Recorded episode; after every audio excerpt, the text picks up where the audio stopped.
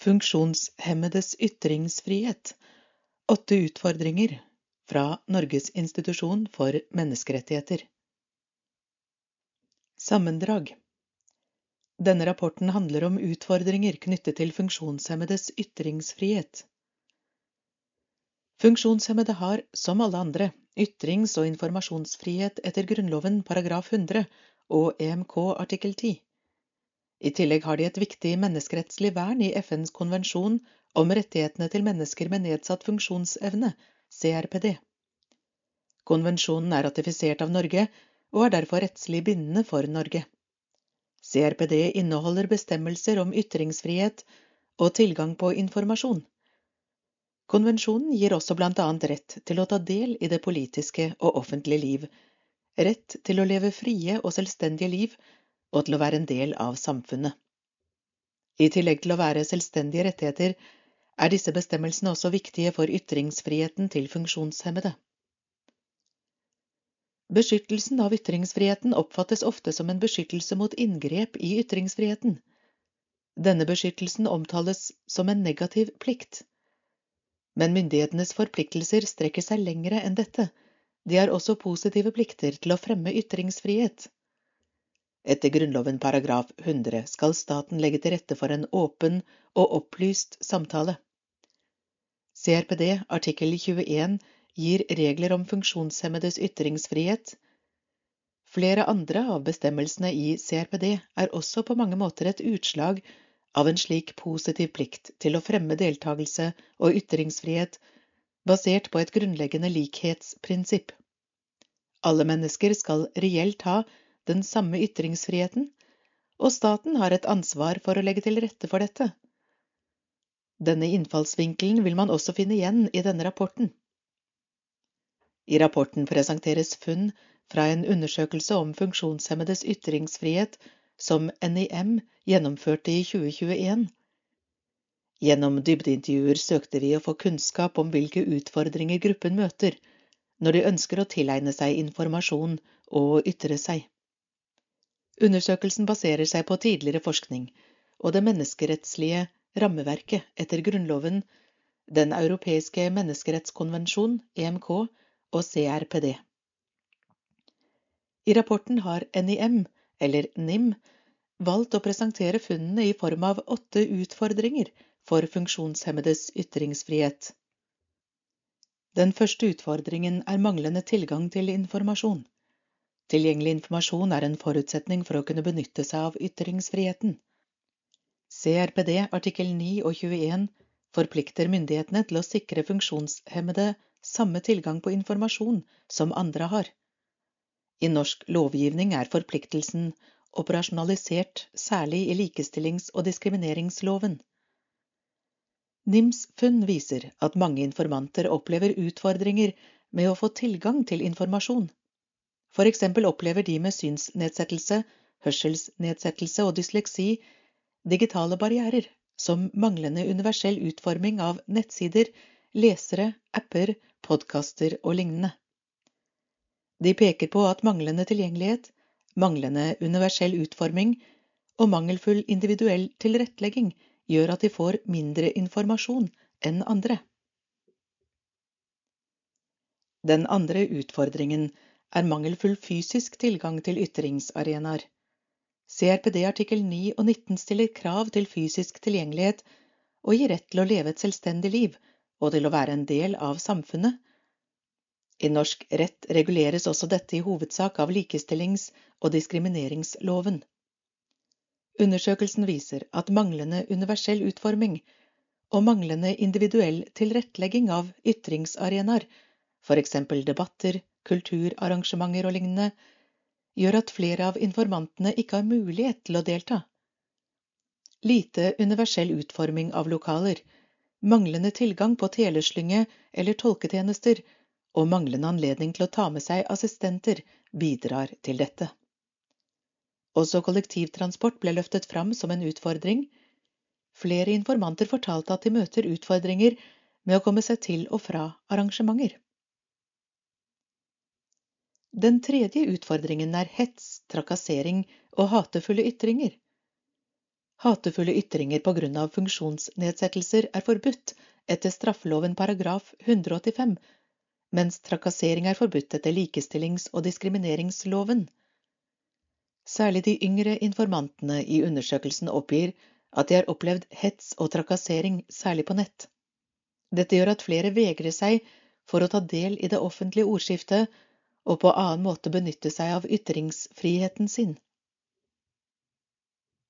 Den fjerde utfordringen er selvsensur og frykt for represalier.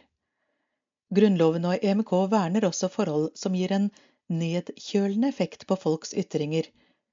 Flere av informantene lar være å fremme kritikk eller å klage på vedtak eller lignende i frykt for å miste tjenester de er avhengige av, og flere opplever det som krevende å stå i klageprosesser. Mange frykter å bli oppfattet som vanskelige, og de opplever at det er vanlig å bli møtt med utestenging eller diskriminering, og lar derfor være å ytre kritikk. Den femte utfordringen er barrierer mot deltakelse i det politiske og offentlige liv, inkludert deltakelse i valg. Dette er en rettighet som følger av CRPD artikkel 29. Flere informanter peker på at manglende universell utforming også her utgjør en barriere for deltakelse. De peker også på at funksjonshemmedes medvirkningsorganer, som kommunale råd, blir inkludert for sent i politiske prosesser, og at det er begrenset hvilke saker de får behandle. Likevel tyder noen tall på at funksjonshemmede er like og til dels mer politisk aktive sammenlignet med majoritetsbefolkningen i enkelte sammenhenger, selv om de er underrepresentert i folkevalgte organer. Den sjette utfordringen er utilstrekkelig personlig assistanse til å kunne leve fritt og til å være en del av samfunnet etter CRPD artikkel 19. Ifølge undersøkelsen opplever mange funksjonshemmede barrierer mot deltakelse i politikken, og fra å kunne delta aktivt i samfunnet ellers. Flere av informantene er avhengige av brukerstyrt personlig assistanse, BPA, og de peker på manglende BPA-timer som en årsak til denne manglende tilgangen. Det legger en begrensning på hvor aktive de kan være, bl.a. i politikken, frivillig arbeid og i det offentlige ordskiftet. Den syvende utfordringen er usynliggjøring og stigmatiserende medierepresentasjon. Informantene peker på at funksjonshemmede ofte blir usynliggjort i media, og at man møter barrierer når man prøver å fremme sakene funksjonshemmede ønsker å sette på dagsorden. Det finnes ingen bestemmelser i CRPD som direkte gjelder synlighet i media, men det følger av CRPD artikkel 8 at myndighetene er forpliktet til å treffe tiltak for å øke bevisstgjøringen i samfunnet om funksjonshemmede og fremme respekt for rettighetene og verdigheten deres, blant annet gjennom media.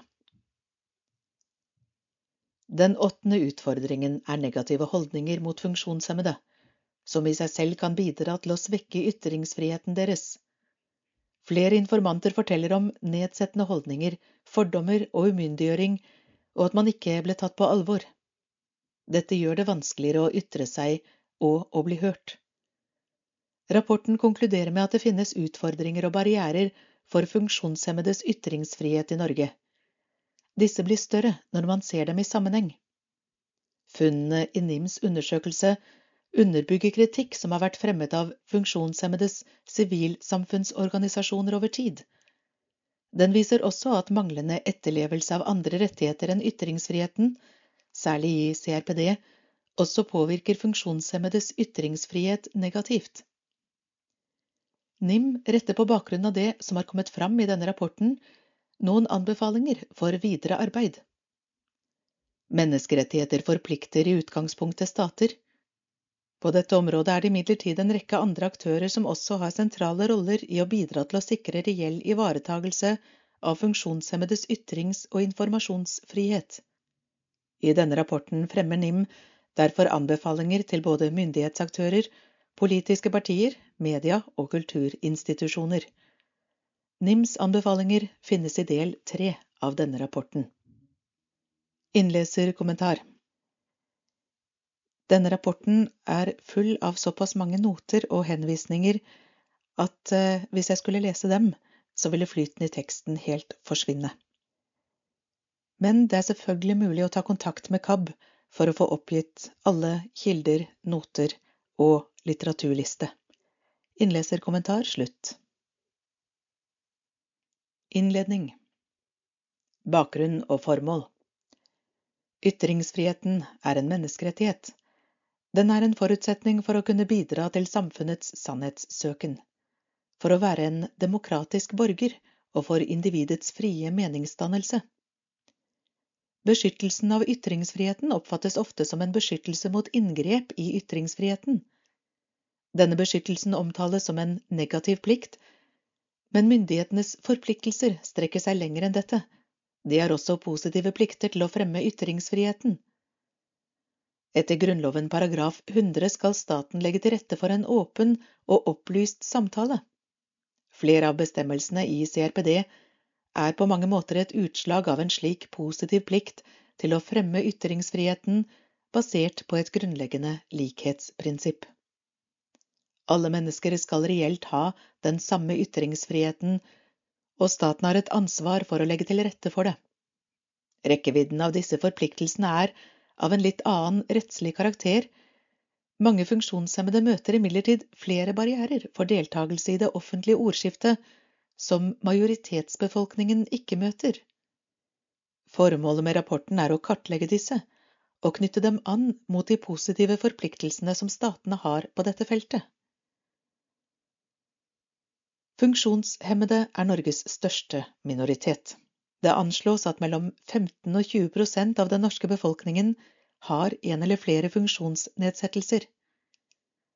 Ytringsfriheten til denne gruppen er et tema som flere av funksjonshemmedes sivilsamfunnsorganisasjoner har vært opptatt av over lang tid, men temaet har fått lite offentlig oppmerksomhet. Med denne rapporten ønsker NIM å løfte fram de ytringsfrihetsutfordringene funksjonshemmede har. I tillegg vil NIM skape bevissthet om betydningen av Norges menneskerettslige forpliktelser på dette området. Rapportens oppbygning Rapporten er tredelt. Del én inneholder en gjennomgang av ytringsfrihetens rettslige forankring og flere av bestemmelsene i FNs konvensjon om rettighetene til mennesker med nedsatt funksjonsevne, CRPD. Del to utgjør rapportens hoveddel og er inndelt i åtte kapitler. Hvert kapittel skildrer en utfordring for ytringsfriheten til funksjonshemmede. Utfordringene kobles til menneskerettslige og andre rettslige rammer, tidligere forskning og statistikk, funnene fra NIMs undersøkelse og NIMs vurderinger av hvor skoen trykker. Del tre inneholder NIMs anbefalinger. Disse er rettet mot myndighetsaktører, media, organisasjoner og kulturinstitusjoner. Rapporten gir ikke en uttømmende gjennomgang av problemstillinger knyttet til funksjonshemmedes ytringsfrihet, men et overblikk. Begrepsbruk hvordan omtale funksjonshemmede? Det finnes mange begreper som brukes som funksjonsnedsettelse, med noe ulikt innhold og innfallsvinkel. CRPD artikkel 1 inneholder følgende definisjon.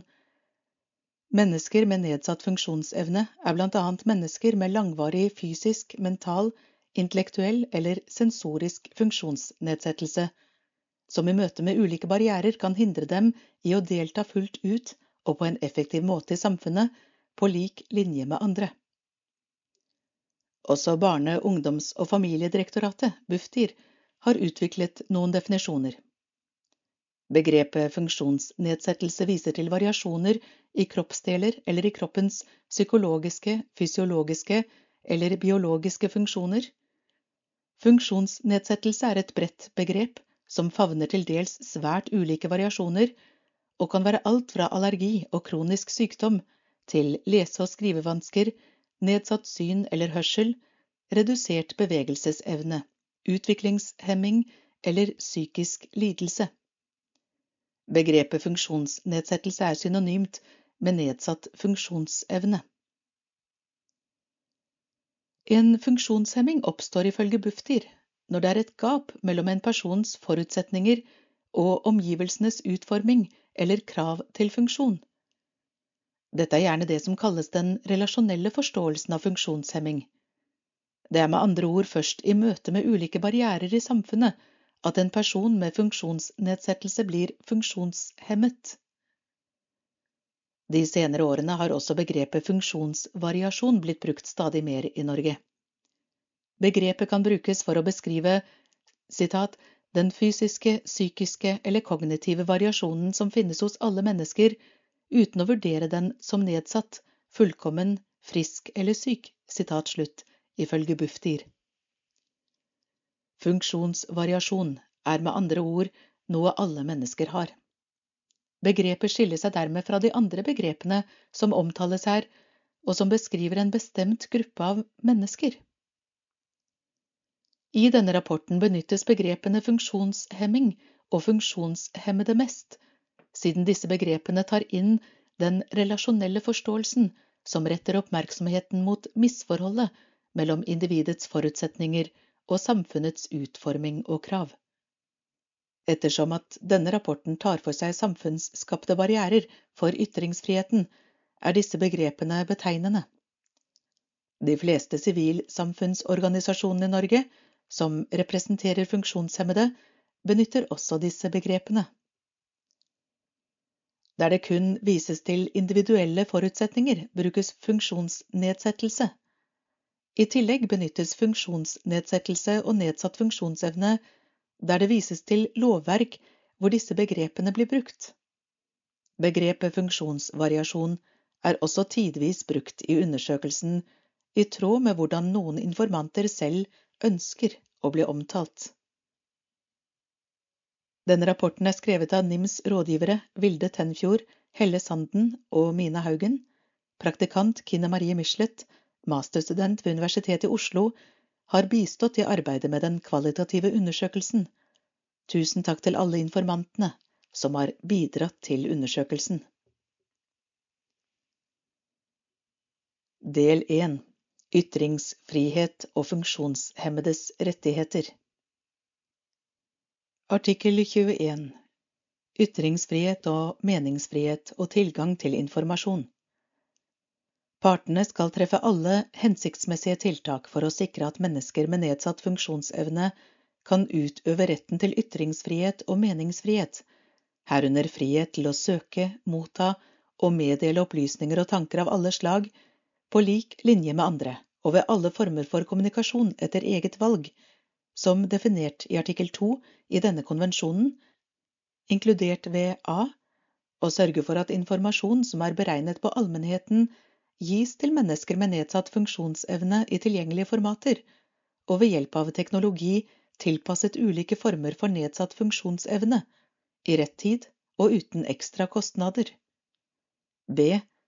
Å godta og legge til rette for at mennesker med nedsatt funksjonsevne i samhandling med det offentlige kan bruke tegnspråk, punktskrift, alternativ og supplerende kommunikasjon og alle andre tilgjengelige kommunikasjonsformer, midler og formater etter eget valg. C. Å oppfordre private virksomheter som yter tjenester til allmennheten, herunder via internett, om å gi informasjon og yte tjenester i formater som er tilgjengelige og brukbare for mennesker med nedsatt funksjonsevne. D. Å oppmuntre mediene, herunder leverandører av informasjon via internett, til å gjøre sine tjenester tilgjengelige for mennesker med nedsatt funksjonsevne e å anerkjenne og fremme bruken av tegnspråk.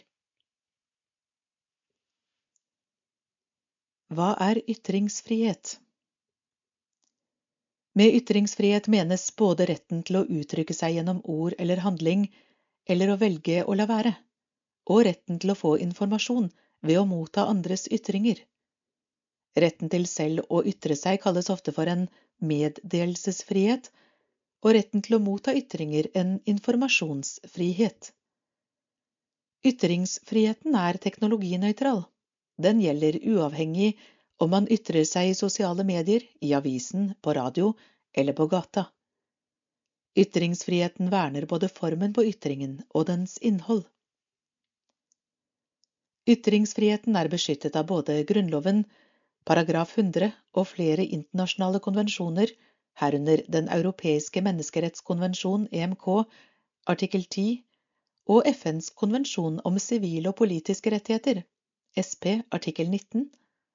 CRPD artikkel 21 sikrer ytrings- og meningsfrihet og tilgang til informasjon for funksjonshemmede men CRPD har også flere bestemmelser av betydning for ytringsfriheten til funksjonshemmede. Formålet med denne konvensjonen er å fremme, verne om og sikre at personer med funksjonsnedsettelser har full og likeverdig rett til å få oppfylt alle menneskerettigheter og grunnleggende friheter, og fremme respekten for deres iboende verdighet. Siden ytringsfriheten er en menneskerettighet, må den respekteres og sikres av statens myndigheter, jf. Grunnloven paragraf 92. Statens myndigheter er Stortinget, regjeringen og domstolene, samt kommuner og fylkeskommuner. Også private aktører som opptrer på vegne av det offentlige, har en plikt til å etterleve menneskerettighetene. Myndighetene må unnlate å gripe inn i folks ytringsfrihet og de må også sikre at ytringsfriheten ivaretas. Myndighetene kan holdes ansvarlig av domstoler om dette ikke skjer. Myndighetene skal også legge forholdene til rette for en åpen og opplyst offentlig samtale. Dette infrastrukturkravet følger av Grunnloven paragraf 100 sjette ledd. Det innebærer at staten skal legge til rette for at individer og grupper får reell mulighet til å benytte seg av sin ytringsfrihet. Infrastrukturkravet knytter seg først og fremst til de institusjonelle forutsetningene for folks faktiske ytringsmuligheter. Kravet kan ha betydning for tolkning av andre deler av Grunnloven paragraf 100, men er ikke ment å kunne påberopes av den enkelte. Det vil si at enkeltpersoner ikke kan gå til en domstol for å få prøvd om myndighetene har brutt sine forpliktelser etter infrastrukturkravet. Ytringsfrihetens begrunnelser Grunnloven paragraf 100 inneholder tre hovedbegrunnelser for ytringsfriheten. 1. Sannhetssøken. 2. Demokrati. 3. Individets frie meningsdannelse. De første to begrunnelsene for ytringsfriheten er tuftet på fellesskapets behov. Gjennom fri meningsutveksling kan vi best nærme oss sannheten og oppnå bedre innsikt. Ytringsfriheten er også nødvendig for at vi skal kunne ta informerte valg, stille spørsmål til myndighetene og om samfunnet rundt oss, og ha et velfungerende demokrati. Ytringsfriheten er også nødvendig for den enkeltes personlige utvikling. Gjennom å si hva man mener, ta til seg andres tanker og bli utfordret på egne synspunkter kan man utvikle seg som menneske. Den tredje begrunnelsen beskytter i større grad den enkeltes rett til å ytre seg og la seg informere, uavhengig av om ytringene bidrar til et samfunnsmessig mål. Den europeiske menneskerettsdomstol, EMD, har i sin praksis konsekvent fremhevet ytringsfrihetens grunnleggende betydning for både samfunnet og individet.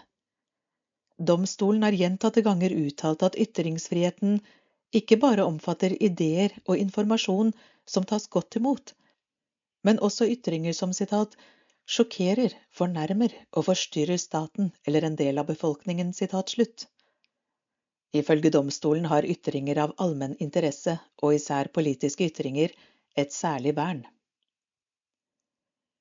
Grunnloven gir også sitat, frimodige ytringer om statsstyrelsen eller en hvilken som helst annen gjenstand, et særlig vern. I tillegg til klart politiske ytringer omfatter dette også omtale av andre fenomener som har offentlig interesse, slik som religion, kultur og sosiale spørsmål. Slike ytringer sies ofte å ligge i ytringsfrihetens kjerne. Motsatt gjør ytringsfrihetens begrunnelser seg i liten grad gjeldende for rent sjikanøse, nedvurderende personangrep som rettes mot noen, eksempel på grunn av deres funksjonsnedsettelser. Derfor skal det mindre til for at myndighetene kan gripe inn i slike ytringer, og i noen tilfeller har de ikke et vern overhodet. EMD har også anerkjent at Internett har blitt et av de sentrale verktøyene for at enhver kan motta og uttrykke informasjon, og et essensielt verktøy for deltakelse i aktiviteter og diskusjoner om politiske saker. Internett spiller en viktig rolle i å gi borgerne tilgang til nyheter og tilgang til informasjon. Ytringsfriheten er også en forutsetning for andre menneskerettigheter, eksempel retten til å demonstrere og retten til å stemme gjennom frie og hemmelige valg. FNs menneskerettighetskomité har uttalt at ytringsfriheten er en nødvendig betingelse for realisering av prinsippene om transparens og etterrettelighet, som er avgjørende for å fremme og beskytte menneskerettighetene. Komiteen har også uttalt at fri og usensurert presse er essensielt i et samfunn for å sikre ytringsfriheten og andre menneskerettigheter. Tilsvarende har publikum også, ifølge komiteen, en rett til å motta informasjon, ikke minst via mediene. Ytringsfrihetens begrensninger Som de fleste andre menneskerettigheter er ikke ytringsfriheten absolutt, og kan begrenses på nærmere vilkår. Dette følger av Grunnloven paragraf 100 andre og tredje ledd, EMK artikkel 10 nummer 2 og SP artikkel 19 nummer 3. Etter alle bestemmelsene må man først vurdere om det foreligger et inngrep i friheten. Hvis det foreligger et inngrep, må dette være begrunnet på en måte som oppfyller bestemmelsenes strenge vilkår. Hvis ikke vil inngrepet være et brudd på ytringsfriheten. Blant de klareste inngrep er forhåndssensur, at staten pålegger den som har ytret seg, å betale erstatning, eller at man blir straffet eller mister jobben for å ha ytret seg om noe. Vilkårene for at slike inngrep er tillatelige og ikke brudd, varierer noe mellom Grunnloven, EMK og SP. De kan sammenfattes som en vurdering av om inngrepet har tilstrekkelig rettslig grunnlag, en hjemmel, at det er nødvendig for å ivareta et tungtveiende hensyn eller andre menneskerettigheter, og at det er forholdsmessig. I vurderingen av om et inngrep i ytringsfriheten er forholdsmessig, må det gjøres en helhetlig vurdering, der ytringsfrihetens generelle begrunnelser må tas i betraktning. Som nevnt er det en høyere terskel for å gripe inn i sitat, frimodige ytringer om statsstyret og hvilken som helst annen gjenstand. Sitat. For å begrense slike ytringer kreves klart definerte grenser, der særlig tungtveiende hensyn gjør begrensninger forsvarlige, holdt opp imot ytringsfrihetens begrunnelser. Disse vilkårene er ikke bare ment å sette rammer for begrensninger med grunnlag i statens lovgivningsmyndighet, men også å omfatte begrensninger i form av samtykke eller privat selvbestemmelse. Også ytringsbegrensninger som skjer gjennom avtaler, må oppfylle vilkårene for inngrep.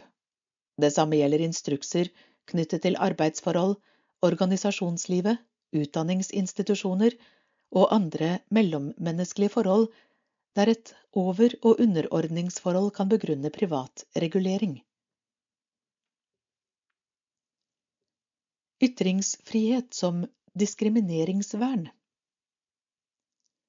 Ytringsfriheten kan brukes som minoritetsvern ved at man gjennom ytringer kan ta til motmæle mot diskriminerende ytringer, praksis eller handlinger. Ytringsfriheten er også minoritetsvern i den forstand at den beskytter minoriteters rett til å ytre seg. Vernet mot diskriminering befinner seg i et krysningspunkt mellom flere prinsipper. Minoriteter som utsettes for diskriminering, må ha adgang til ytringsfrihet for å fremme sine interesser. Samtidig er ikke en slik rett alene alltid tilstrekkelig, og andre tiltak mot diskriminerende ytringer, praksis eller handlinger kan være nødvendig. Menneskerettslig kan statene derfor etter omstendighetene ha plikt til å reagere på eksempel grovt hatefulle ytringer mot minoritetsgrupper, herunder funksjonshemmede. Terskelen for å bruke straff som slikt virkemiddel er imidlertid nokså høy. Samtidig innebærer diskrimineringsvernet plikter for myndighetene. Myndighetene skal selv avstå fra diskriminering, tilrettelegge for en offentlig samtale og treffe tiltak for at borgere ikke opptrer diskriminerende overfor hverandre. Menneskerettighetene bygger på det grunnsyn at alle mennesker er født frie og med samme menneskeverd. Likhet og ikke-diskriminering er derfor helt sentrale menneskerettslige prinsipper. FNs konvensjon om rettighetene til mennesker med nedsatt funksjonsevne, CRPD. CRPD inneholder flere bestemmelser som bidrar til å sikre reell ytringsfrihet for personer med funksjonsnedsettelser. CRPD forplikter medlemsstatene til å sikre og fremme full gjennomføring av alle menneskerettigheter og grunnleggende friheter for alle personer med funksjonsnedsettelser uten noen form for diskriminering. Som del av denne plikten skal staten treffe alle lovgivningsmessige, administrative og andre tiltak som er hensiktsmessige for å virkeliggjøre rettighetene nedfelt i konvensjonen. Norge ratifiserte CRPD i 2013 uten reservasjoner. I forkant av ratifikasjonen ble det lagt til grunn at norsk rett i hovedsak samsvarte med konvensjonen, men noen lovendringer ble gjennomført. Blant annet måtte ny vergemålslov tre i kraft før Norge kunne ratifisere CRPD. Konvensjonen er ikke inkorporert i norsk rett, altså innlemmet i det norske lovverket, men den er i sin helhet folkerettslig bindende for Norge. I norsk rett gjelder et presumpsjonsprinsipp som innebærer at norsk rett, så langt det er mulig, skal tolkes i samsvar med Norges folkerettslige forpliktelser, herunder CRPD. CRPD forplikter statene til å iverksette tiltak så langt det er mulig, med de ressursene de har til rådighet for å sikre økonomiske, sosiale og kulturelle rettigheter. Det betyr at de må foreta en gradvis realisering av denne typen rettigheter. Konvensjonen inneholder ikke en tilsvarende bestemmelse knyttet til sivile og politiske rettigheter, som ytringsfriheten. Spørsmålet om innholdet i statens forpliktelser knyttet til realiseringen av ytringsfriheten til funksjonshemmede må vurderes ut fra en tolkning av konvensjonens bestemmelser i tråd med folkerettslige regler om traktattolking. Den sentrale bestemmelsen om funksjonshemmedes ytringsfrihet, artikkel 21, inneholder en rekke pålegg for statene om å treffe konkrete tiltak for å sikre at funksjonshemmede har reell ytrings- og informasjonsfrihet.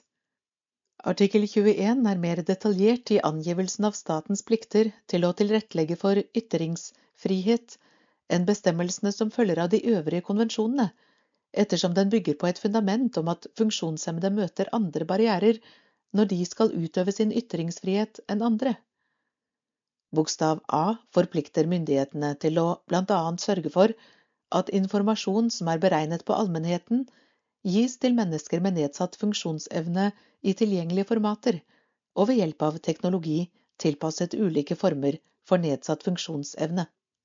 I rett tid og uten ekstra kostnader. Bokstav B peker særlig på at statene skal tilrettelegge for og akseptere at brukere skal bruke tegnspråk, punktskrift osv., mens bokstav C pålegger statene å oppfordre private virksomheter til å yte tjenester på en måte som er tilgjengelig for mennesker med nedsatt funksjonsevne. Bokstav D knytter seg til hvordan statene bør oppfordre mediene til å gjøre tjenester tilgjengelige for mennesker med nedsatt funksjonsevne. Bestemmelsen omtales gjerne som en hybrid mellom sivil og politisk rettighet og økonomisk, sosial og kulturell rettighet, og det er dermed også mer rettslig uavklart i hvilken grad forpliktelsen kan gjennomføres gradvis, som forutsatt i artikkel 4.2, eller som de øvrige sivile og politiske rettighetene som skal gjennomføres umiddelbart. Bestemmelsen uttrykker statens positive forpliktelser til å sikre ytringsfriheten som infrastrukturkravet i Grunnloven også er et eksempel på. Bestemmelsen regulerer både forutsetninger for funksjonshemmedes rett til å motta informasjon og for retten til å ytre seg, informasjons- og meddelelsesretten. Videre følger det av CRPD artikkel 4 at rettighetene nedfelt i konvensjonen skal sikres uten noen form for diskriminering på grunn av funksjonsnedsettelse. Av CRPD artikkel 5 nummer 1 følger det videre at alle er like for loven, og at ingen skal diskrimineres. Etter artikkel 5 nummer 2 skal statene forby enhver form for diskriminering på grunn av funksjonsnedsettelse, og sikre at personer med funksjonsnedsettelse har lik og effektiv rettslig beskyttelse mot diskriminering, uansett grunn. CRPD artikkel 2 definerer diskriminering. Etter artikkelen er forskjellsbehandling, utelukkelse eller innskrenkning av rettigheter på grunn av funksjonsnedsettelser som har som formål eller virkning å begrense eller oppheve realiseringen av menneskerettigheter på alle samfunnsområder og regnes som diskriminering. Både direkte og indirekte diskriminering er omfattet. Det å ikke få en rimelig tilrettelegging er også definert som en form for diskriminering. Artikkel 2 definerer også hva som er å regne som rimelig tilrettelegging i konvensjonens forstand. Sitat, Nødvendig og hensiktsmessig endring og justering som ikke innebærer en uforholdsmessig eller utilbørlig byrde, når det i et bestemt tilfelle er behov for det, for å sikre at mennesker med nedsatt funksjonsevne kan nyte eller utøve alle menneskerettigheter og grunnleggende friheter på lik linje med andre. Forpliktelsen avgrenses med andre ord mot tilrettelegging som innebærer en uforholdsmessig eller utilbørlig byrde. Denne ordlyden utgjør et vilkår om en proporsjonalitetsvurdering hvor alle relevante omstendigheter tas i betraktning. Forbeholdet gjelder først og fremst vurderinger på individnivå. CRPD-komiteen har pekt på at personer med funksjonsnedsettelser må gis citat, lik og effektiv rettslig beskyttelse mot diskriminering, slutt, og at partene skal treffe hensiktsmessige tiltak for å avskaffe diskriminering. Artikkel 5 nummer 3 forplikter staten til å treffe alle hensiktsmessige tiltak for å sikre rimelig tilrettelegging med sikte på å fremme likhet og ikke-diskriminering. CRPD-komiteen har uttalt seg nærmere om rekkevidden av diskrimineringsvernet, og karakteriserer forpliktelsen som statene har til å gi personer med funksjonsnedsettelser lik og effektiv beskyttelse under loven som vidtrekkende.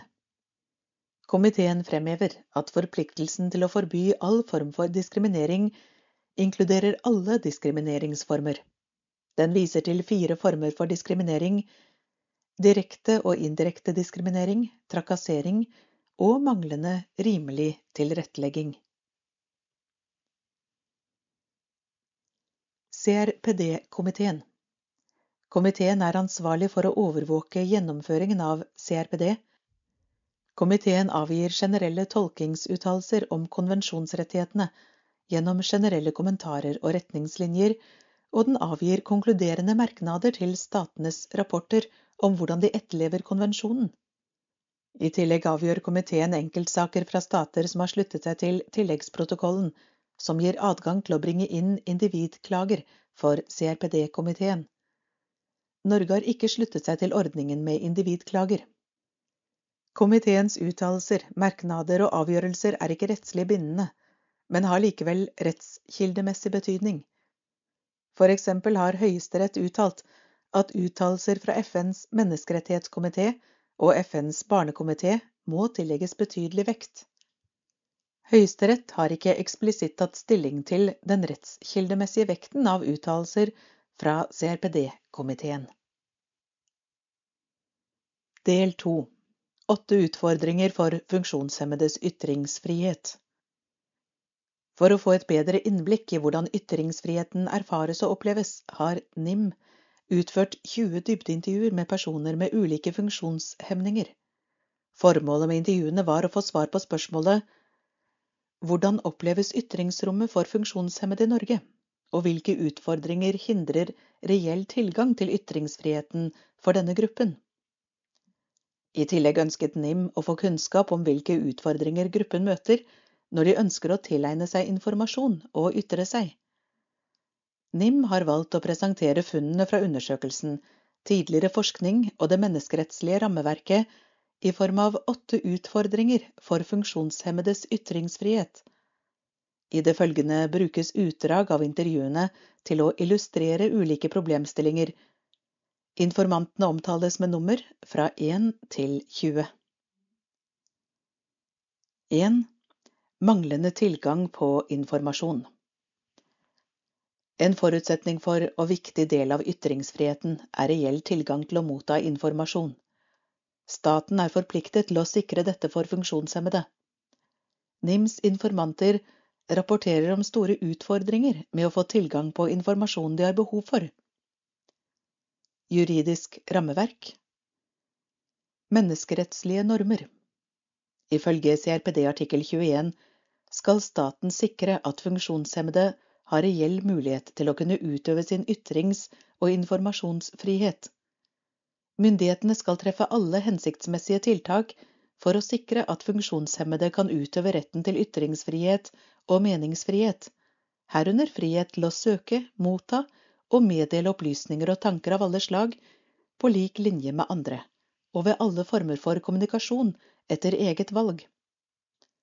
Som et ledd i dette skal staten sørge for at informasjon som er beregnet på allmennheten, gis til funksjonshemmede i tilgjengelige formater og ved hjelp av teknologi tilpasset ulike former for funksjonsnedsettelser i rett tid og uten ekstra kostnader.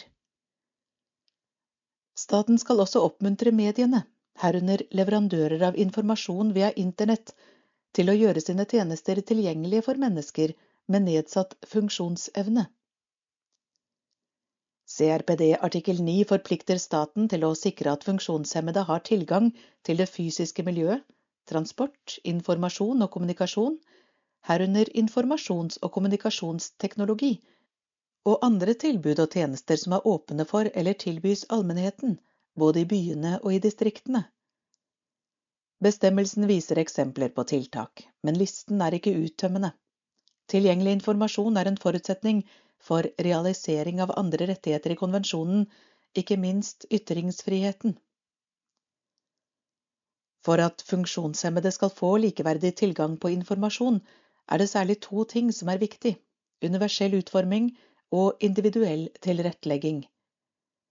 Universell utforming handler om å gjøre en løsning tilgjengelig for så mange som mulig, mens individuell tilrettelegging er tilleggstiltak tilpasset den enkelte, der universell utforming ikke er tilstrekkelig. CRPD definerer universell utforming som citat, utforming av produkter, omgivelser, programmer og tjenester på en slik måte at de kan brukes av alle mennesker i så stor utstrekning som mulig, uten behov for tilpasning og en spesiell utforming. Rimelig tilrettelegging defineres i CRPD artikkel 2-4 som citat, nødvendig og hensiktsmessig endring og justering som ikke innebærer en uforholdsmessig eller utilbørlig byrde.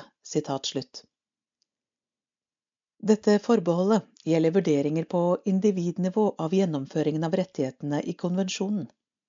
Samtidig krever artikkel 4.2 at statene skal treffe tiltak citat, så langt det er mulig med de ressurser som er til rådighet, slik at de økonomiske, sosiale og kulturelle rettigheter gradvis blir gjennomført fullt ut. Sitat slutt. Rapporten har uthevet så langt det er mulig med de ressurser som er til rådighet. CRPD-komiteen har uttalt at det er særlig viktig at informasjon om støttetjenester og sosialtjenester er tilgjengelig og tilrettelagt, for å gjøre funksjonshemmede i stand til å fatte informerte avgjørelser og valg om hvor, med hvem og hvordan de ønsker å leve, og hvilke tjenester som egner seg best for dem. Videre uttalte komiteen at det er særlig viktig at det finnes mekanismer for tilbakemelding, og at klagemekanismer er tilrettelagte og tilgjengelige. Nasjonalt rammeverk Norsk rett har flere bestemmelser om likeverdig tilgang til informasjon.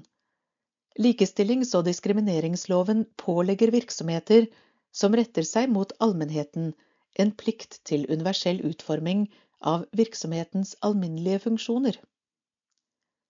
Med universell utforming menes utforming eller tilrettelegging av hovedløsningen i de fysiske forholdene, slik at virksomhetens alminnelige funksjoner kan benyttes av flest mulig, uavhengig av funksjonsnedsettelse, jf. paragraf 17 andre ledd. På samme måte som i CRPD gjelder i henhold til paragraf 17 tredje ledd plikten likevel ikke utforming eller tilrettelegging som innebærer en uforholdsmessig byrde for virksomheten. Ved vurderingen skal det annet tas hensyn til effekten av tilrettelegging, om virksomheten er offentlig, kostnadene, virksomhetens ressurser samt sikkerhets- og vernehensyn. Listen er ikke uttømmende. I forarbeidene til bestemmelsen heter det sitat, De faktiske kostnadene ved tiltaket og virksomhetens økonomiske situasjon står sentralt i uforholdsmessighetsvurderingen. Loven pålegger som utgangspunkt ikke en så vidtgående plikt til kostbare tilrettelegginger at pliktsubjektet må legge ned sin virksomhet. Terskelen ligger imidlertid ikke så lavt at rimelig tilrettelegging til nytte for en stor gruppe mennesker faller utenfor under henvisning til rene fortjenestehensyn. Sitat slutt. Universell utforming av IKT er regulert i lovens paragraf 18. Offentlige og private virksomheter har plikt til universell utforming av hovedløsninger for IKT rettet mot eller stilt til rådighet for bruker, slik at virksomhetens alminnelige funksjoner kan benyttes av flest mulig, uavhengig av funksjonsnedsettelse.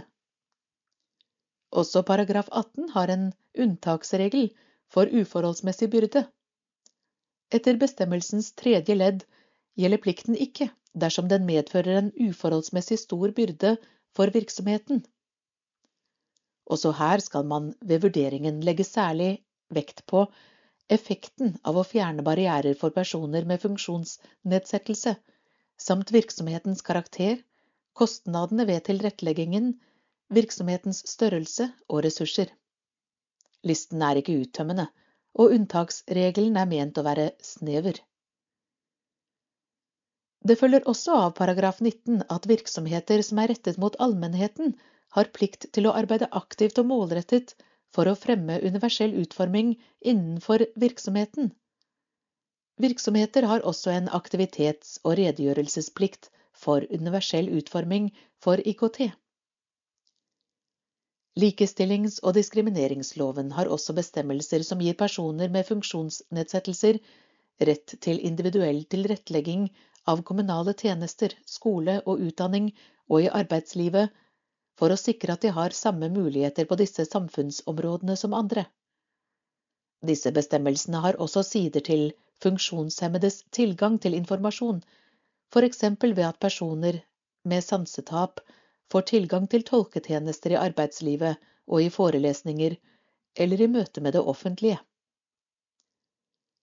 Det finnes også ulike forskrifter og krav til offentlige og private virksomheter, designere og utviklere for hvordan tilgjengelighet bør sikres, slik at alle skal kunne tilegne seg informasjon på lik linje.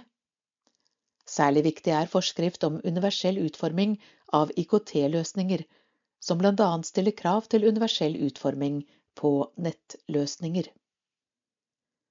I henhold til kringkastingsloven paragraf 2-19 skal både NRK og riksdekkende kommersielle fjernsynskanaler med en andel på mer enn 5% av de samlede seertallene for fjernsyn tilrettelegge programmer for funksjonshemmede gjennom teksting, tegnspråktolking, synstolking, lydtekst eller andre teknikker. Denne plikten utdypes og avgrenses av kringkastingsforskriften paragrafene 2.5 og 2.6. Funn fra NIMs undersøkelse Mange av informantene opplever at de har god tilgang på informasjon gjennom kanaler som aviser, nettaviser, internett, TV, radio, apper, podkaster og sosiale medier, og på samfunnsområder som politikk, kultur og arbeidsliv. Dette gjelder likevel ikke personer med synsnedsettelse, hørselsnedsettelse og dysleksi i like stor grad, disse gruppene opplever at manglende tilgjengelighet, universell utforming og individuell tilrettelegging gir et informasjonstap. Digitale barrierer hindrer tilgang til informasjon. Informantene med synsnedsettelse, hørselsnedsettelse og dysleksi løfter fram manglende universell utforming på nett som en barriere mot å tilegne seg informasjon. En av informantene, fire, som jobber i mediebransjen og har kombinert hørsels- og synsnedsettelse, forteller om utfordringer med å lese aviser. Sitat Papiraviser er noe jeg i stor grad ikke leser. De er vanskelig å lese fordi kontrasten mellom papiret og fonten er lavere. Det blir et problem når en har synsutfordringer. Nettaviser har mye informasjon på skjerm på en gang, og det kan være utfordrende for personer med ulike former for synsnedsettelser. Det er rotete og mye som er på ett sted. Det er ikke bra for mennesker med synsnedsettelser, kognitive utfordringer og eldre, rett og slett. Sitat slutt. Andre informanter med synsnedsettelser og dysleksi forteller om nettsider hvor muligheten for å benytte skjermlesere er svært varierende, og at det fortsatt er mye informasjon som ikke er tilgjengelig. En av informantene uttrykte at hun gjerne kunne tenke seg å lese mer om politikk, men at skriften i sosiale medier er så liten og tettpakket at det blir vanskelig. En annen informant, fem, med dysleksi forteller at høytopplesningsfunksjonene ikke alltid fungerer fordi de er kodet feil. Sitat i perioder har det gått så langt at jeg har bedt kolleger om å lese høyt for meg, for jeg får det ikke med meg. Det er et problem, rett og slett. Jeg har pratet en del med blinde kolleger på jobb, og de har også hatt problemer med høyt opplesning. Sitat. Fonter og kontraster på nettsider kan også være en utfordring, i tillegg til mangel på synstolking av bilder og illustrasjoner. En informant peker på hjemmesidene til politiske partier, hvor det kan være utfordrende for blinde å navigere og skaffe seg relevant informasjon. To andre nevner utfordringer med å finne informasjon og kunne navigere på Stortingets nettsider. En av dem, igjen, setter ord på det slik, sitat, Hvis jeg ikke hadde jobbet med hvilke saker de ulike partiene fremmer gjennom jobben min, hadde jeg ikke fått informasjon om dette. Jeg syns også det er vanskelig å navigere på de ulike partiene sine nettsider for å finne partiprogram. Hvis jeg selv ikke hadde vært aktiv i organisasjonslivet, hadde jeg ikke visst hvor jeg kunne finne informasjon om dette. For flere av informantene med syns- eller hørselsnedsettelse har digitaliseringen under covid-19 skapt utfordringer. Informantene, som er blinde, påpeker at det er vanskelig å få med seg informasjon på digitale møteplattformer som Teams og Zoom, siden det ikke blir synstolket. Det skaper utfordringer ved bruk av presentasjoner, grafer og tabeller. 1. 17 beskriver denne utfordringen slik sitat, Alle møter er fulle av powerpoint. De sier trekker det bare opp her, som dere ser her og her? Nei, jeg ser ingenting av alt dette. Jeg kan ikke få synstolking hele tiden heller. Det går utover hva jeg får med meg av det visuelle, det faktuelle og det sosiale. Sitat slutt. Dårlig IKT-utstyr eller dårlig internettforbindelse kan også gjøre det vanskelig å høre hva som blir sagt i nettmøter og på seminarer. Flere opplever utfordringer som dårlig bilde-, lyd- og lyskvalitet ved strømming av arrangementer. En informant som er bortimot døv, forklarer at digitaliseringen har hatt store konsekvenser for henne, fordi det ikke er krav om teksting av digitale møter og forelesninger. For at hun skal kunne delta, må det tilrettelegges for bruk av tolk. Informanten, sju, forteller sitat Det er også en kjempestor utfordring at jeg ikke får skrivetolken min inn i nettmøtet. Jeg sitter nå inne på to videokonferanser samtidig, men dere kan ikke se det. Dette krever relativt stor digital kompetanse og utstyr. Jeg har kjøpt gaming-PC, men du får ikke Jorunn på 68 til å gjøre dette. Sitat slutt. En annen barriere ved bruk av Teams og Zoom er at bildet av deltakerne er små. Dette gjør at man ikke får samme mulighet til å lese på munnen til dem som snakker. Enkelte velger også å ikke ta i bruk kamera.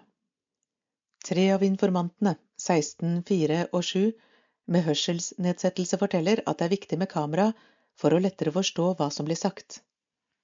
To av dem er helt avhengig av å lese på munnen til andre.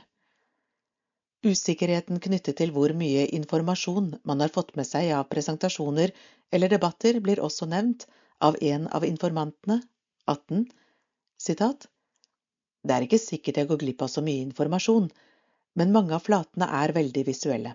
Derfor er jeg ofte usikker på om det er sentrale poenger som fremkommer i et bilde, graf, illustrasjon, video osv. som jeg ikke får med meg.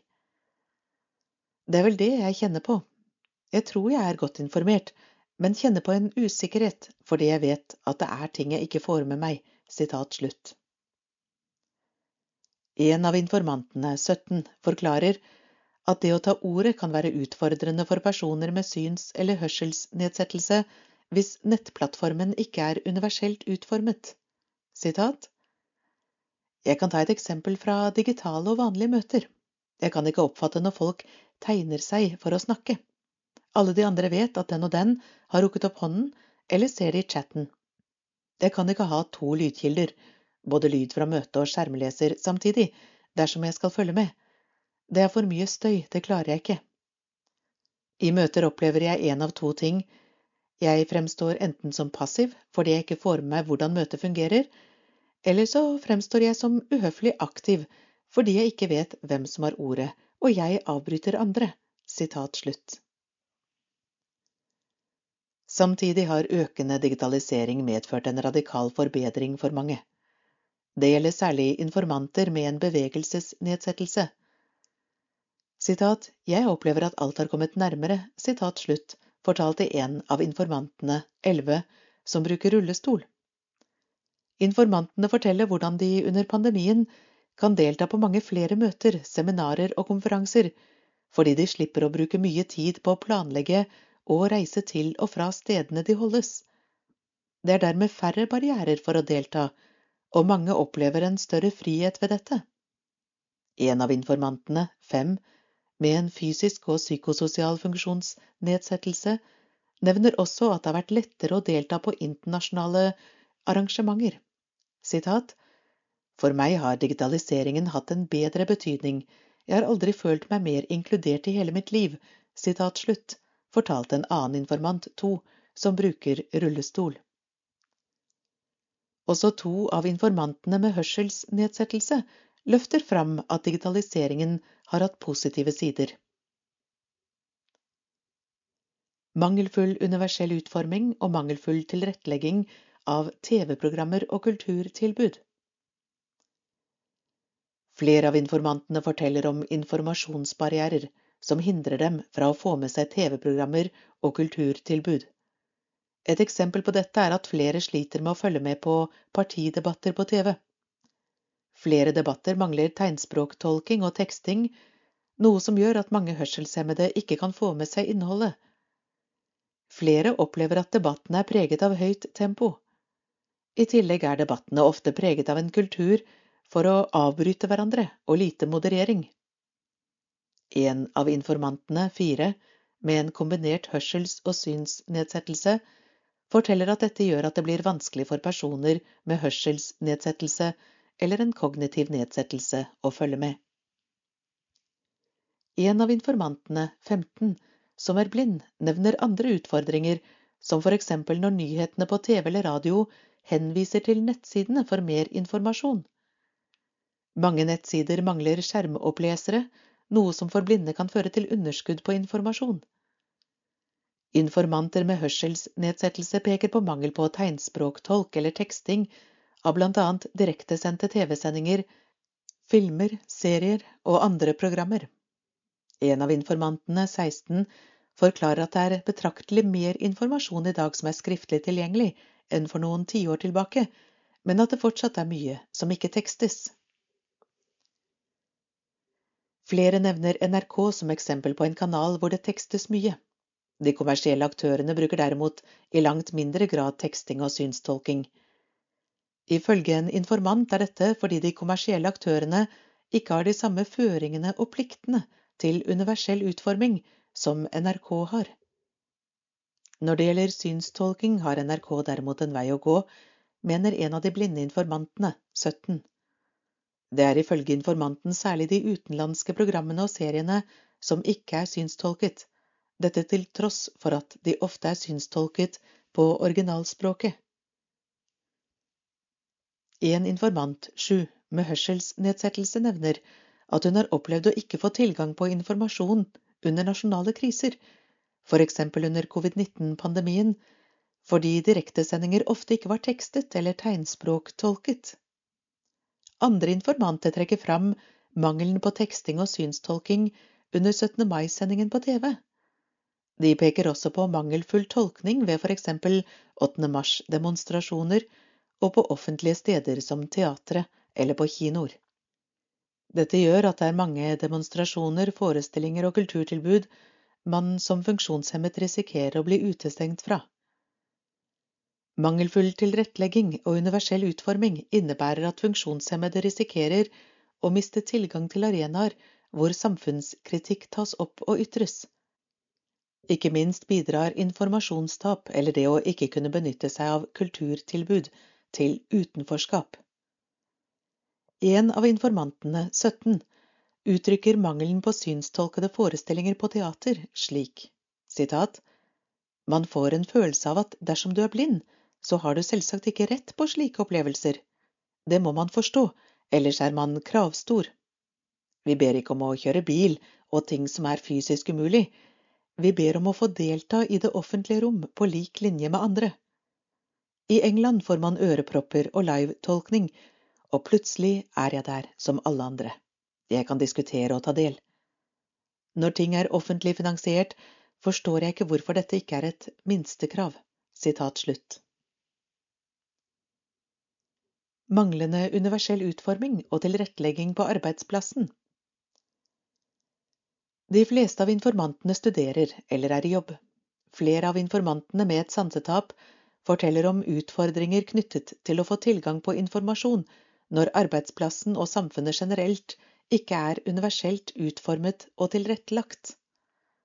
En av informantene, 16, som er journalist, forteller at det har hendt flere ganger at han ikke har kunnet utføre et oppdrag på grunn av mangel på teleslynge i lokalet hvor oppdraget er. En av de blinde informantene, 17, som jobber innen høyere utdanning, beskriver utfordringer med å få tilgang til faglitteratur, særlig i jobbsammenheng. Informanten forteller at hun i dag får tilgang på tilrettelagt faglitteratur, men at hun er unntaket og måtte gjennom en lang kamp først. Sitat Når jeg har laget et pensum, så kan synshemmede studenter gi det til NLB og få det ut på lyd. Jeg har ikke rett på det. Du har ikke rett på det når du er i jobb. Det er ikke rett til faglitteratur i Norge i 2021. Man blir holdt unna jobbene som er mest attraktive, kunnskapsbaserte jobber, de blir man holdt borte fra. Jeg har kjempet, hylt og skreket for dette. De ga seg, vi får gjøre et unntak, men det er en utrolig stor smerte for meg å være unntaket. Jeg føler jeg forråder de andre. Jeg skal ikke være den som jobber der, bare student. Jeg har så sterk kjærlighet til jobben og å være en aktiv samfunnsborger, det kan jeg ikke slutte å være, da mister jeg meg selv. Uføretrygd er ikke et alternativ, jeg har jo den samme hjernen nå. Sitat slutt. En annen informant, Sju, gjengir en hendelse fra en jobbtur. Hun beskriver opplevelsene slik, sitat. Jeg har rett på skrivetolk, men jeg får det ikke. Jeg skulle på et seminar i forbindelse med jobb, der jeg endte opp med å dra på seminar i tre dager uten tolk. Arbeidsgiver kunne ikke gjøre noe. Sitat slutt. Utilgjengelig informasjon fører til informasjonstrøtthet. To informanter, 14, 4, understreker at muligheten til å kunne tilegne seg informasjon ikke bare handler om å kunne oppfatte, men også om energimengde og overskudd. Det er mye utilgjengelig informasjon som skal konsumeres, noe som kan være slitsomt og føre til at man må velge bort en del. Dette er trolig ekstra utfordrende hvis man eksempel har et sansetap eller dysleksi, og understreker nødvendigheten av universell utforming. Manglende tilgjengelighet gjør det vanskeligere å være kildekritisk. Evnen til kildekritikk er en stadig viktigere del av ytringsfriheten og demokratiet. En av informantene, sju, med hørselsnedsettelse nevner debatten om falske nyheter, og hvor vanskelig det er for henne å være kritisk. Å kunne ta i bruk flere kilder er essensielt for å kunne være kildekritisk. Men viktige kilder til informasjon som radio og podkast har man ikke mulighet til å benytte seg av dersom man er døv. Det samme gjelder nyheter på TV som ikke er tekstet. Sitat. Utfordringen er ikke bare at jeg ikke hører, men at jeg sitter med et informasjonstap. Har man erfart det mange nok ganger, at man har misforstått, det kommer jo for en dag, så får man en form for utrygghet. Hele tiden er jeg sånn, jeg har lært noe om dette, men kan jeg stole på det? Det har vært interessant med debatten om fake news. Man skal være kritisk. Men jeg blir fratatt muligheten til å være det. Jeg blir veldig prisgitt andre. Slutt. Hva sier forskningen om funksjonshemmedes tilgang på informasjon? På lik linje med tilbakemeldingene fra informantene i NIMs undersøkelse dreier mye av forskningen på funksjonshemmedes tilgang til informasjon seg om universell utforming og individuell tilrettelegging. Varierende grad av universell utforming på nett. Flere rapporter har undersøkt universell utforming på nett og i ulike IKT-løsninger.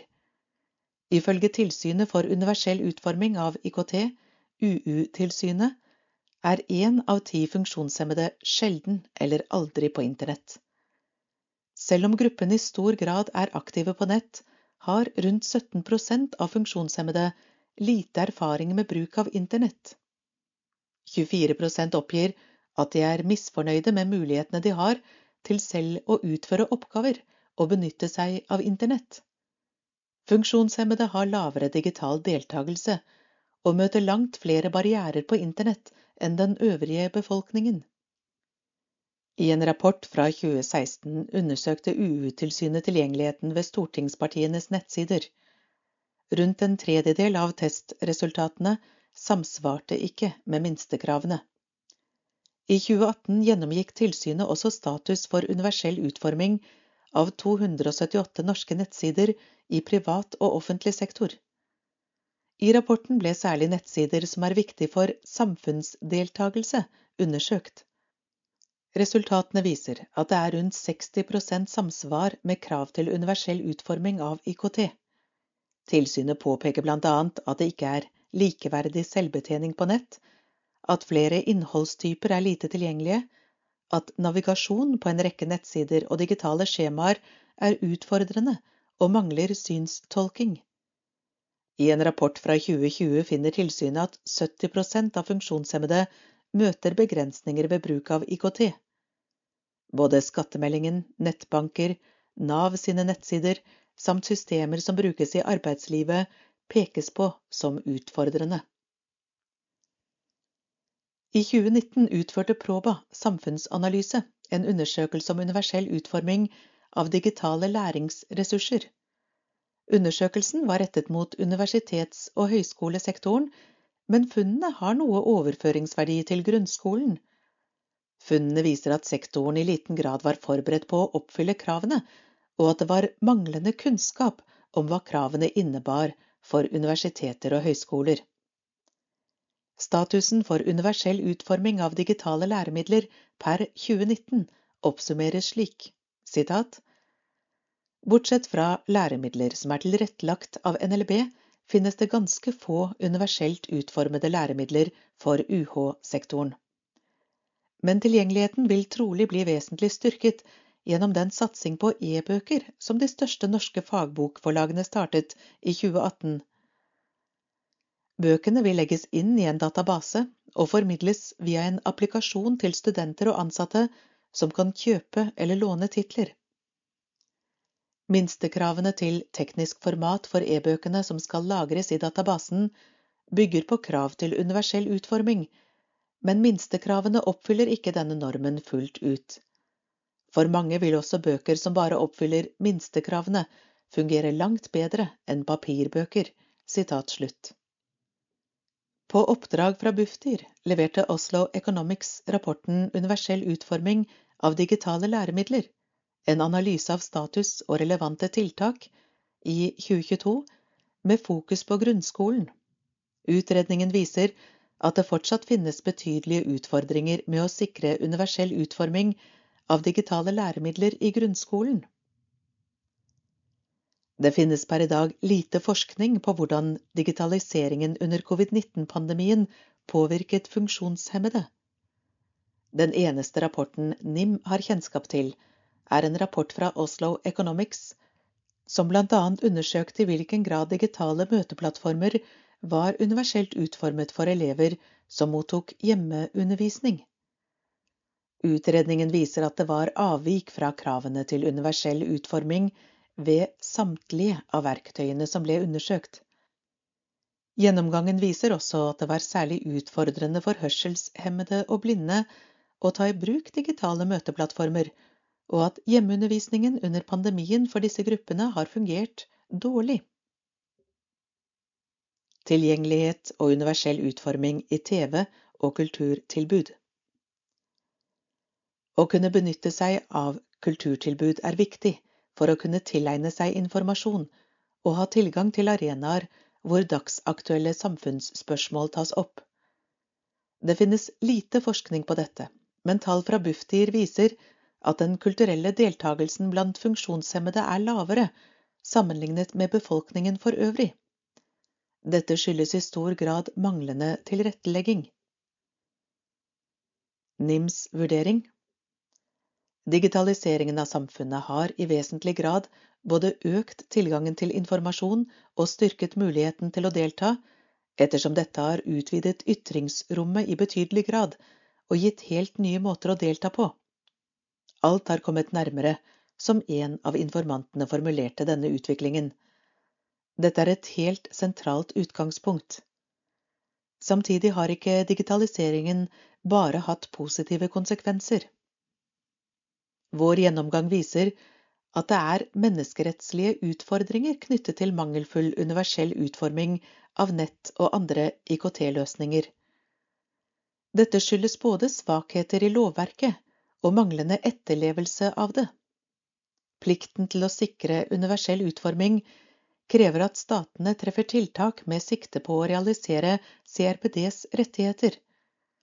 Plikten gjelder likevel, i utgangspunktet, ikke utforming eller tilrettelegging som innebærer en uforholdsmessig byrde, jf. CRPD artikkel 2-4 og likestillings- og diskrimineringsloven paragraf 17 tredje ledd. For universell utforming av IKT er unntaket formulert som uforholdsmessig stor byrde, jf. paragraf 18 tredje ledd. På den annen side krever artikkel 4.2 at statene citat, forplikter seg til å treffe tiltak så langt det er mulig med de ressurser som er til rådighet, slik at de økonomiske, sosiale og kulturelle rettigheter gradvis blir gjennomført fullt ut. Sitat slutt. I praksis skaper henvisning til den uforholdsmessige byrden en risiko for at den i mange tilfeller praktiseres som en hovedregel i stedet for et unntak. Kostnadshensyn kan eksempel få større vekt enn det som er forutsatt, både i CRPD og i forarbeidene til likestillings- og diskrimineringsloven. Norge har fått anbefalinger fra to av FNs overvåkingsorganer som gjelder universell utforming. CRPD-komiteen har flere ganger anbefalt Norge å fjerne alle barrierer og styrke universell utforming av varer og tjenester, IKT-løsninger og tilgjengeligheten på nett. Komiteen har også påpekt at likestillings- og diskrimineringslovens bestemmelser om universell utforming er begrenset til fysiske forhold, inkludert IKT, og ikke stiller et generelt krav til universell utforming av informasjon og kommunikasjon som sådan. Som nevnt stiller CRPD artikkel 9 krav om universell utforming på alle samfunnsområder, både det fysiske miljøet og informasjon og kommunikasjon. Både CRPD-komiteen og FNs komité for økonomiske, sosiale og kulturelle rettigheter har også pekt på at plikten til universell utforming som følger av likestillings- og diskrimineringsloven i dag, ikke omfatter arbeidsliv og arbeidsplasser, herunder IKT-løsninger, og har anbefalt at dette endres. En annen svakhet er at det har tatt lang tid å få på plass et regelverk som gjelder universell utforming på nett og av IKT-løsninger. I skrivende stund finnes ikke noe krav om synstolking for offentlig sektor, slik EUs webdirektiv forutsetter. Det vil først gjelde fra 2023. I Norge fører Digitaliseringsdirektoratet tilsyn med gjennomføring av regelverket om universell utforming av IKT gjennom kontroller, informasjon og veiledning. Diskrimineringsnemnda, som behandler individklager, mottok i 2021 33 individklager om manglende universell utforming av IKT-løsninger. Dette er langt flere klager på manglende universell utforming som omhandler IKT, enn tidligere år. Digitaliseringsdirektoratets tilsyn og videreføring av det viktige arbeidet med å gjennomføre undersøkelser og statusrapporter om tilgjengelighet og universell utforming av IKT-løsninger styrker etter NIMs syn den menneskerettslige etterlevelsen.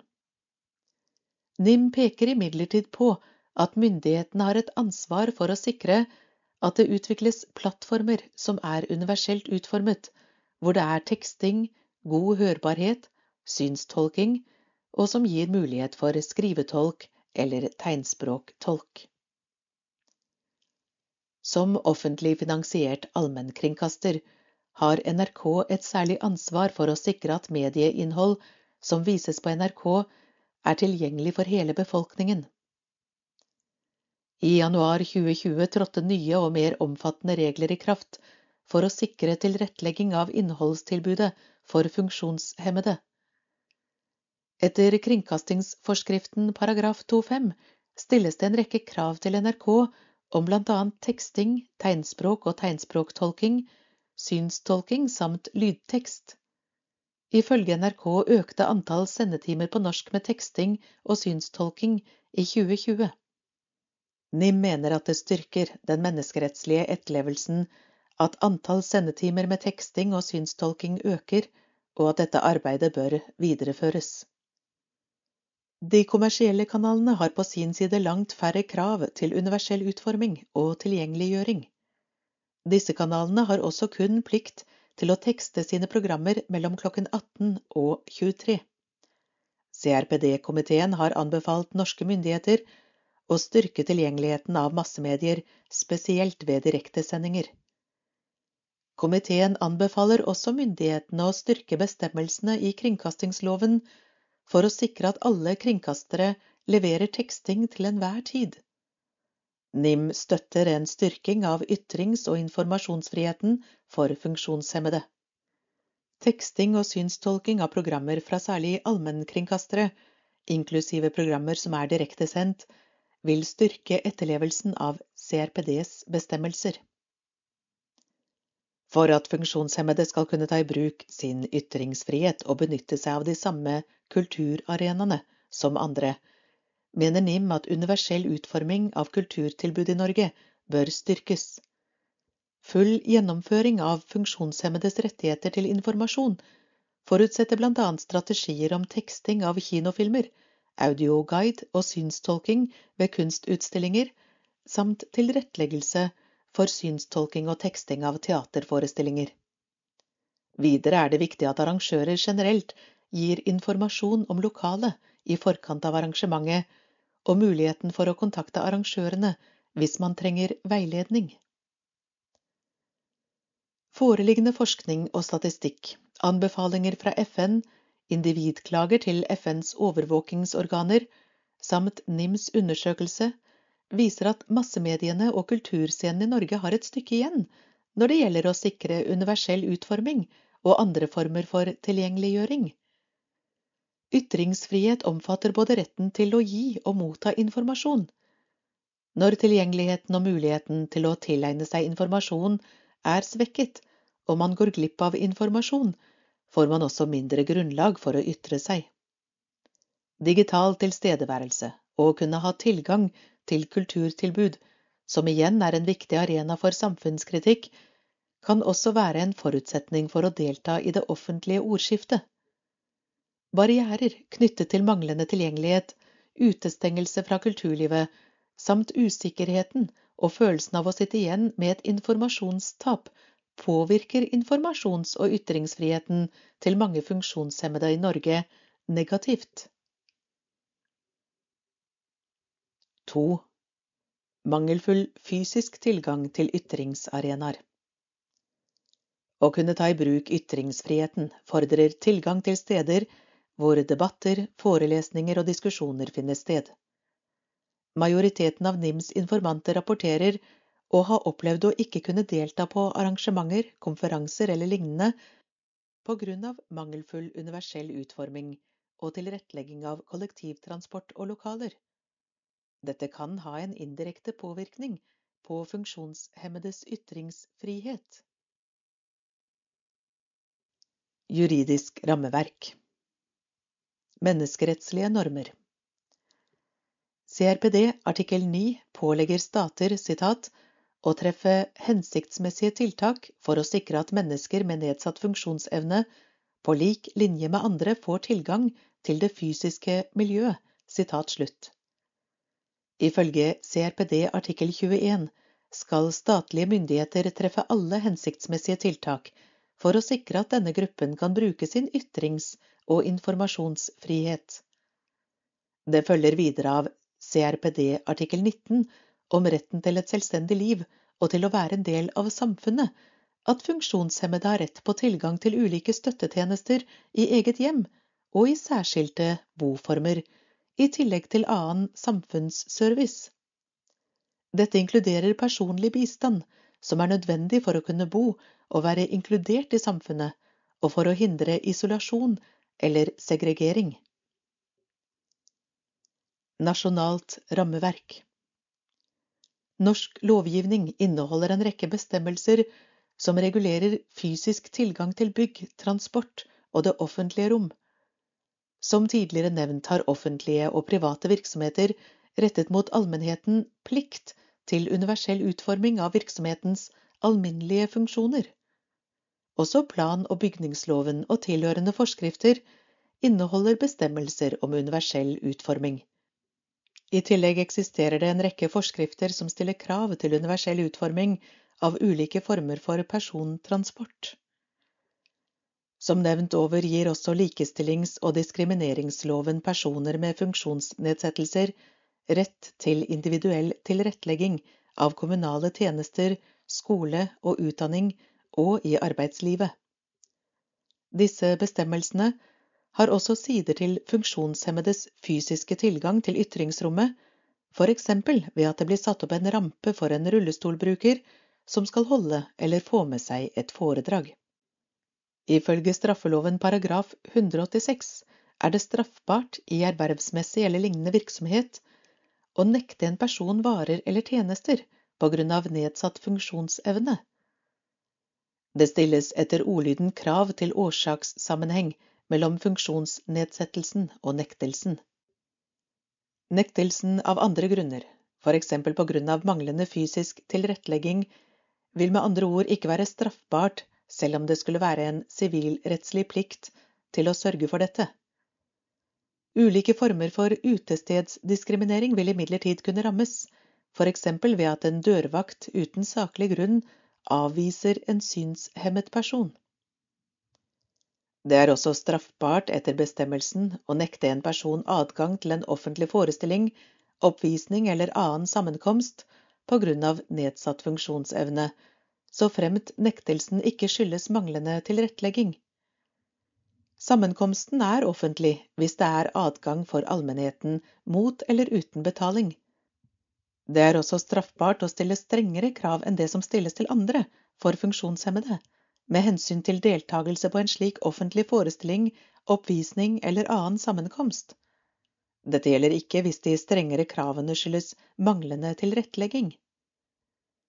Bestemmelsen gir et viktig strafferettslig diskrimineringsvern og kan bidra til å sikre at funksjonshemmede ikke møter diskriminerende barrierer for sin deltakelse. Funn fra NIMs undersøkelse Utilgjengelig kollektivtransport. Informantene forteller om en rekke utfordringer med kollektivtransporten i Norge. Utfordringene som nevnes, knytter seg til holdeplasser, plattformer, avstander, mellomrom, fortauskanter, mangel på ledelinjer, mangel på ramper, billettautomater eller mangel på informasjon som gis over høyttalere. Særlig blir buss trukket fram av informantene som et transportmiddel som det er vanskelig å benytte seg av, men også tog og enkelte T-banelinjer nevnes. 1. 12 sier eksempelvis sitat Jeg skulle gjerne ha hevet stemmen min om kollektivtransport og hvordan jeg ikke kan dra dit jeg ønsker. Sitat slutt. En annen informant, 6, forklarer at man er prisgitt bussjåfører, og at vedkommende utfører jobben sin skikkelig. Sitat Skal man ta bussen, vet man aldri hvilke sjåfører man sitter på med. På bussen er man avhengig av at sjåføren er velvillig og gjør jobben sin, og det er det ikke alltid de gjør. Enten vil de ikke ta ned rampa, eller så bare kjører de forbi. Alt er så veldig vanskelig. Sitat slutt. En annen informant, 17, som er blind, forteller at bussruten hun tar daglig til jobb nå er endret, og ikke lenger universelt utformet. Som resultat av dette har hun begynt å se etter et nytt sted å bo. Sitat Jeg har bodd der jeg bor i 20 år, og jeg elsker stedet hvor jeg bor, men nå har det blitt så vanskelig at jeg har begynt å se etter en annen plass å bo. De lager et nytt tilbud som stenger folk med rullestol, barnevogner og synshemmede ute. Det blir for krevende. Jeg ser ikke hvilken buss som kommer. Det er ikke opprop av hvilken buss det er. Det kunne vært ordnet sånn. Sitat slutt. Mange av informantene forteller om vanskelige opplevelser ved bruk av kollektivtransport i Norge. Gjentatte ubehagelige opplevelser kan til slutt føre til at man velger å ikke benytte seg av denne muligheten. En informant, 11, nevner en hendelse som har ført til at hun nå kvier seg for å ta i bruk kollektivtransport i byen, og prøver å unngå dette.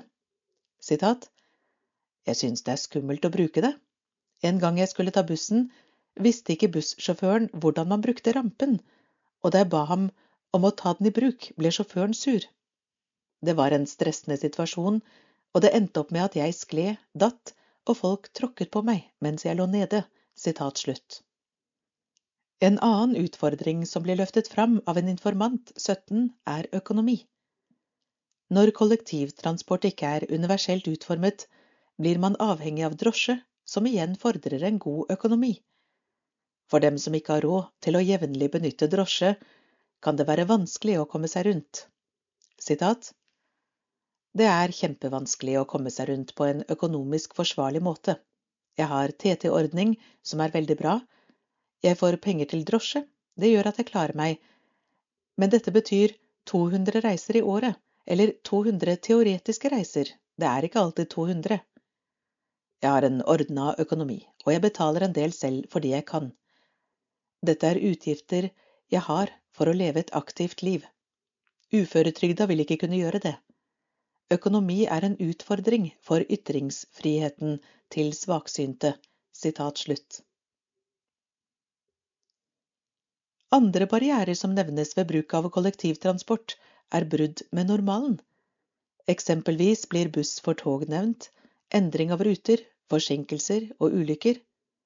En informant, to, løfter også fram mangelen på realitetsforståelse blant noen politikere og store svakheter i lovverket. Dette kommer annet til uttrykk i sitatet under. Sitat Politikeren anbefalte alle å bruke toget. Men så sier jeg hva rettferdiggjør at du kan bruke alle togstasjoner, mens jeg bare kan bruke 8% Paradokset finner vi i likestillingsparagrafen om at det ikke er lov å diskriminere personer med funksjonsnedsettelser med mindre det blir for dyrt. Vi snakker om offentlig publikumstransport, som om vi ikke er en del av det offentlige. Sitat slutt. Mangelfull tilgang til ytringsarenaer. Under intervjuene blir det tydelig at manglende tilgang til ytringsarenaer er en utfordring.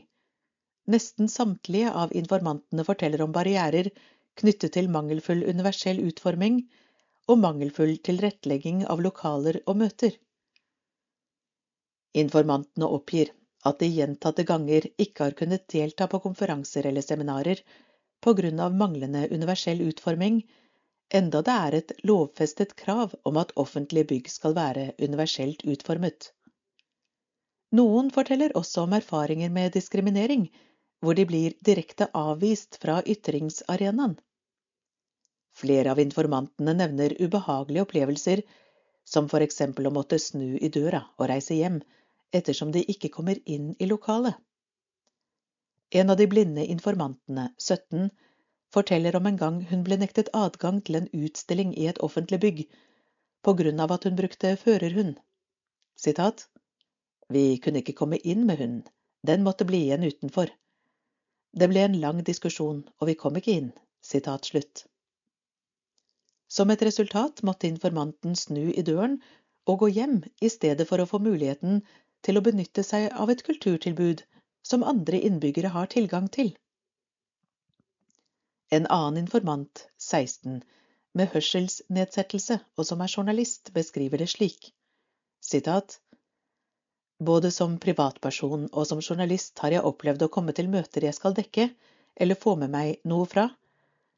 Så har jeg bare måttet dra fordi det er umulig. Det er jo ikke spesielt dyrt eller vanskelig å installere teleslynge, men det er jo en liten terskel økonomisk og praktisk for å iverksette tiltaket. Der er det en stor likegyldighet, mangel på interesse og vilje. Selv om jeg er en etablert person og klager på at det ikke er teleslynge, får jeg høre at de vil gjøre noe, men så skjer det ikke. Slutt. Mangel på ramper, heis, teleslynge, ledelinjer, tegnspråktolk, punktskrift, dårlig akustikk, utilgjengelige toaletter, og mangel på lengre pauser eller hvilerom er barrierer som nevnes. En av informantene, 18, som er blind, forteller at hver gang han skal i et møte eller på en konferanse, tenker han på følgende, sitat, Spørsmål som dukker opp er hvor lett er det å få hjelp, finner jeg maten, kaffen osv., og, og hvis jeg skal si noe, finner jeg frem, får jeg hjelp til å finne ut hvor jeg skal stå? Det opplevdes skremmende i begynnelsen, nesten på grensen til traumatisk, men jeg er blitt vant til det. Jeg var veldig bestemt på at dette skal jeg beherske. Sitat slutt. En informant med kombinert hørsel- og synsnedsettelse, og en informant med en sjelden sykdom og som bruker rullestol, 4.14, beskriver sine erfaringer slik, sitat, Jeg har vært med mest i interesseorganisasjoner, men også på politiske arrangementer og sånt. De siste årene har synet mitt blitt så dårlig at det er slitsomt, så det er noe som jeg unngår. Lokalene er vanskelig å være i, for de er ikke universelt utformet. Et eksempel er noe så banalt som en trapp. Når trappa har teppe, blir det lite kontrast og utfordrende å bevege seg. En løsning er en ledsager eller følger, men det er fremdeles mange snublesteiner det blir en salig affære å dra på forelesning eller debatt i Oslo. Sitat slutt. Sitat. Jeg må ringe for å kunne delta på en debatt for å finne ut om de har rampe, hvor langt det er til doen, har de pauser, finnes det teleslynge? Det er ekstremt krevende, men også givende. Hvis jeg kan fremme mine saker, blir jeg veldig glad. Det føles godt, men jeg ligger ofte helt utslitt i flere dager etterpå, fordi møtene ikke er tilrettelagt. Sitat slutt. En annen informant, to, med bevegelsesnedsettelse, gir et eksempel fra et muntlig innlegg han som politiker skulle holde, men hvor det ikke var mulig da lokalet manglet rampe til talerstolen. Sitat I en jobb jeg hadde, så sa de at de kunne løfte meg, og da sa jeg at dette er greit dersom du også løfter alle andre.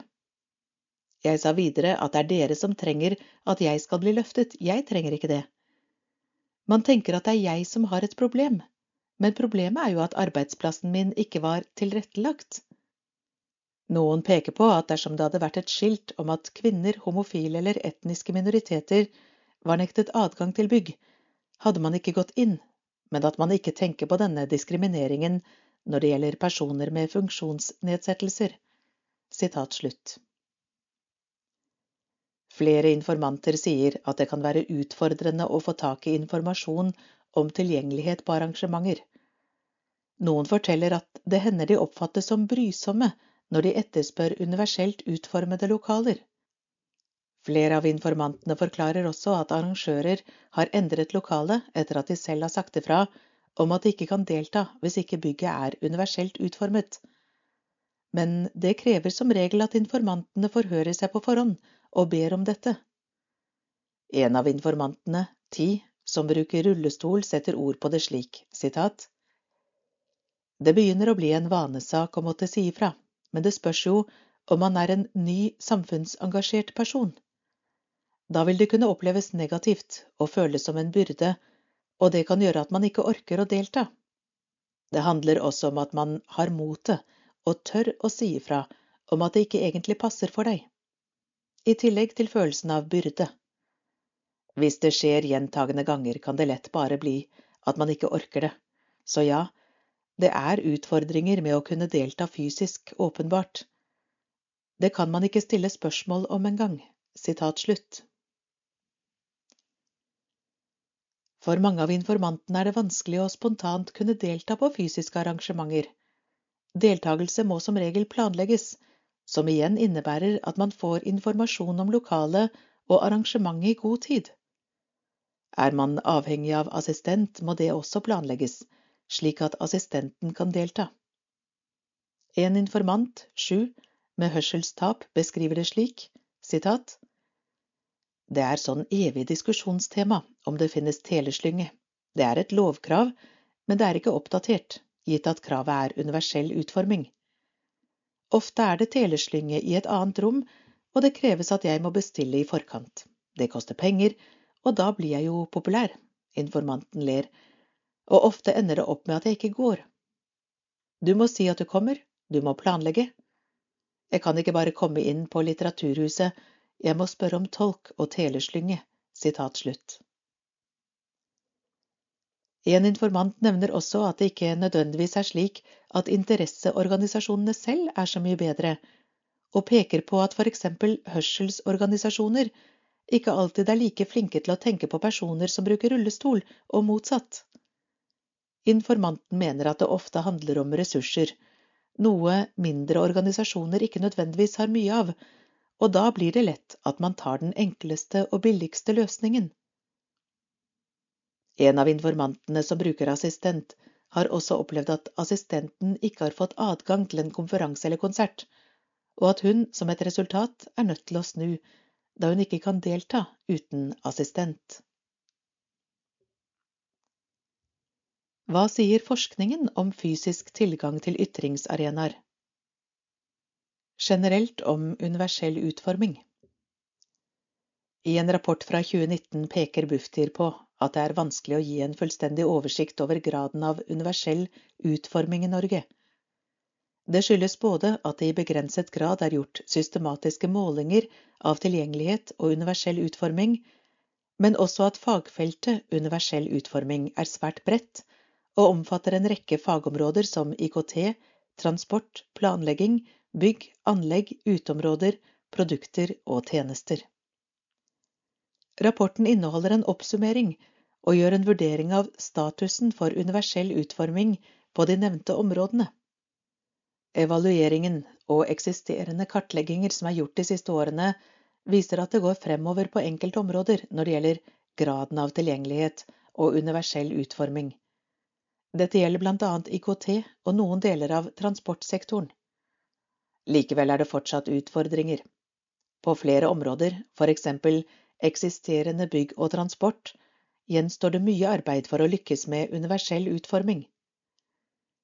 Rapporten peker også på behov for kompetanse om virkemidler for å oppnå universell utforming på ulike nivåer i forvaltningen.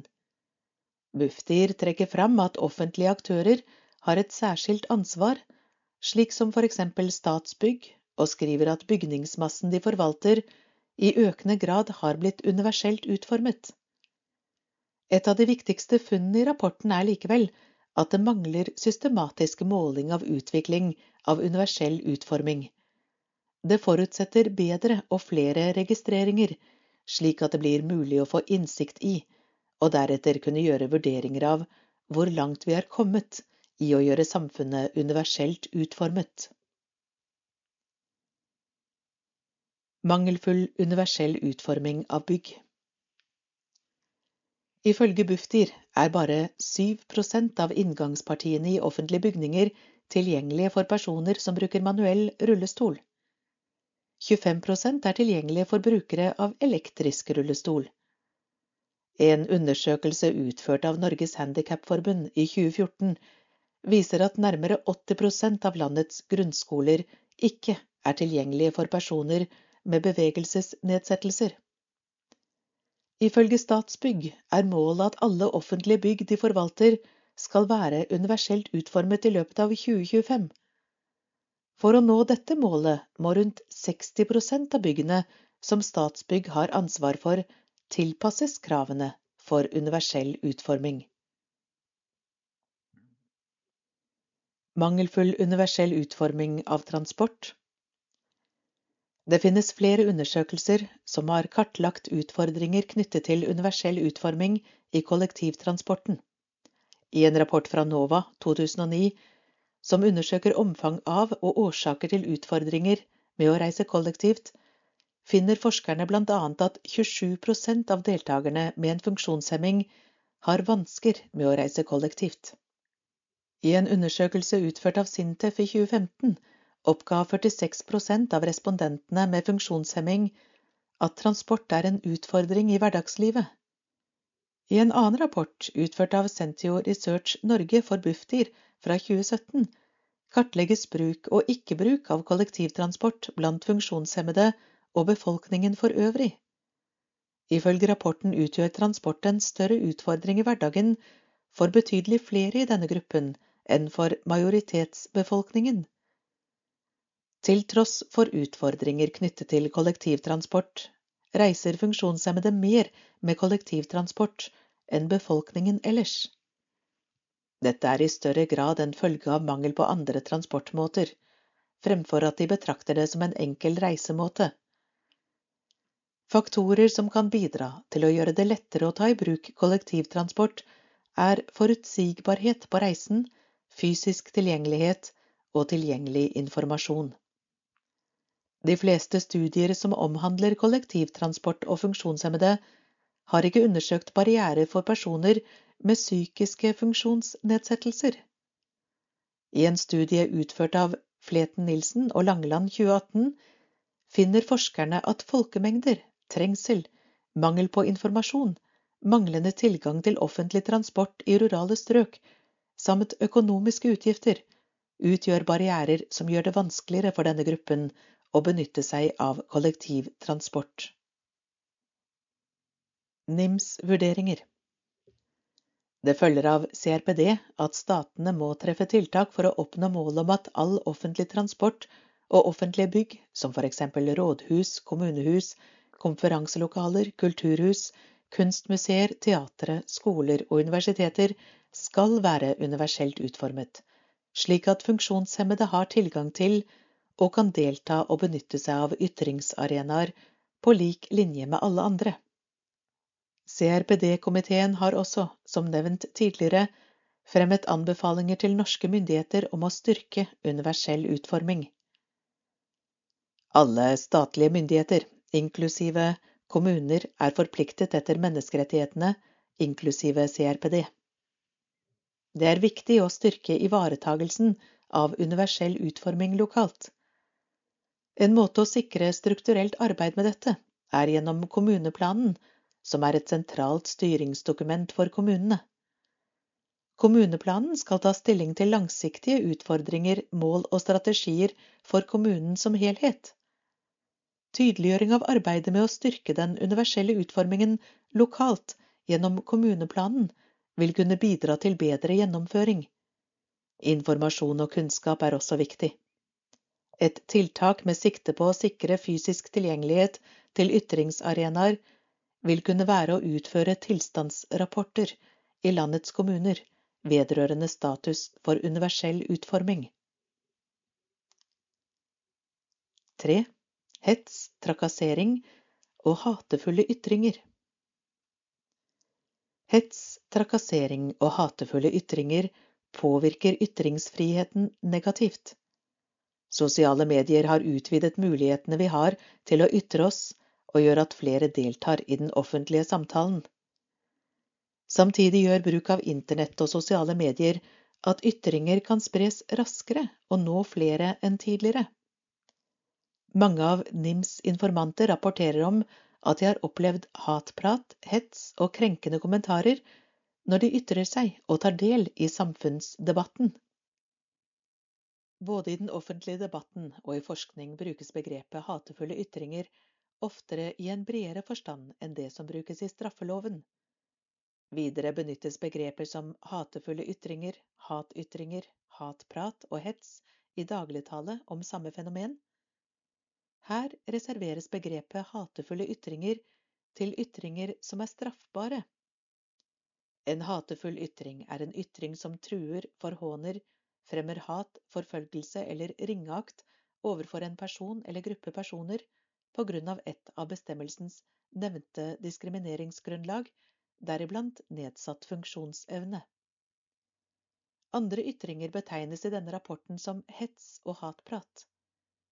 Selv om ikke disse ytringene er straffbare, kan de likevel ha betydning for den enkeltes og for gruppers ytringsfrihet.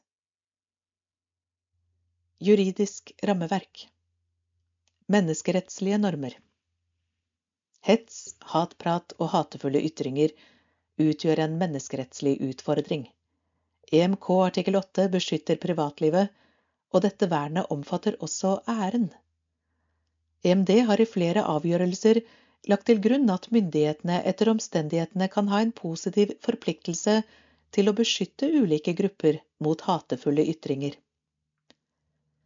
I tillegg inneholder CRPD artikkel 22 en særlig beskyttelse for personer med funksjonsnedsettelser. Ifølge denne bestemmelsen skal ingen utsettes for citat, 'ulovlige angrep på ære eller omdømme'. Nasjonalt rammeverk En rekke lover inneholder bestemmelser om hets, hatprat og hatefulle ytringer. Straffeloven paragraf 185 verner flere grupper mennesker og gjør det straffbart å fremsette hatefulle ytringer som knytter seg til bestemte diskrimineringsgrunnlag.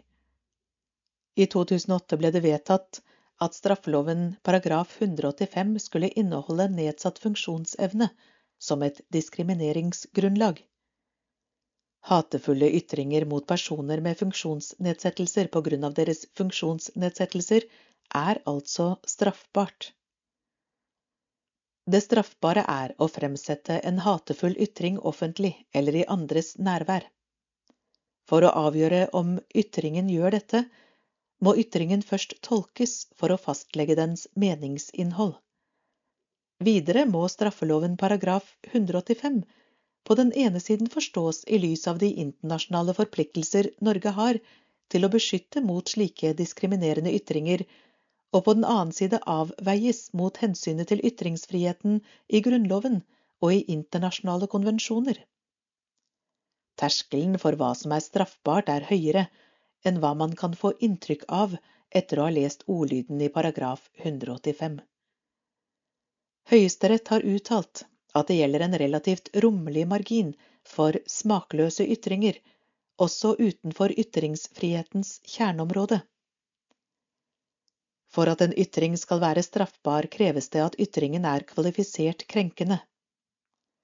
Høyesterett har utdypet at typetilfeller av dette er ytringer som innebærer en grov nedvurdering av noens menneskeverd, eller som gir sin tilslutning til eller oppfordrer til vold mot noen på grunn av diskrimineringsgrunnlaget, eksempel funksjonsnedsettelse.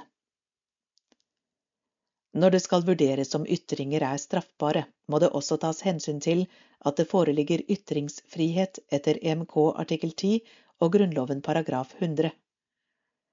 De to menneskerettighetene må veies mot hverandre.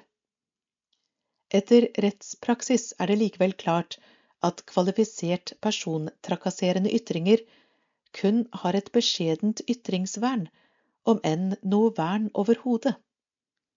I forhold til den som straffebudet retter seg mot, ytreren, er det tale om et inngrep i ytringsfriheten som er beskyttet av EMK artikkel 10 og Grunnloven.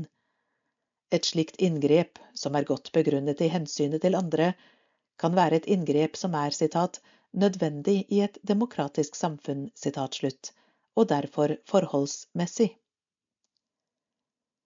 Det finnes, så vidt NIM er kjent med, kun én dom fra norske domstoler om hatefulle ytringer rettet mot funksjonshemmede. Saken gjaldt en mann tiltalt for flere straffbare forhold, herunder fremsettelse av hatefulle ytringer. Bakgrunnen for anmeldelsen var at tiltalt hadde kalt en kvinne han kjente for en mongofitte. Da hun omtrent en uke senere var sammen med sin sønn med Downs syndrom og autisme, konfronterte hun tiltalte med dette. Tiltalte hadde da sett på kvinnens sønn og uttalt at citat, sånne som han har ikke livets rett. Citat slutt. Videre uttalte han at sønnen var en belastning for samfunnet. Under hovedforhandlingen forklarte tiltalte at citat, sånne som han har ikke livets rett, slutt, var en oppsummering av hans syn på sønnen. Retten fant at ytringene innebar en grov nedvurdering av guttens menneskeverd, og at uttalelsen ble rammet av straffeloven paragraf 185. Det finnes også andre straffebestemmelser som kan ramme ytringer rettet mot funksjonshemmede. Eksempler på det er straffeloven paragraf 263 trusler, paragraf 266 hensynsløs atferd, paragraf 267 om krenkelse av privatlivets fred. Og paragraf 266 a alvorlig personforfølgelse. Dersom vilkårene for å straffe er til stede, skal det i skjerpende retning ved straffeutmålingen tas i betraktning om lovbruddet har sin bakgrunn blant annet i andres funksjonsevne, jf. straffeloven paragraf 77, bokstav i. Også andre lover har bestemmelser som kan ramme negative og krenkende ytringer rettet mot funksjonshemmede. Etter likestillings- og diskrimineringsloven paragraf 13 er trakassering på grunn av funksjonsnedsettelse forbudt. Trakassering er definert som handlinger, unnlatelser eller ytringer som har som formål eller virkning å være krenkende, skremmende, fiendtlige, nedverdigende eller ydmykende jf. paragraf 13 andre ledd.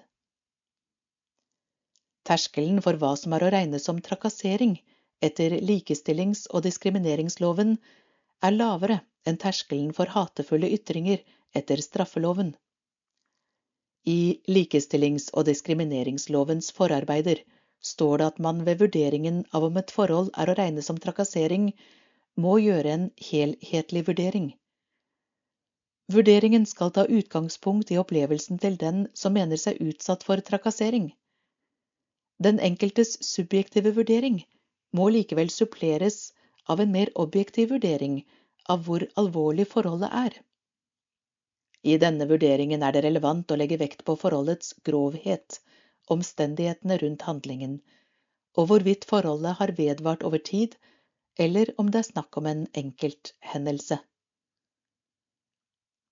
Forarbeidene sier at selv om én enkelt handling, ytring eller unnlatelse ikke skulle tilfredsstille kriteriene for å falle inn under trakasseringsbegrepet, vil flere handlinger, ytringer eller unnlatelser sett i sammenheng kunne være nok til å oppfylle kriteriene. Man kan også legge vekt på om personen som hevder seg utsatt for trakassering, har gitt uttrykk for at atferden er uønsket, og om den som har utøvd atferden selv innså eller burde ha innsett at handlemåten kunne være krenkende, skremmende, fiendtlig, nedverdigende eller ydmykende. Så vidt NIM er kjent med, finnes det ikke rettspraksis fra norske domstoler som gjelder trakassering av personer med funksjonsnedsettelser. I tillegg til i domstolene håndheves likestillings- og diskrimineringsloven av Diskrimineringsnemnda, som behandler enkeltklagesaker om diskriminering og trakassering. Per i dag har nemnda ikke kommet til at det har vært brudd på regelverket i noen av klagesakene om trakassering på grunn av funksjonsnedsettelse. Funn fra NIMs undersøkelse De fleste informantene har vært eller er aktive i det offentlige ordskiftet. De ytrer seg ved å delta i debatter eller i media, ved å skrive kronikker, leserinnlegg og ved å kommentere og ta del i diskusjoner på sosiale medieplattformer. De deltar i debattene av ulike grunner. Noen gjør det som en del av jobben, men de fleste fordi de ønsker å skrive om et tema for å belyse, opplyse og skape debatt om en sak de er opptatt av. Her beskriver vi informantenes negative opplevelser med å debattere, og hvordan den harde ytringskulturen særlig preger de yngre informantene. Mange opplever hets når de ytrer seg. Mange opplever hatprat, hets og krenkende kommentarer når de ytrer seg og tar del i samfunnsdebatten. Informantene opplever mest hets i sosiale medier, men også i kommentarfelt i nettaviser og på andre plattformer. Under intervjuene forteller alle de yngre informantene utenom to at de mottar hets og krenkende kommentarer som typisk går på utseende, funksjonsnedsettelse, kjønn, etnisk tilhørighet og eller seksuell legning. En informant, sex, forklarer sitat om jeg bruker et profilbilde som viser at jeg har en fysisk funksjonsvariasjon, kommer det oftere slike kommentarer enn om jeg bare viser fjeset mitt på bildet. Sitat slutt. De yngre informantene forteller at kommentarer som gå død, jævla hemmis, krøpling, mongo, hvordan har du sex, naver eller vi betaler så mye skatt for at du skal slippe å jobbe, er typiske kommentarer som ofte går igjen når de ytrer seg. En informant, tre, uttrykker det slik, sitat, ja, det oppstår som en blanding av at jeg er skeiv og bruker rullestol. Da får jeg høre kommentarer som jævla krøpling og traktorlesbe. På meldinger får jeg beskjed om at sånne som deg ikke skulle vært født, og at jeg burde vært abortert bort. Da det var anonymisert debatt, fikk jeg av mange høre at det hadde vært bedre for moren din om du ikke var født. Sitat slutt. Denne informanten snakker også om mikroaggresjoner hun opplever i det fysiske rommet, og ikke over internett, men som er like skadelige. Det blir tydelig under intervjuene at de eldre og mannlige informantene ikke opplever hets i like stor grad når de ytrer seg. To av de eldre informantene forteller at de har opplevd kommentarer knyttet til deres politiske standpunkt, men ikke til dem som person.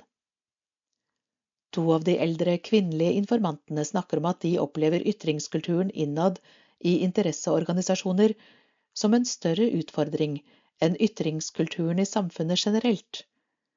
De opplever det som vanskelig å være kritisk eller å stille kritiske spørsmål internt i organisasjonene. Den harde ytringskulturen preger de fleste av de yngre informantene. Ytringskulturen og hetsen informantene har opplevd etter å ha ytret seg i det offentlige rom, preger de fleste av de yngre informantene.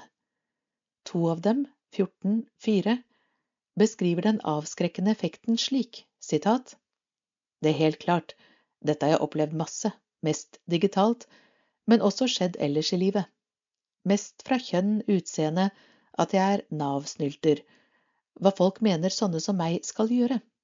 Det gjør at man ikke har lyst til å fortsette. Det må mye til for å gjøre opp for dette. Det er en kjempebelastning. Sitat slutt, sitat. Jeg har fulgt med på hvordan det går med andre, og derfor er jeg forsiktig med å uttale meg selv. Det kommer sjelden noe positivt ut av det, og det kommer ofte svartsvidd tekst ut på skjermen. Det er blitt så risikabelt å ytre seg uansett i dagens debattklima. Da er det ekstra vanskelig for folk som stikker ut. Det er vanskelig nok å være hvit og blåøyd nordmann. Skiller du deg ut og snakker om temaer som folk har negative holdninger til, så ber du om trøbbel. Sitat slutt. Den harde tonen resulterer i at noen unnlater å debattere, eller at de går stille i dørene, eller ønsker å gjøre seg så usynlig som mulig, som to informanter uttrykker. En av dem, én, sier, sitat, Jeg har fått slengt kommentarer som jævla hemmis. Jeg kjenner to stykker som har blitt spyttet på, og en person som har hørt at en som deg burde ikke leve. Det skal jo ikke noen få oppleve. Når man opplever slike ting på grunn av sin funksjonsnedsettelse, jeg vet ikke om det alltid er så bevisst, men da blir jeg også redd for å ta min plass. Man blir jo redd for hatefulle ytringer og kommentarer. Sitat slutt. Tilhørighet til flere minoritetsgrupper. Mange av informantene tilhører flere minoritetsgrupper, og betydningen av det interseksjonelle perspektivet kommer fram i datamaterialet. Begrepet interseksjonalitet viser til hvordan sosiale kategorier som annet kjønn, etnisitet, religion, seksuell orientering og funksjonsevne kan samvirke og påvirke personers leve- og livsvilkår. Samtalene med disse informantene kan tyde på at de opplever en form for sammensatt hets, både på bakgrunn av sin funksjonsnedsettelse og for eksempel sin seksuelle orientering eller etnisitet. En av informantene, Ti, som har opplevd en form for sammensatt hets, beskriver det slik, sitat, men har fått rasistiske kommentarer osv. Jeg har vært veldig åpen siden anonymisert, har jeg ikke lagt skjul på at jeg er skeiv heller, så jeg har opplevd motgang, har også hatt et stort problem med drapstrusler. Adressen min lå ute på gule sider i en liten periode, og det var veldig irriterende, men de ville ikke ta det bort. Jeg har fått mange hatytrende brev i posten. Sitat slutt. Flere av informantene peker på betydningen av å forstå at man kan tilhøre flere minoritetsgrupper på en gang, og at man i lys av dette kan utsettes for ytterligere diskriminering eller hets og hatprat. Et sentralt poeng i interseksjonalitetsperspektivet er at sammenblandingen av forskjellige statuser betyr mer enn det summen av det de enkelte faktorer skulle tilsi. Er man eksempel skeiv, tilhører en etnisk minoritet og har en funksjonsnedsettelse, kan virkningen av diskriminering bli både tyngre og annerledes enn det man finner hos noen av enkeltgruppene. En av informantene, fem, påpeker at det finnes få handlingsplaner eller stortingsmeldinger som tar tak i det interseksjonelle perspektivet. En annen informant, to, er opptatt av fellesskapet og den felles kampen mot utenforskap som minoriteter står i, enten det omhandler etnisk diskriminering, kjønnsdiskriminering eller diskriminering av funksjonshemmede. Strategier for å håndtere hets Noen av informantene forteller om strategier de tar i bruk for å håndtere hets og hatprat. Blant annet imøtegår informantene kommentarer med kommentarfeltaksjoner og folkeopplysning, men gir uttrykk for at dette også kan være belastende og utmattende. En informant fem peker på en såkalt aktivistutmattelse. Flere av de yngre informantene forklarer at det er krevende å måtte stå i stormen og motta så mange krenkende kommentarer regelmessig. Til tross for dette er det flere som trosser hetsen og fortsetter å ytre seg om saker de er opptatt av. En av informantene, fem, forklarer at hun i perioder slutter å være aktiv i sosiale medier på grunn av hetsen, og at det hender hun må trekke seg unna. Engasjementet og gleden av å være aktivist er likevel så sterk at hun ikke slutter å ytre seg helt. Sitat. I perioder. Men i andre perioder har jeg tenkt mer fuck it, dere får ikke ødelegge min glede over å være aktivist. Sitat slutt. I samtalene uttrykker noen at de også føler på et slags samfunnsansvar. Et ansvar for å drive rettighetskamp og folkeopplysning, også på vegne av andre funksjonshemmede som ikke har samme mulighet til å ytre seg. En av de yngre informantene, tre, sier for eksempel sitat Jeg tenker at jeg er så privilegert, og da må jeg stå i den offentlige debatten for alle dem som ikke klarer å stå i den. Jeg har jo verktøyet til å håndtere det, i tillegg til et nettverk som gir meg støtte i etterkant. Sitat slutt. De eldre informantene, 18-2, som sjeldnere opplever hets, tenker slik som dette.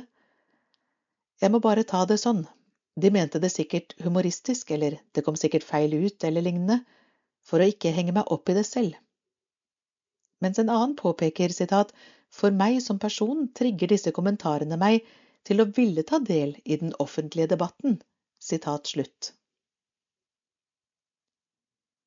Opplevelser av trusler Noen av de yngre informantene, 19-5, oppgir å ha mottatt personlige henvendelser og trusler etter at de har ytret seg om en sak offentlig.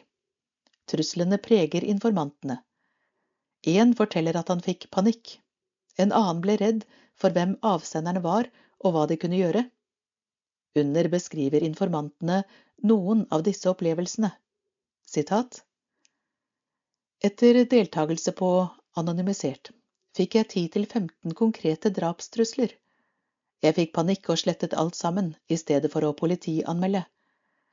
Jeg har noen haters som går igjen. Sitat slutt. Noen ganger må jeg skjerme meg selv. Jeg tilhører flere minoritetsgrupper, og ved å gå ut i media om å være skeiv og funksjonsvariert, kan man få mye hat. Jeg har blant annet fått kommentarer fra Anonymisert da jeg snakket om skeivhet i Anonymisert by. Da fikk jeg kommentarer og mail som gikk på alt fra raserenhet til eugenikk. Da tenkte jeg at jeg må være forsiktig. Da fikk jeg til svar at sånne lesber som deg bør tvangssteriliseres. Spesielt for deg, fordi du har dårlige gener, som er dårlige for den ariske rasen, videre. Sitat slutt. En av informantene, Ti, uttrykker nærmest en form for apati når hun beskriver hendelsen, da dette er noe hun har opplevd en rekke ganger. Sitat jeg har også mottatt drapstrusler flere ganger. Jeg er litt dårlig på å reagere når det skjer mot meg, men om det var overfor noen andre, hadde jeg syntes det hadde vært veldig trist. Avsender som sender disse brevene, er jo såpass fylt med hat mot mennesker som meg at jeg blir lei meg på deres vegne fordi de går glipp av så mye. Sitat slutt. To av informantene, 10-14, mener at alder har betydning for hvordan man håndterer og motta trusler. De sier at dersom de hadde mottatt truslene da de var enda yngre, ville de nok ikke ha ytret seg igjen. Sitat, det nytter ikke å anmelde. Sitat slutt. Det er en utbredt oppfatning blant informantene som har mottatt trusler, at det ikke nytter å anmelde, og at sakene høyst sannsynlig vil henlegges. Flere informanter mener at prosessen med å anmelde en sak er for krevende og utmattende.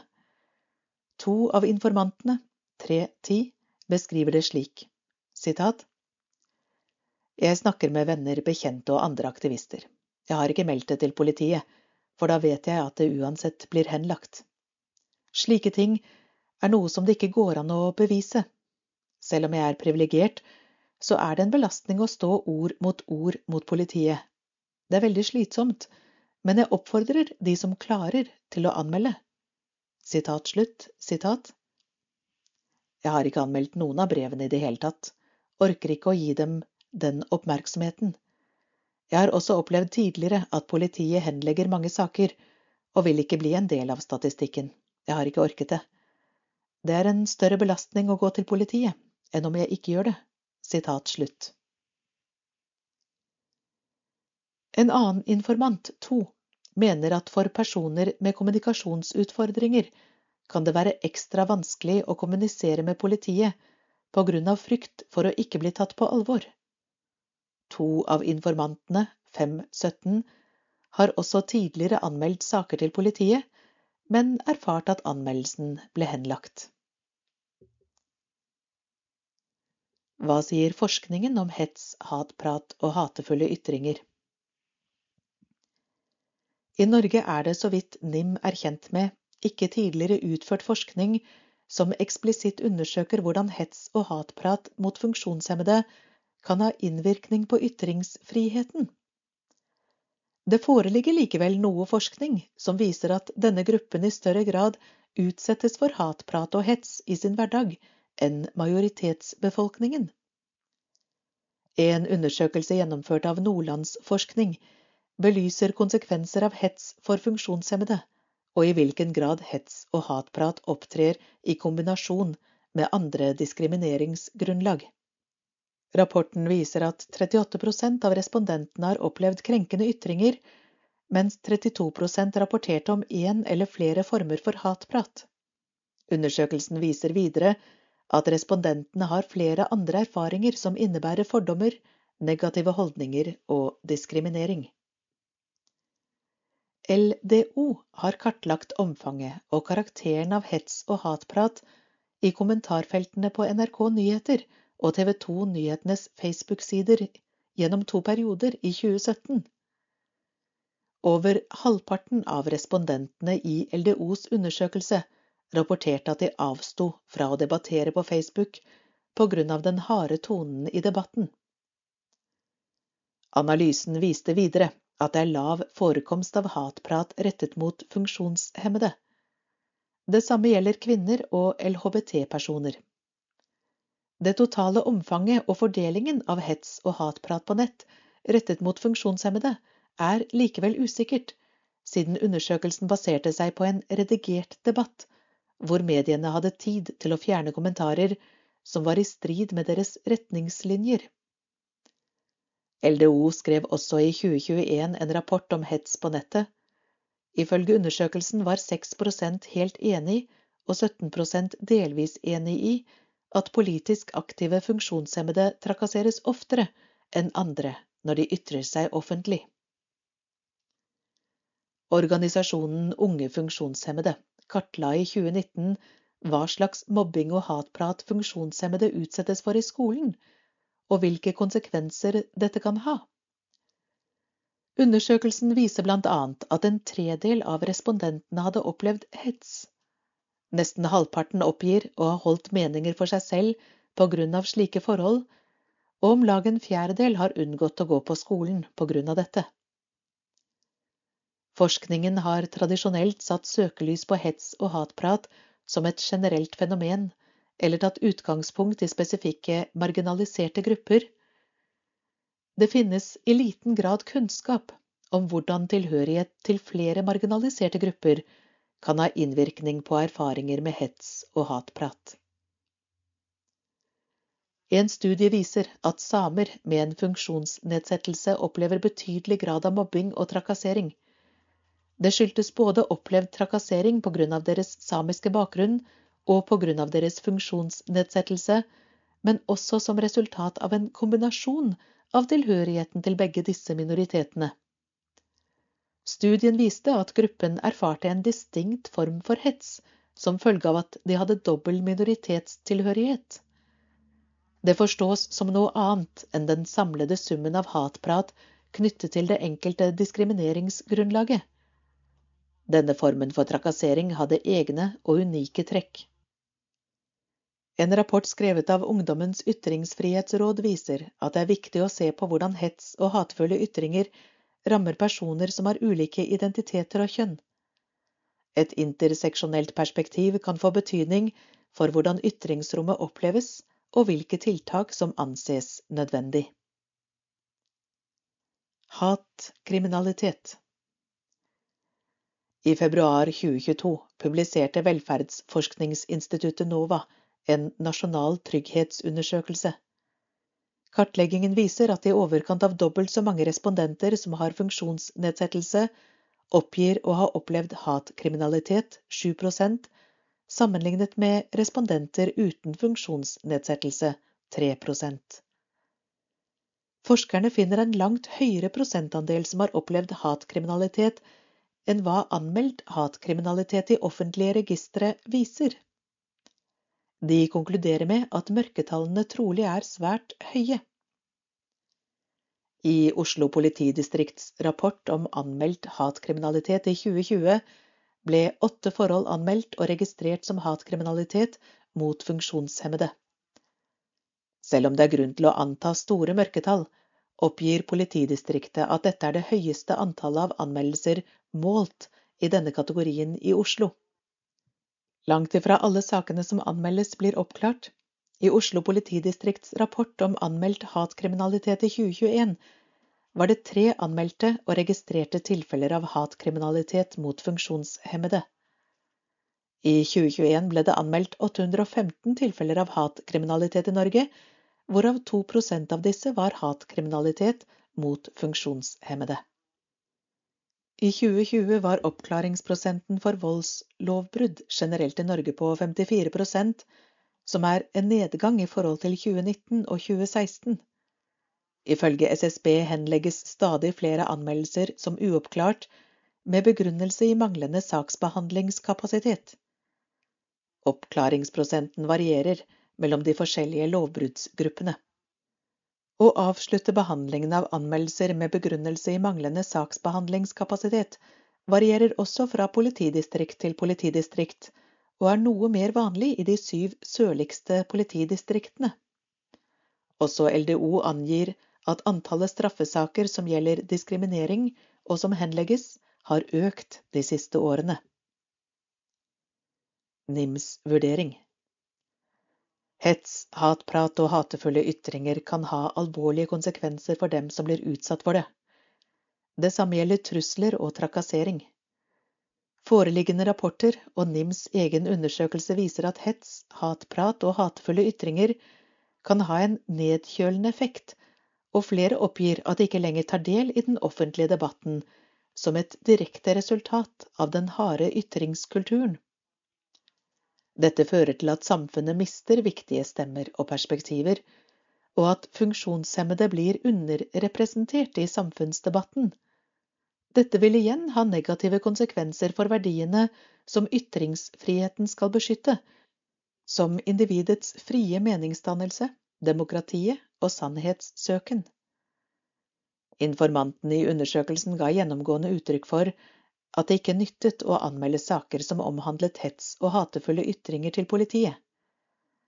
Norge har fått flere anbefalinger fra FNs overvåkingsorganer om å styrke arbeidet med å forebygge, etterforske og straffeforfølge hatefulle ytringer, deriblant fra CRPD-komiteen. Komiteen anbefaler Norge å treffe alle nødvendige tiltak for å hindre at funksjonshemmede blir utsatt for mobbing, hatefulle ytringer og hatkriminalitet, og sikre at politiet, påtalemyndigheten og rettssystemet identifiserer, etterforsker og idømmer sanksjoner for hatkriminalitet begått mot funksjonshemmede. Det er også viktig at politiet og påtalemyndigheten har tilstrekkelig kunnskap og kompetanse om hatkriminalitet begått mot funksjonshemmede. Samtidig er det en utfordring at politiet selv har såpass få registrerte tilfeller, og det er vanskelig å vurdere hvorfor det vurderes som vanskelig å anmelde saker. Det er viktig at det bevilges tilstrekkelige ressurser til etterforskning av trusler, hatefulle ytringer og hatkriminalitet i Norge. Videre er det viktig at det nasjonale kompetansemiljøet for å forebygge hets, hatefulle ytringer og hatkriminalitet, som skal være til støtte og rådgivning på fagfeltet for alle politidistrikter, er blitt opprettet, og at dette arbeidet videreføres. Dette bør også vektlegges i nye handlingsplaner mot hatkriminalitet og hatefulle ytringer. Mange av NIMs unge informanter fortalte at de ikke var forberedt på det harde debattklimaet i sosiale medier, Politiske partier, ungdomspartier og sivilsamfunnsorganisasjoner bør i større grad forberede sine unge aktive medlemmer på å møte og håndtere debattklimaet i sosiale medier og kommentarfelt, og gjennom kurs, opplæring. Videre er det grunn til å tro at det er store mørketall når det gjelder anmeldte hatefulle ytringer og hatkriminalitet rettet mot funksjonshemmede. Et tiltak for å forebygge mørketall er å informere om at hatefulle ytringer av funksjonsnedsettelse er straffbart, og at trakassering er ulovlig, og iverksette opplysningsarbeid om hvilke tiltak man kan gjøre. 4. Selvsensur og frykt for represalier. Et viktig aspekt ved ytringsfriheten er å kunne si ifra om urett, uten å risikere represalier. Hvor enkelt er det å klage på en behandling i helsetjenesten eller et vedtak om brukerstyrt personlig assistanse? Hvor høy er terskelen for å kunne klage på mangelfull tilretteleggelse på studiet eller på arbeidsplassen? Hva gjør man når man vil klage, men samtidig er i et avhengighetsforhold til dem man retter klagen mot? For mange funksjonshemmede er terskelen for å si ifra høy, og NIMs informanter rapporterer om at de i mange sammenhenger vegrer seg for å si ifra. Juridisk rammeverk Selvsensur er et fenomen som innebærer at den enkelte velger å tie av frykt for omgivelsenes reaksjoner. Det finnes ikke regelverk som direkte regulerer selvsensur. Alle kan selvsagt velge å tie hvis man ønsker det. Derimot kan det som utløser slik frykt, være forbudt.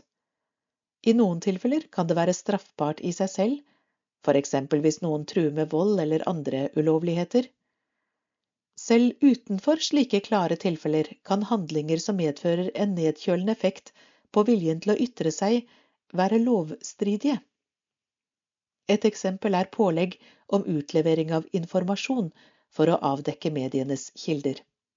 Det foreligger mange rettsavgjørelser hvor politiet er nektet tilgang til avisers kilde, fordi det ville avskrekke fremtidige kilder fra å gi informasjon. Domstolen har lagt til grunn at det ville være i strid med vernet av ytringsfriheten etter EMK artikkel 10. Et annet eksempel er det vernet som varslere har etter arbeidsmiljøloven paragraf 2 a4. Dette forbudet er begrunnet på en lignende måte Dersom varslere ikke var vernet mot gjengjeldelse, ville mange sensurere seg selv fra å varsle. Det er likevel klart at mange tilfeller av selvsensur ikke faller inn under noen konkret rettslig regulering. Staten har likevel en plikt til å kartlegge og motvirke slike effekter etter det såkalte infrastrukturkravet i Grunnlovens ytringsfrihetsbestemmelse. I paragraf 100 siste ledd står det at citat, det påligger statens myndigheter å legge forholdene til rette for en åpen og opplyst offentlig samtale. Det betyr nettopp at staten skal arbeide for å fjerne hindre for reell utøvelse av ytringsfrihet. Dersom funksjonshemmede utsettes for særlige utfordringer, forsterkes denne plikten av alminnelige likestillingsprinsipper. Funn fra NIMs undersøkelse. En rekke informanter forteller at de vegrer seg for å si ifra i saker hvor de mener de ble forskjellsbehandlet eller diskriminert. For mange gjelder dette særlig saker som omhandler helsetjenester, BPA og arbeidslivet. Avhengighetsforholdet disse informantene har til eksempelvis det lokale legekontoret, jobben eller kommunen, gjør at de stilles i en enda vanskeligere situasjon ved å si ifra enn personer uten en funksjonsnedsettelse. Flere forteller om et ubehag ved å si ifra, og at når man ytrer kritikk, tar man plass, blir mer synlig og kan fort oppfattes som noen som bare klager. En informant en sier sitat Da jeg begynte å studere, fikk jeg for eksempel ikke assistansen jeg trengte, og da hadde jeg høy terskel for å gå ut i media. Jeg er redd for at andre tenker at jeg klager og ikke tar til takke med det jeg får. Sitat slutt. En annen, 18, forteller sitat Kanskje i en jobbsituasjon. Ikke at jeg opplevde noen stor forskjellsbehandling, og jeg hadde ikke frykt for gjengjeldelse, men det var litt mer den frykten for å skille meg ut. Frykten for å være den ansatte som var funksjonshemma, og at det skulle virke inn på arbeidsmiljøet. Jeg fant heller måter å løse det på selv, i stedet for å melde ifra og lage en sak om det. Sitat slutt. To av informantene, fire, sju, mener at det er lettere å rette en klage til et sykehus enn mot arbeidsgiver. Sitat, jeg har tidligere jobbet i en kommersiell virksomhet med dårlig stillingsvern, og der var det uaktuelt å klage. Det sitter langt inne å hevde sine rettigheter om universell utforming på arbeidsplassen. Sitat slutt. Sitat Man begynner å tvile på seg selv. Det å oppføre seg som en likestilt person når man ikke er det, er en risiko. Man kan si at det helt klart påvirker ytringsfriheten min, og i alle fall det å ytre seg i det offentlige. Der mange kvinner snakker om glasstaket, har vi som funksjonshemmede glassvegger, for vi kan ikke bytte jobb. Så har vi glassgulvet, som er frykten for uføretrygd. Du er ikke like mye verdt, og du er de facto en annenrangs borger. I frykt for å miste tjenester man allerede har fått innvilget, eller å komme på kant med legekontoret, velger flere informanter å ikke klage på et vedtak eller behandling, til tross for at de mener de har blitt forskjellsbehandlet. Opplevelser av gjengjeldelse Flere av informantene forteller om frykt for gjengjeldelse, eksempelvis ved å miste BPA-timer. Deres mulighet og rett til å heve stemmen og klage påvirkes av denne frykten. To informanter, tre-fem, beskriver det slik, sitat, De gangene jeg har nevnt at jeg har lyst til å gå til media, får jeg beskjed om at om jeg gjør dette, vil jeg i alle fall ikke få tjenesten. Man er redd for å søke om ting fordi man frykter konsekvensene og at du heller kan miste de tjenestene som du har. Frykt er en større psykisk belastning for meg, mye mer enn funksjonsvariasjonen i seg selv. Sitat slutt. Sitat. Jeg har turt å løfte saker om skole, utdanning, men når det handler om mine egne helse- og omsorgstjenester, går jeg ofte flere runder. Om jeg ytrer meg, er jeg redd for at de skal kutte, eller at de ser på meg som en for ressurssterk person med funksjonsvariasjoner til å få helsetjenester. Jeg er redd for å straffes. De er så inne i den medisinske forståelsen om at det er noe feil med meg. Sitat slutt. To andre informanter forteller om opplevelser av gjengjeldelse etter at de har sagt ifra om en hendelse eller mangelfull tilretteleggelse på jobb og under studiet. En av dem, sju, setter ord på det slik. Sitat. Jeg har forsøkt å si ifra, og skjønner at du ikke blir forstått. Da ender du opp med å trekke deg, for om jeg kaller det diskriminering, blir jeg trua. Da mister jeg posisjon og privilegier, først og fremst i arbeidslivet. Det er der jeg har opplevd det mest, gjentatte ganger. Jeg ble plassert på sidelinja og måtte skifte jobb. Jeg blir en sånn upopulær ansatt som sier ifra. Det har skjedd på flere arbeidsplasser. Mange arbeidsgivere skjønner ikke at det å varsle også kan omfatte diskriminering. Ofte defineres det som en konflikt mellom to ansatte, når det egentlig er en ren diskrimineringssak. Det har jeg opplevd flere og gjentatte ganger. Sitat slutt. Krevende å klage og mangel på gode varslingsmuligheter. Noen informanter påpeker også at det kan være krevende å klage, både fordi man ofte må innhente dokumentasjon, og at det kan være tidkrevende og utmattende. En forklarer for eksempel at man alltid gjør en avveining når man opplever ting som er diskutabelt, med tanke på om man orker å følge saken.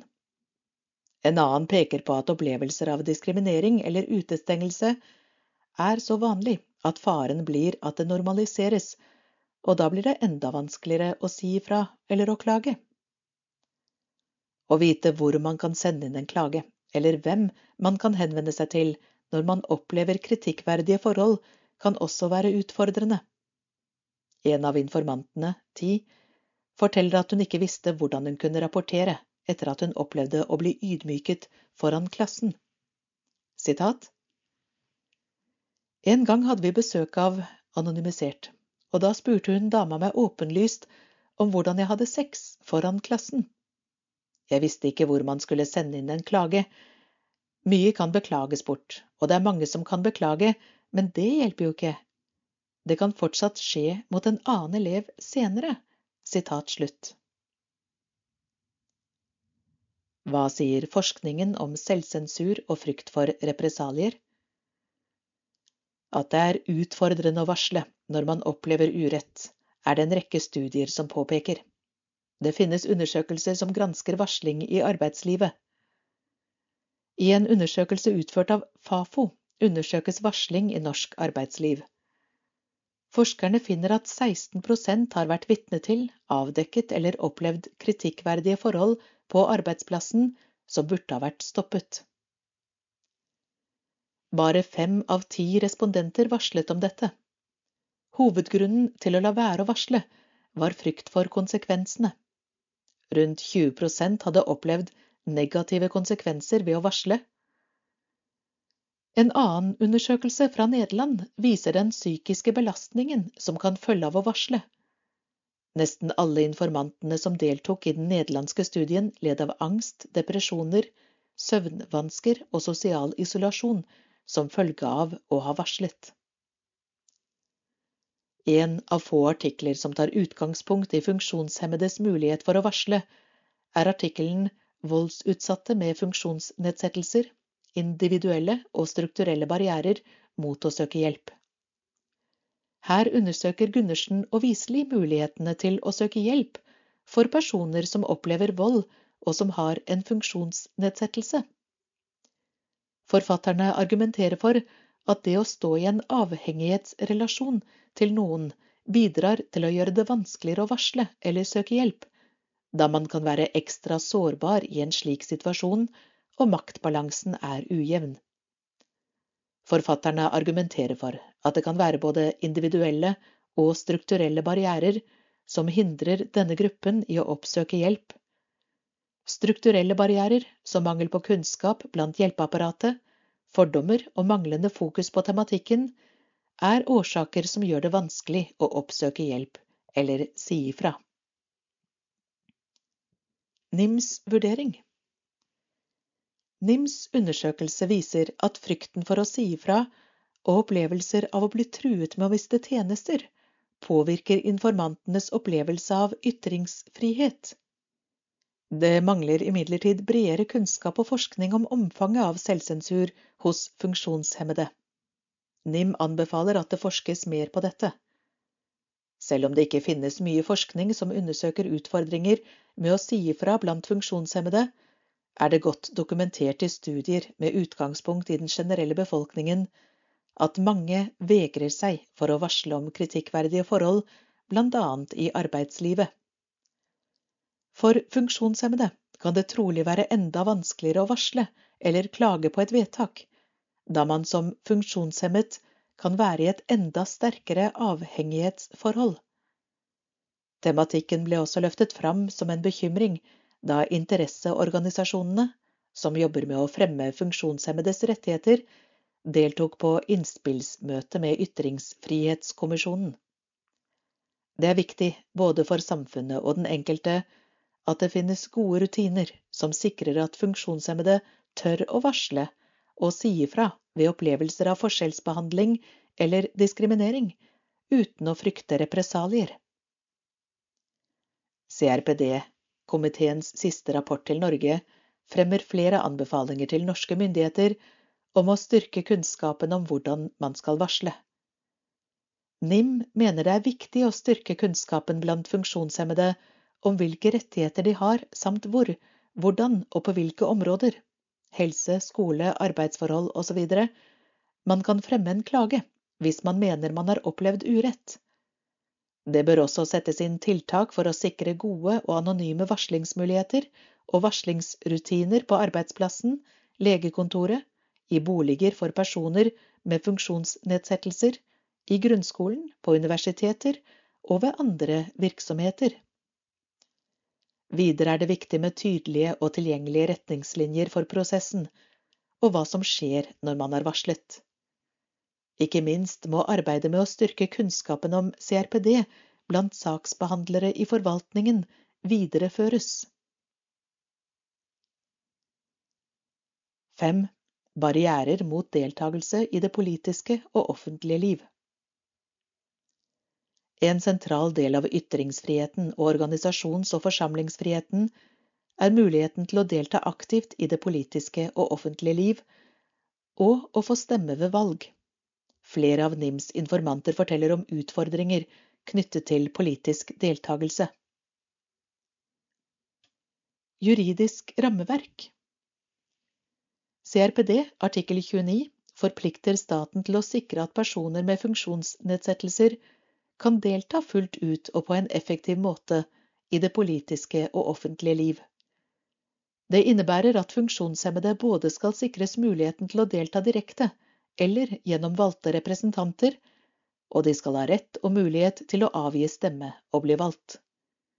Staten skal oppfylle sin plikt gjennom bl.a. å sørge for at framgangsmåter, lokaler, utstyr og annet materiell som benyttes i forbindelse med valg, er hensiktsmessig, tilgjengelig og lett å forstå og bruke. Også EMK og SP har bestemmelser som skal sikre deltakelse i det offentlige og politiske liv. Videre forplikter bestemmelsen staten til å sikre at funksjonshemmede uten trusler kan avgi sin stemme i hemmelige valg og folkeavstemninger, at de kan stille til valg og på en effektiv måte utøve offentlige verv og utføre offentlige oppgaver på alle nivåer i forvaltningen. Staten skal også garantere at funksjonshemmede fritt får gi uttrykk for sin vilje som velger, og i tilfeller der det er nødvendig og de ber om det, tillater at en person de selv velger, hjelper dem med å stemme. Dessuten forplikter bestemmelsen staten til å arbeide aktivt for å fremme et miljø der funksjonshemmede kan delta i det offentlige liv, f.eks. gjennom deltakelse i frivillige organisasjoner og sammenslutninger, herunder politiske partier. CRPD-komiteen har uttalt at staten må avstå fra handlinger som diskriminerer personer med funksjonsnedsettelser, og at statene særlig skal modifisere eller oppheve lover, forskrifter, praksis og lignende som bidrar til slik diskriminering. Det inkluderer annet lover som fratar funksjonshemmede stemmeretten.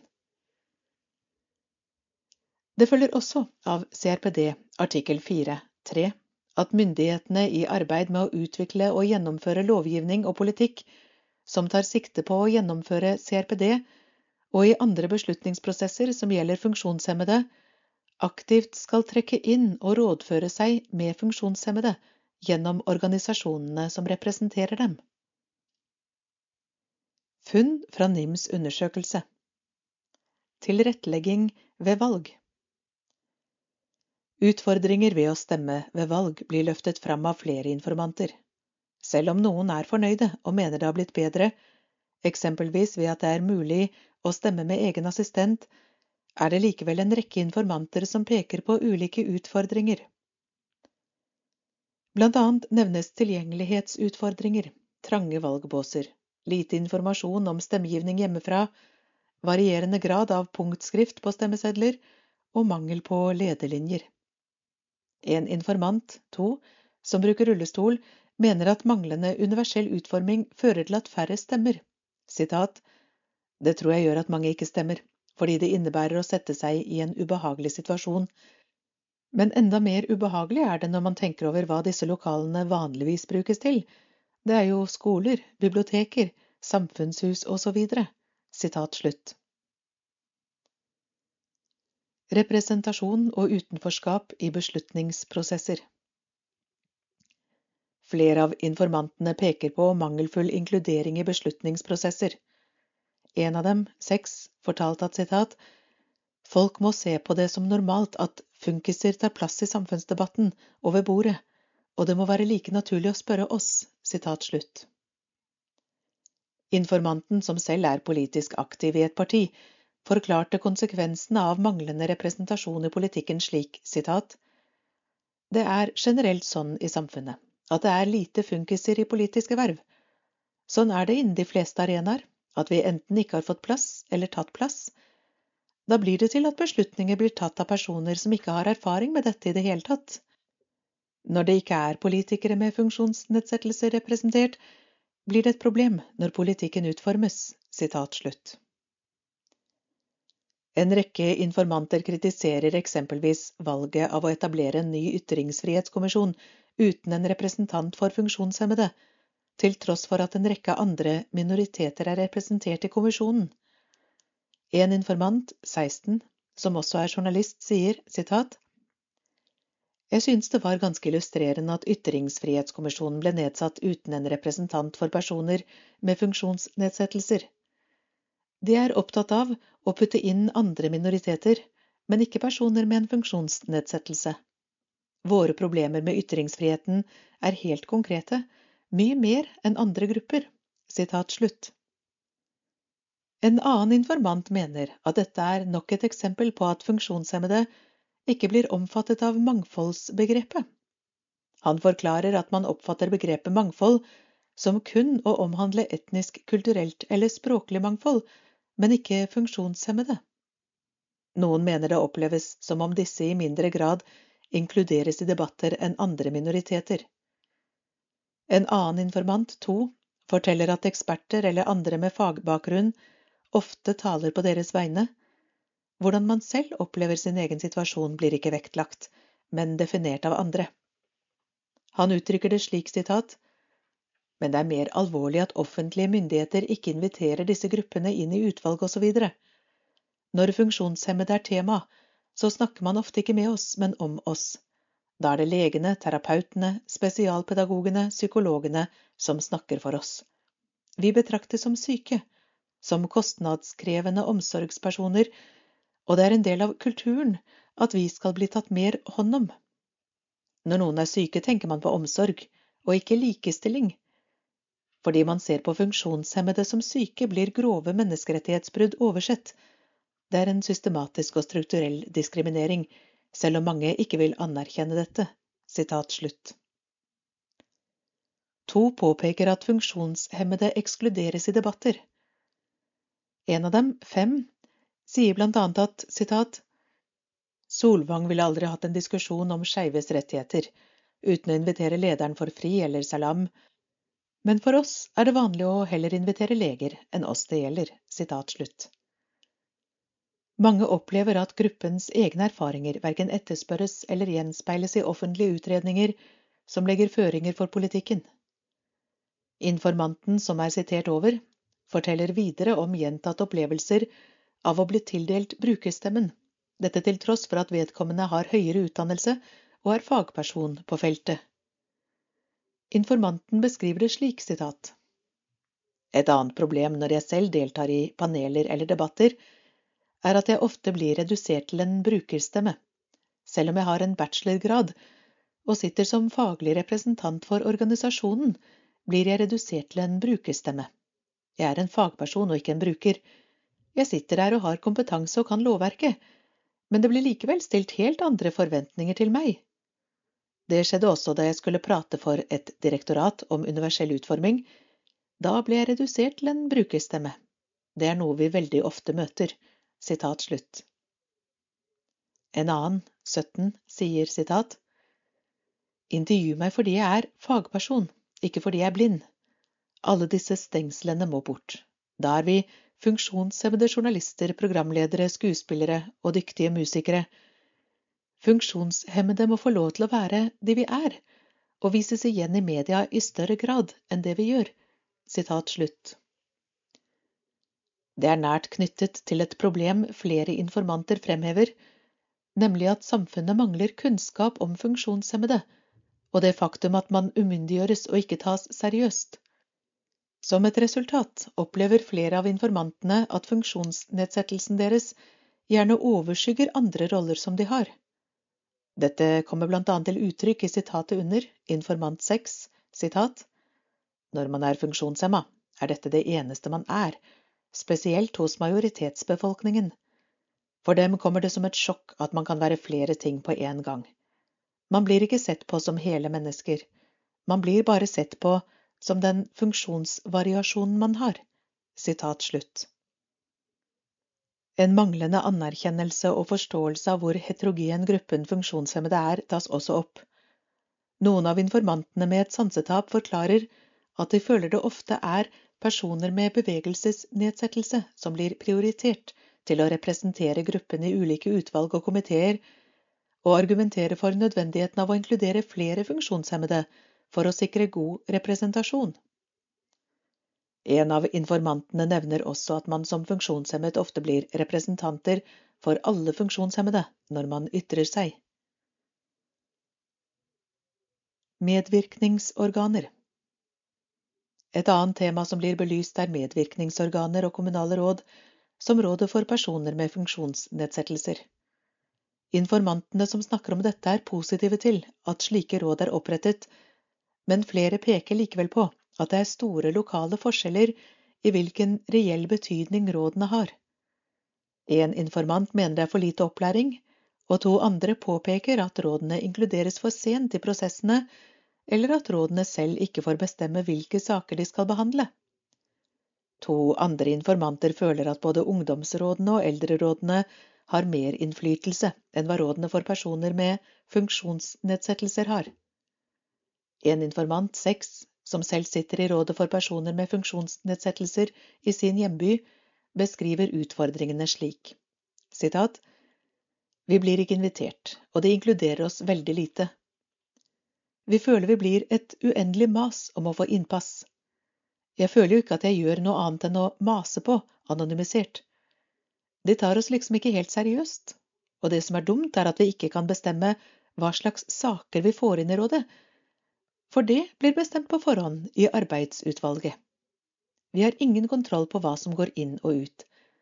Det er et problem når det ikke er noen funkiser som er i arbeidsutvalget. Sitat slutt. Manglende universell utforming svekker politisk deltakelse. Flere av informantene oppgir at de er eller har vært politisk aktive, og forteller at de opplever dette som svært givende og interessant. Samtidig påpeker noen av informantene at det finnes utfordringer knyttet til å være politisk aktiv når man er funksjonshemmet. En av informantene trekker fram Arendalsuka som et viktig politisk arrangement, men som ikke har vært universelt utformet. En av informantene som bruker rullestol, informerer om at hun har sluttet å være like aktiv i miljø- og partipolitikk fordi hun møtte så mange barrierer når hun skulle delta fysisk. En annen forteller at når hun skal delta på store arrangementer, er det viktig med pauser mellom møtene og å kunne få muligheten til å hvile. På grunn av dette behovet får hun ikke mulighet til å være delegat, da det kreves at delegater kan stille på alle møter og få med seg alt som skjer under hele det politiske arrangementet. To andre informanter peker på utfordringer ved å være politisk aktiv i partier hvis man hele tiden må kjempe for å bytte møtelokaler, sikre mikrofoner, ordstyreropplæring og lignende, og at denne type tilrettelegging ikke alltid er noe partiene ser på som viktig. En informant, 14, sier sitat, Det er ikke noe krav om at partier skal være universelt utformet, bare et stort ønske, men det betyr ikke at de er universelt utformet i praksis. Den saken man kjemper for i et parti, er like mye å delta i partiet som funksjonshemmet, som saken. Informanten som er sitert over, forteller videre at hun opplever det som positivt at partier også har lærevilje og lærer av feilene de gjør. Hvor mye det tilrettelegges for at funksjonshemmede skal kunne få være politisk aktive, vil trolig variere fra parti til parti og fra sted til sted. En informant, sju, forteller om sin opplevelse med en muntlig høring i Stortinget. Sitat, Jeg har også opplevd å sitte i Stortinget på høringer, og ikke få tekst. I min jobb er det relevant å høre hva andre sier, så du må få det tolket. Debatten legges ut skriftlig, men ikke med en gang, så om jeg skal snakke i en høring, får jeg ikke sjekket om det stemmer i forhold til hva som tidligere ble sagt. Det er som å hoppe i fallskjerm, for det er ganske høy risiko for å drite seg ut. Man blir utrygg og nervøs, så man velger tilbaketrekning. Sitat slutt. Barrierene informantene forteller om, omhandler i stor grad manglende universell utforming og manglende tilrettelegging, men også holdninger og fordommer man kan møte som politiker med funksjonshemming. Hva sier forskningen om barrierer mot deltakelse i det politiske og offentlige liv for funksjonshemmede? Det er få rapporter som tar for seg funksjonshemmedes deltakelse i det politiske og offentlige liv, men en av dem er rapporten Politisk medborgerskap for alle – lokalpolitisk deltakelse blant funksjonshemmede fra 2010. Rapporten viser annet at tilretteleggingen for funksjonshemmede som ønsker å delta aktivt i politikken, er mangelfull. Kun rundt én av tre representanter med funksjonsnedsettelser oppga at tilretteleggingsbehov som eksempel tilgjengelighet til grupperom, tilstrekkelig antall pauser, transport ved møter og tilgjengelighet til talestol hensyntas. En studie fra 2011 undersøker også politisk deltakelse blant funksjonshemmede. I studien kommer det fram at gruppen er underrepresentert i lokalpolitikken. Forskerne argumenterer for at politiske partier ikke tenker på funksjonshemmede som en sosial gruppe i sammenheng med politisk representasjon, og derfor heller ikke har utviklet strategier for å rekruttere fra denne gruppen. Videre peker undersøkelsen på at det er flere barrierer for folkevalgte, bl.a. knyttet til organisering av møter og fysisk tilgjengelighet. Det vises også til eksempler på fordommer mot folkevalgte med funksjonshemming. Studien konkluderer med at både kommuner og politiske partier har en jobb å gjøre for å styrke tilretteleggingen slik at alle kan utøve sitt politiske medborgerskap. Videre ble det publisert en artikkel i 2017 som undersøker medborgerskap i lys av kjønn og funksjonsnedsettelse. Det er også gjort en undersøkelse i 2017 som ser på hva som bestemmer det politiske engasjementet hos personer som befinner seg i en dobbel minoritetssituasjon som same og funksjonshemmet. Statistikk fra Bufdir viser at det i 2019 var flere funksjonshemmede, 30% som oppga å ha gjort noe aktivt for å påvirke avgjørelser i Stortinget eller i kommunens styringsorganer, forutenom valgdeltagelse, sammenlignet med den øvrige befolkningen 27 Tallene viser at funksjonshemmede er like, og til dels mer politisk aktive, enn majoritetsbefolkningen. Når det gjelder representasjon i folkevalgte organer, er minoriteten likevel underrepresentert. Tilrettelegging ved valg I 2019 gjennomførte Kantar på vegne av Valgdirektoratet en spørreundersøkelse om tilgjengelighet ved kommune- og fylkestingvalget i 2019. 850 bevegelseshemmede og 165 synshemmede ble spurt om hvordan de opplevde tilgjengeligheten ved valget i 2019.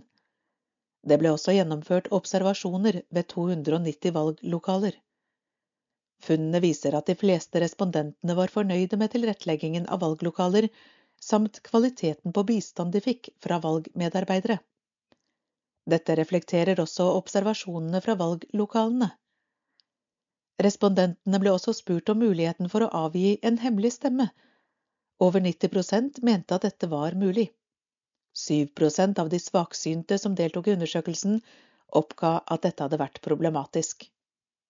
I en ny rapport fra Institutt for samfunnsforskning 2022 undersøkes tilgjengelighet og tilrettelegging for funksjonshemmede ved stortingsvalget 2021.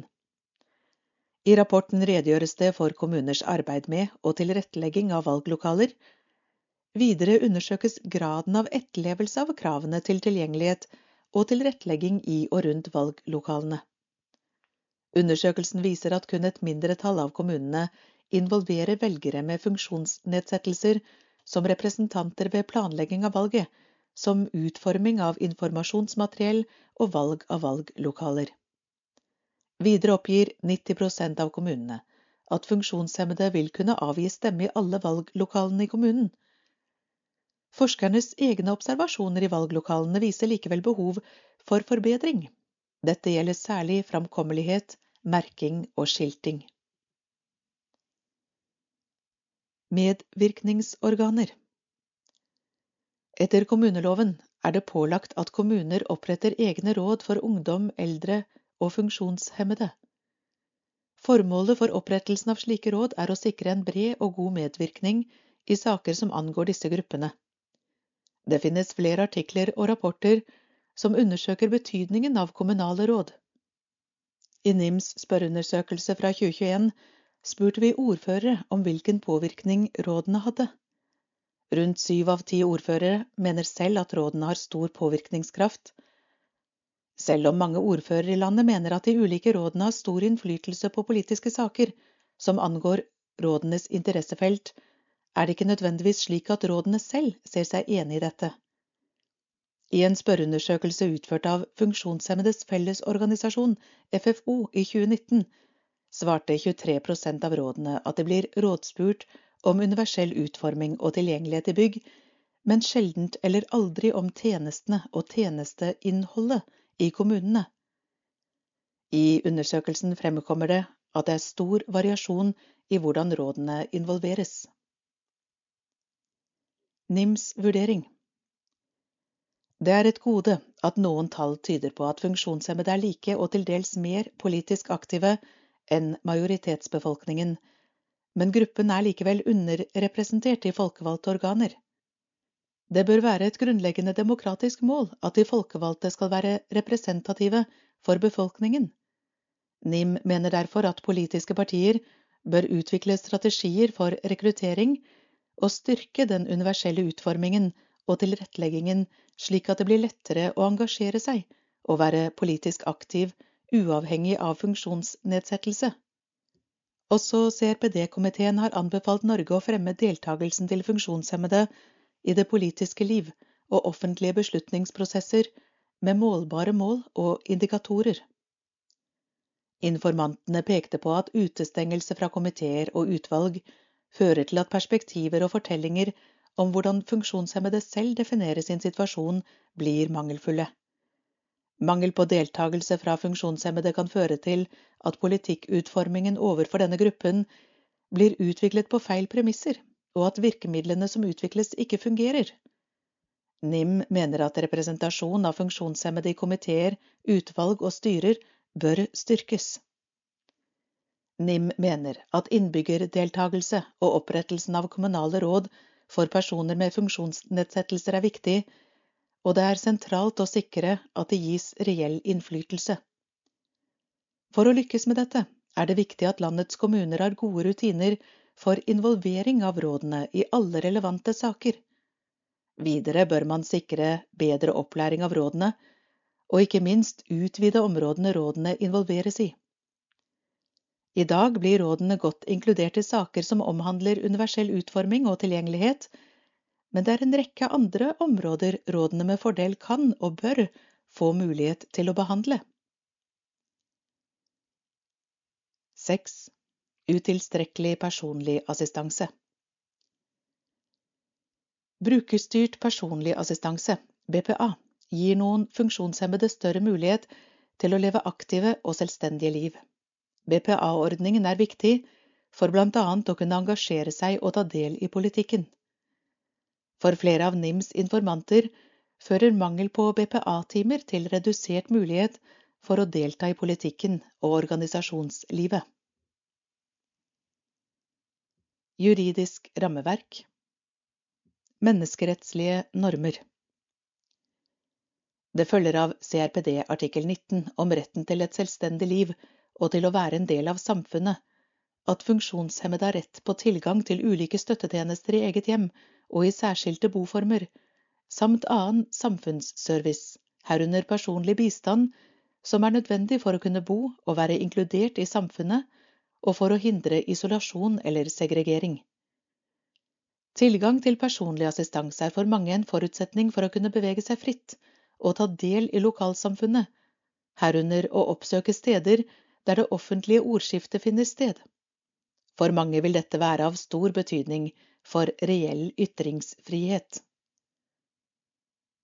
Nasjonalt rammeverk Retten til BPA følger i hovedsak av helse- og omsorgstjenesteloven og pasient- og brukertjenesteloven. Det følger av helse- og omsorgstjenesteloven paragraf 3-2 første ledd at kommunen skal tilby personlig assistanse. Det følger videre av pasient- og brukerrettighetsloven paragraf 2-1 bokstav d at personer under 67 år med langvarig og stort behov for personlig assistanse har rett til å få slike tjenester organisert som BPA. Rettigheten omfatter likevel ikke tjenester som krever flere enn én tjenesteyter til stede, eller nattjenester, med mindre brukeren kontinuerlig har behov for slike tjenester. Langvarig behov er i bestemmelsen definert som behov utover to år, mens stort behov er definert som et tjenestebehov på minst 32 timer per uke. Også likestillings- og diskrimineringsloven inneholder bestemmelser som er relevante for personlig assistanse. Funksjonshemmede har rett på egnet individuell tilrettelegging av kommunale tjenestetilbud etter helse- og omsorgstjenesteloven, herunder BPA. Bestemmelsen i likestillings- og diskrimineringsloven gir ingen nye rettigheter utover de som allerede følger av helse- og omsorgstjenesteloven og pasient- og brukertjenesteloven. De legger likevel noen føringer for hvordan tjenestene skal gis. Retten til individuell tilrettelegging av kommunale tjenestetilbud gjelder ikke dersom det er tale om tilrettelegging som innebærer en uforholdsmessig byrde. I denne vurderingen skal det særlig legges vekt på tilretteleggingens effekt for å fjerne barrierer for personer med funksjonsnedsettelse, kostnadene ved tilretteleggingen og virksomhetens ressurser. Begrensning i rettigheten til tilrettelegging skal ses som en sikkerhetsventil og må ikke tolkes for vidt, og listen over relevante hensyn er ikke uttømmende. Det skal ikke foretas en tradisjonell kostnad-nyttevurdering, og man må i utgangspunktet akseptere at individuell tilrettelegging medfører økte kostnader. Funn fra NIMs undersøkelse Mangel på BPA-timer en barriere mot deltakelse. En rekke informanter peker på utfordringer knyttet til å engasjere seg i politikken eller på annet vis være aktive samfunnsborgere, ettersom kommunen de bor i, ikke bevilger dem nok BPA-timer. Flere av informantene NIM snakker med, er avhengige av BPA eller assistent for å leve selvstendige og aktive liv. En informant, en, forteller at mangelen på BPA-timer har gjort at hun ikke kan være politisk aktiv, og at dette påvirker hennes opplevelse av ytringsfrihet. Sitat. Det er også viktig at kommuner som innvilger BPA-timer, tenker at vi også er politisk aktive. Jeg har bare noen få timer som er satt av til fritidsaktiviteter, men det er ikke nok for at jeg skal kunne bruke min stemme slik jeg ønsker. Det er viktig at kommunen forstår BPA som et likestillingsverktøy og ikke som en omsorgstjeneste for jeg trenger ikke omsorg, men jeg trenger å være likestilt i samfunnet på linje som alle andre. Sitat slutt. En annen informant som bruker rullestol, forklarer at hun stadig får avslag på BPA-timer. Det gjør at hun ikke får nok BPA-timer til både å ta utdanning og samtidig være politisk aktiv. Informanten valgte å prioritere det politiske arbeidet fremfor utdanning selv om hun også ønsket å studere. En tredje informant, 17, som er blind, setter ord på utfordringene med BPA-ordningen slik sitat Jeg fikk avslag på BPA. Det er en trussel mot ytringsfriheten. Det er avslag til alle som ikke har rett, og rett betyr behov for mer enn 25 timer. Vi trenger ikke 25 timer. Vi har derfor ikke rett på BPA. Det gjør at jeg ikke kan reise. Dersom jeg har verv andre steder i landet og trenger assistanse til å dra utenbys, så kan jeg ikke det. Jeg kan ikke være med på det. BPA er et frigjøringsverktøy. Det er egentlig noe vi skal bruke for å fungere i samfunnet på lik linje med andre. Per i dag er ordningen mer som helsehjelp, ikke frigjøringsverktøy. En annen informant, fem, mener at en av grunnene til at BPA-ordningen ikke fungerer slik den skal, er mangelen på kunnskap om hva BPA-ordningen er ment å være, og om funksjonshemmedes rettigheter etter CRPD. Hun sier at hun stadig må drive med voksenopplæring. Sitat De som jobber med søknader har lite kompetanse og ser på BPA som en omsorgstjeneste. De har også lite kunnskap om CRPD.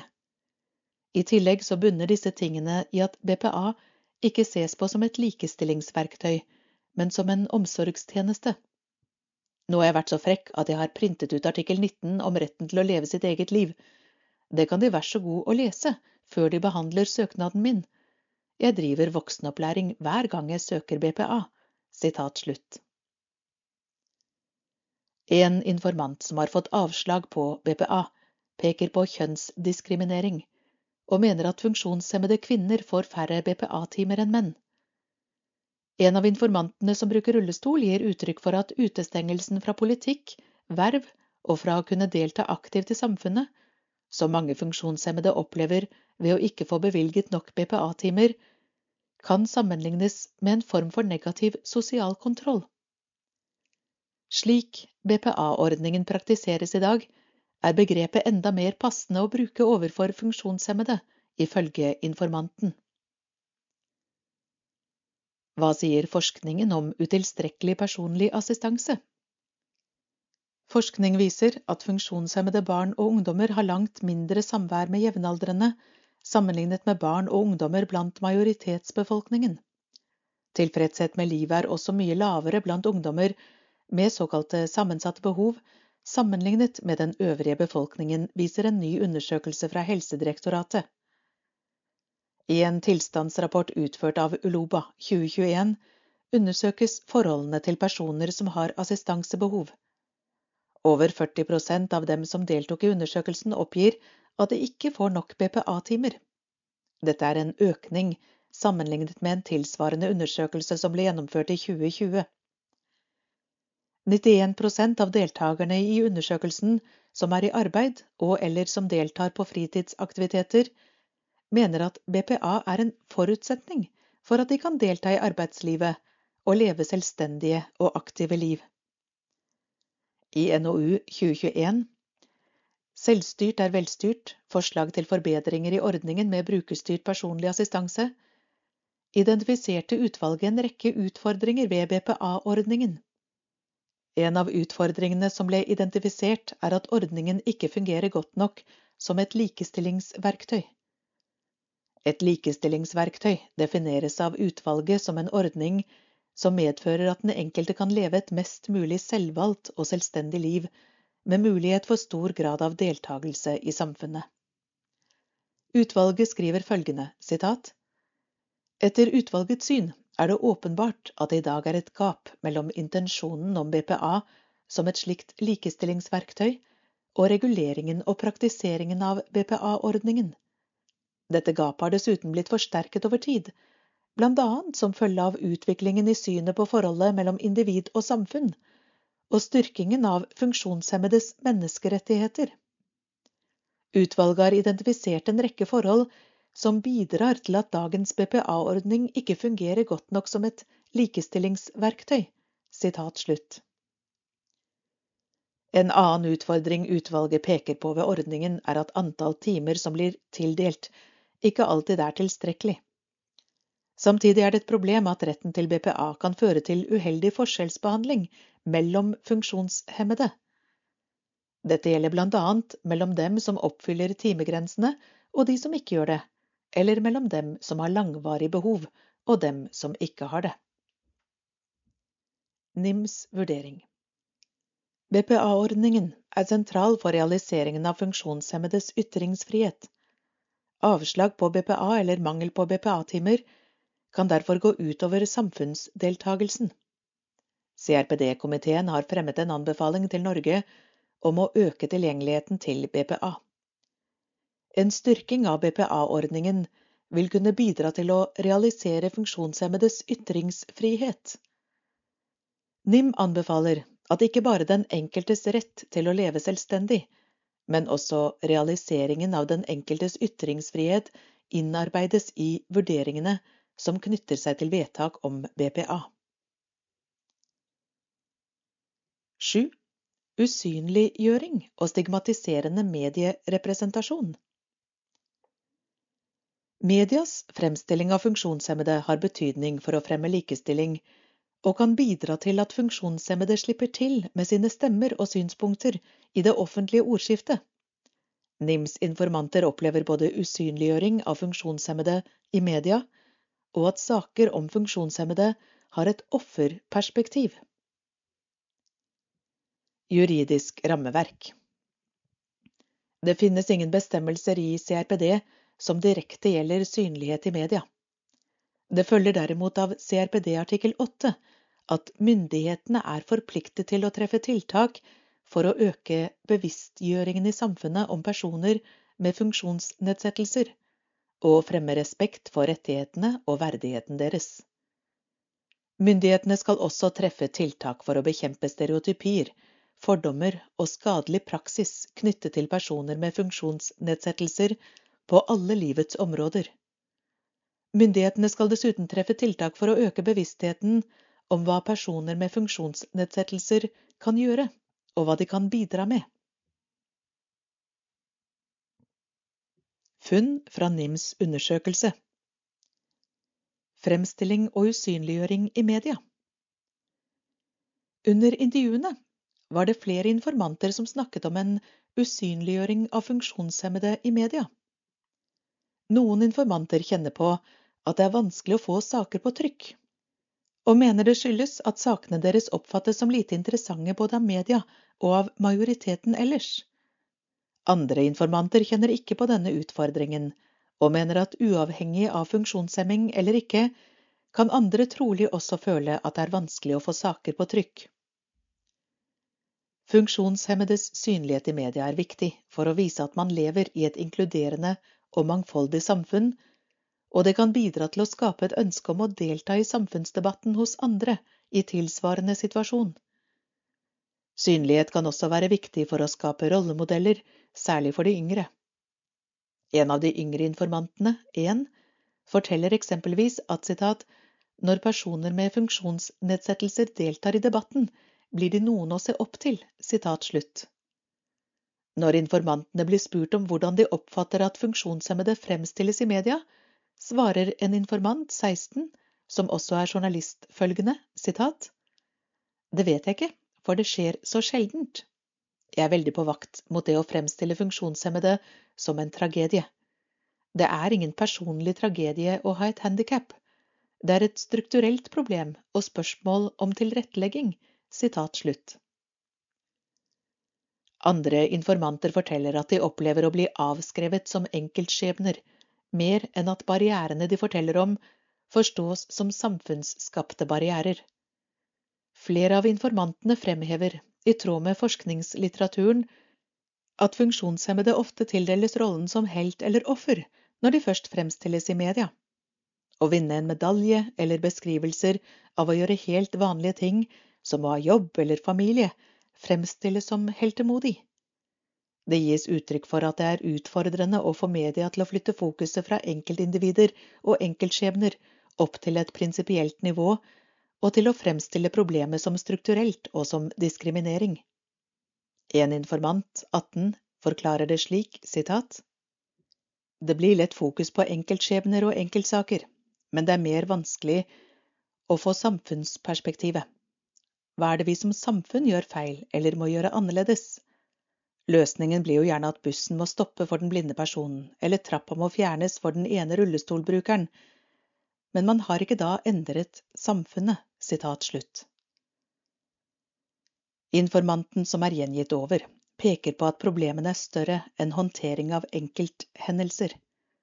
Å sette opp en rampe i et enkelttilfelle hjelper ett individ, men vil ikke styrke inkluderingen av funksjonshemmede nasjonalt. Informanten mener man må endre måten man tenker om funksjonshemmede i samfunnet, og at problemet ikke ligger hos enkeltindividet. På spørsmål om hvorfor informanten mener media sjeldent setter søkelys på de samfunnsskapte barrierene, beskriver vedkommende det slik, sitat, Det er kanskje fordi det er litt vanskeligere å fortelle. Det er sjeldent media er der. Det kan også tenkes at vi ikke er flinke nok til å beskrive det heller.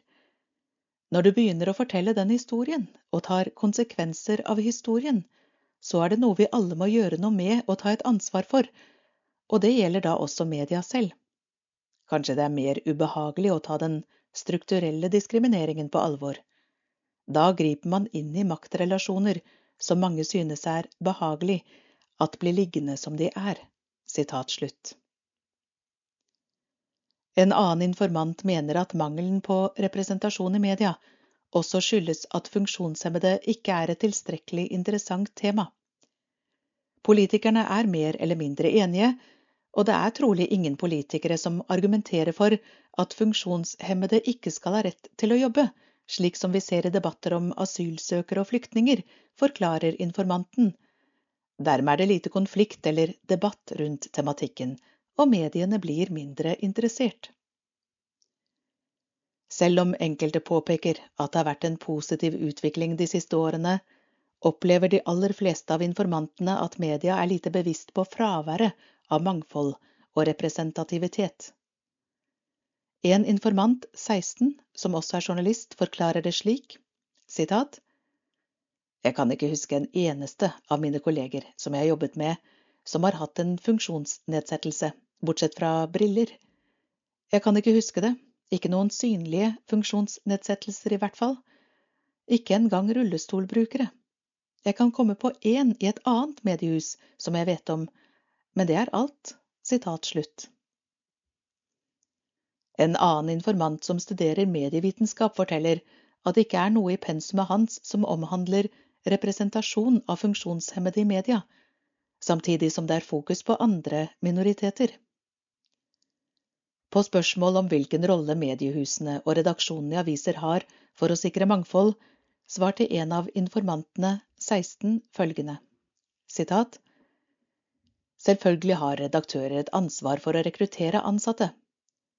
Kriterium nummer én er kvalifikasjoner, men det er et økt fokus på mangfold som gjør at det de siste årene har vært økt fokus på rekruttering med etnisk bakgrunn. Det har vært økende oppmerksomhet de siste årene, som er fint, men jeg kan ikke huske at det har vært noe fokus på personer med en funksjonsnedsettelse. Sitat slutt. Utenforskap og fremstilling på TV og i film. Flere informanter snakker om manglende representasjon av funksjonshemmede i TV-serier og filmer. En informant uttrykker at fraværet av synlighet har betydning for henne, og at hun ofte har stilt seg selv spørsmålet om det finnes andre som henne i Norge. En annen, 14, sier sitat Første gang jeg så en som lignet på meg på TV, så gråt jeg. Jeg visste ikke hva jeg skulle gjøre. Skuespilleren som lignet på meg i filmen, var morderen. Morderen var lik meg, bare fordi vi hadde samme sykdom. Jeg gråt fordi jeg aldri hadde sett noen som meg på TV før. Sitat slutt. Gjennom samtaler med informantene kommer det frem at flere kjenner på en følelse av utenforskap og en usynliggjøring av dem på TV og i filmer. En informant nevner den populære ungdomsserien Skam, som handler om å styrke bevisstheten, skape gode rollemodeller og inkludere minoritetsperspektivet. Dette var en stor mulighet for NRK til å styrke representasjon av funksjonshemmede, forklarer informanten, men man valgte også i denne serien å ikke gjøre det. Flere informanter peker på at det er svært få filmer og serier som har skuespillere med en funksjonshemming. En av de yngre informantene forklarer at dette kan bidra til å gjøre det vanskeligere å delta og ta plass, da man føler man ikke skal være synlig. Slik kan også usynliggjøring og manglende representasjon i massemedier ha innvirkning på eget selvbilde. Videre sier to informanter at de få gangene funksjonshemmede er med i en film, er det ofte personer uten en funksjonsnedsettelse som spiller en funksjonshemmet dette til tross for at det finnes mange skuespillere med en funksjonsnedsettelse.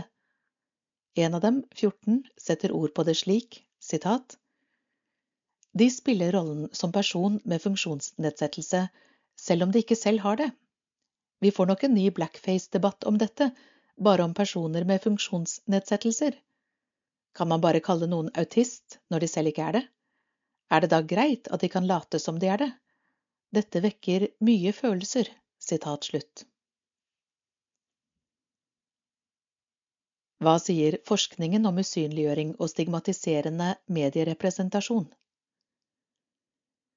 Det meste av den norske forskningen om funksjonshemmedes synlighet og fremstilling i media er utført av Elisabeth Eide, Jan Grue og Tonje Wold. Forskerne har blant annet undersøkt mediedekningen av funksjonshemmede i boken Ut av medieskyggen. Representasjon av funksjonshemmede i media fra 2014. De finner eksempel en tydelig nedgang over tid i antall saker som omhandler funksjonshemmede, særlig i fire aviser fra Oslo.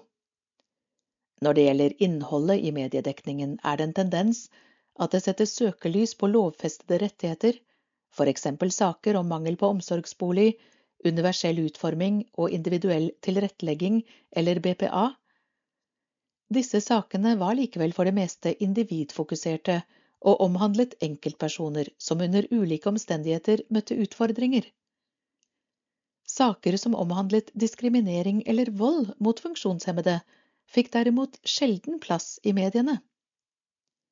Et annet aspekt er at det ofte er den medisinske tilstanden og den enkeltes tragedie som står i fokus. Historiene som ble fortalt om rettigheter, var individorienterte, i stedet for at en så på den samfunnsskapte ekskluderingen. I boken ble det konkludert med at funksjonshemmede enten må fremstilles som offer eller helt for å bli inkludert i medieoppslag. Den mangelfulle mediedekningen av funksjonshemmede har flere årsaker, ifølge Philip André Bårøy og Markus Weiser. En grunn er at det er færre enkeltjournalister som viser interesse for denne gruppen i dag, enn hva som kan ha vært tilfellet før. Usikker fremtid i journalistyrket, nedbemanning, tidspress og mindre rom for spesialisering kan være andre grunner. Det er også blitt pekt på at den kanskje viktigste grunnen er mangel på journalister i de store mediene som selv har en eller annen form for funksjonsnedsettelse. Ifølge Bårøy viser funnene at det er lite fokus på rekruttering av funksjonshemmede i journalistutdanningen. Hvordan funksjonshemmede fremstilles i norske lærebøker, har også blitt undersøkt. I NOU 2017-7 Det norske mediemangfoldet en styrket mediepolitikk for borgerne, viser utvalget til at citat, mediemangfold ikke er et mål i seg selv, men en nødvendig forutsetning for borgernes reelle informasjons- og ytringsfrihet. Utvalget redegjør for innholdsmangfold samt virkemidler for å sikre bedre tilgjengelighet av innhold. Videre viser utvalget at det er få funksjonshemmede som søker seg til journaliststudiet. Objektivisering i mediebildet en annen utfordring ved mediedekningen er at funksjonshemmede ofte objektiveres.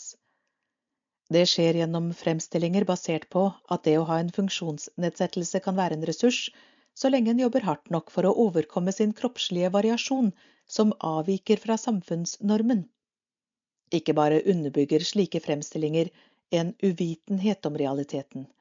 Det underliggende budskapet er at den som er annerledes, bare er henvist til å prøve hardere og at det er andre regler som gjelder for funksjonshemmede.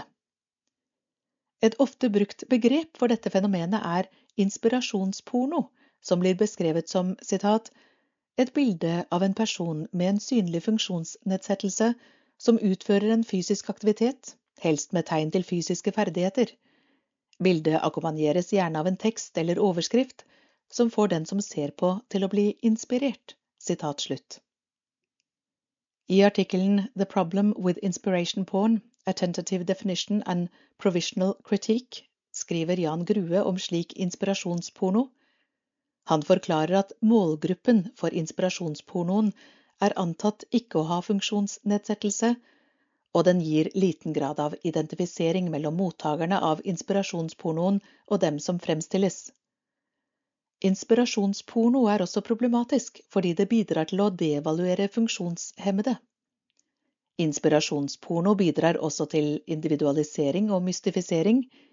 Det svekker synet på at funksjonshemming skapes i skjæringspunktet mellom den enkeltes funksjonsnedsettelse og omgivelsenes utforming, både fysisk, kulturelt og sosialt.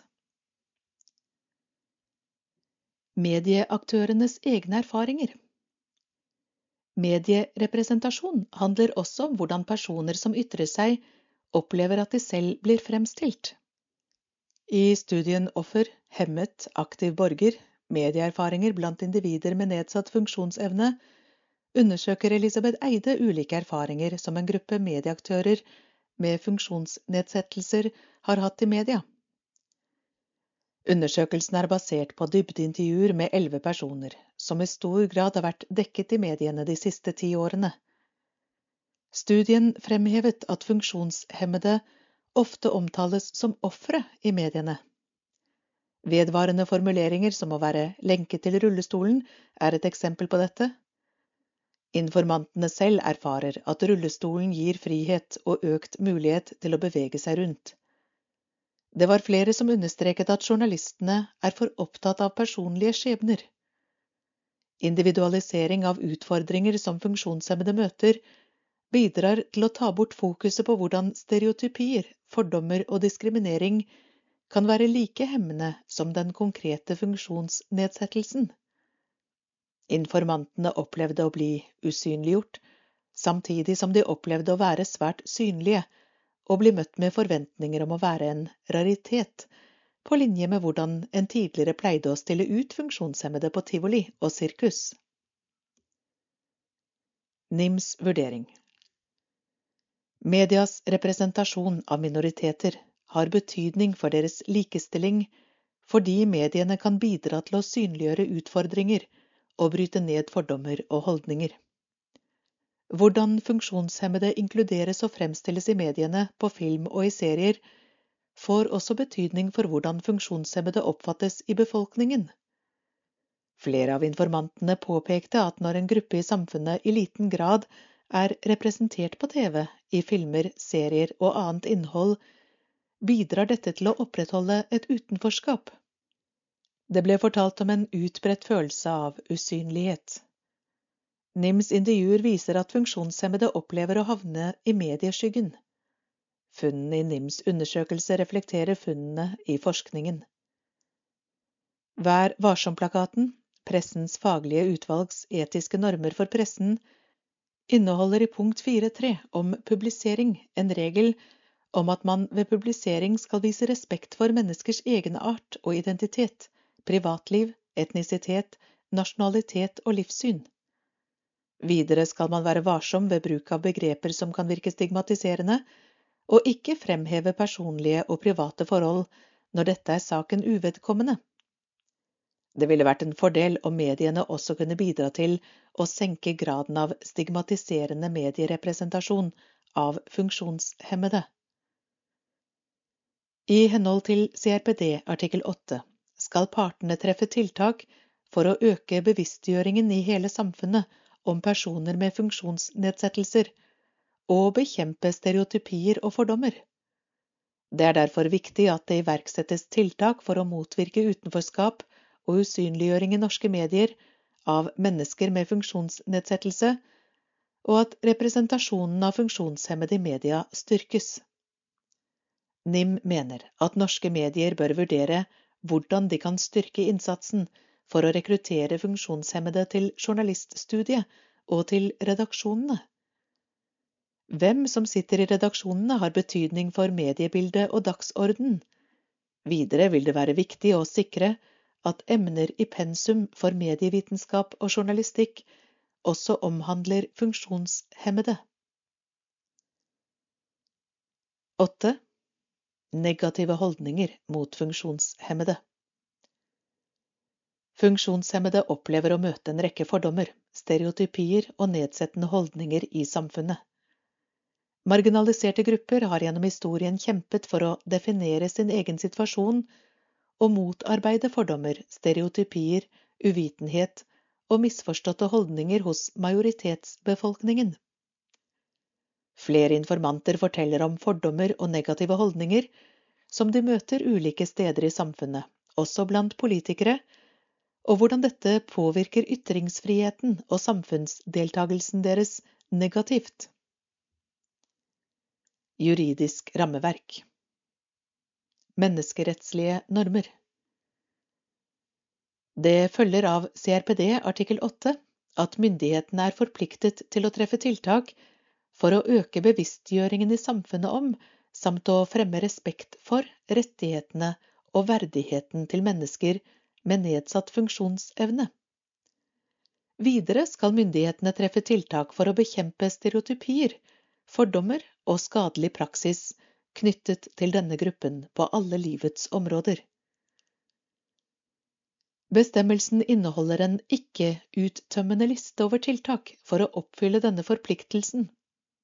Blant dem er å iverksette og opprettholde effektive offentlige bevisstgjøringskampanjer som tar sikte på å skape forståelse for rettighetene til funksjonshemmede, samt fremme positive holdninger til og større samfunnsmessig bevissthet om dem.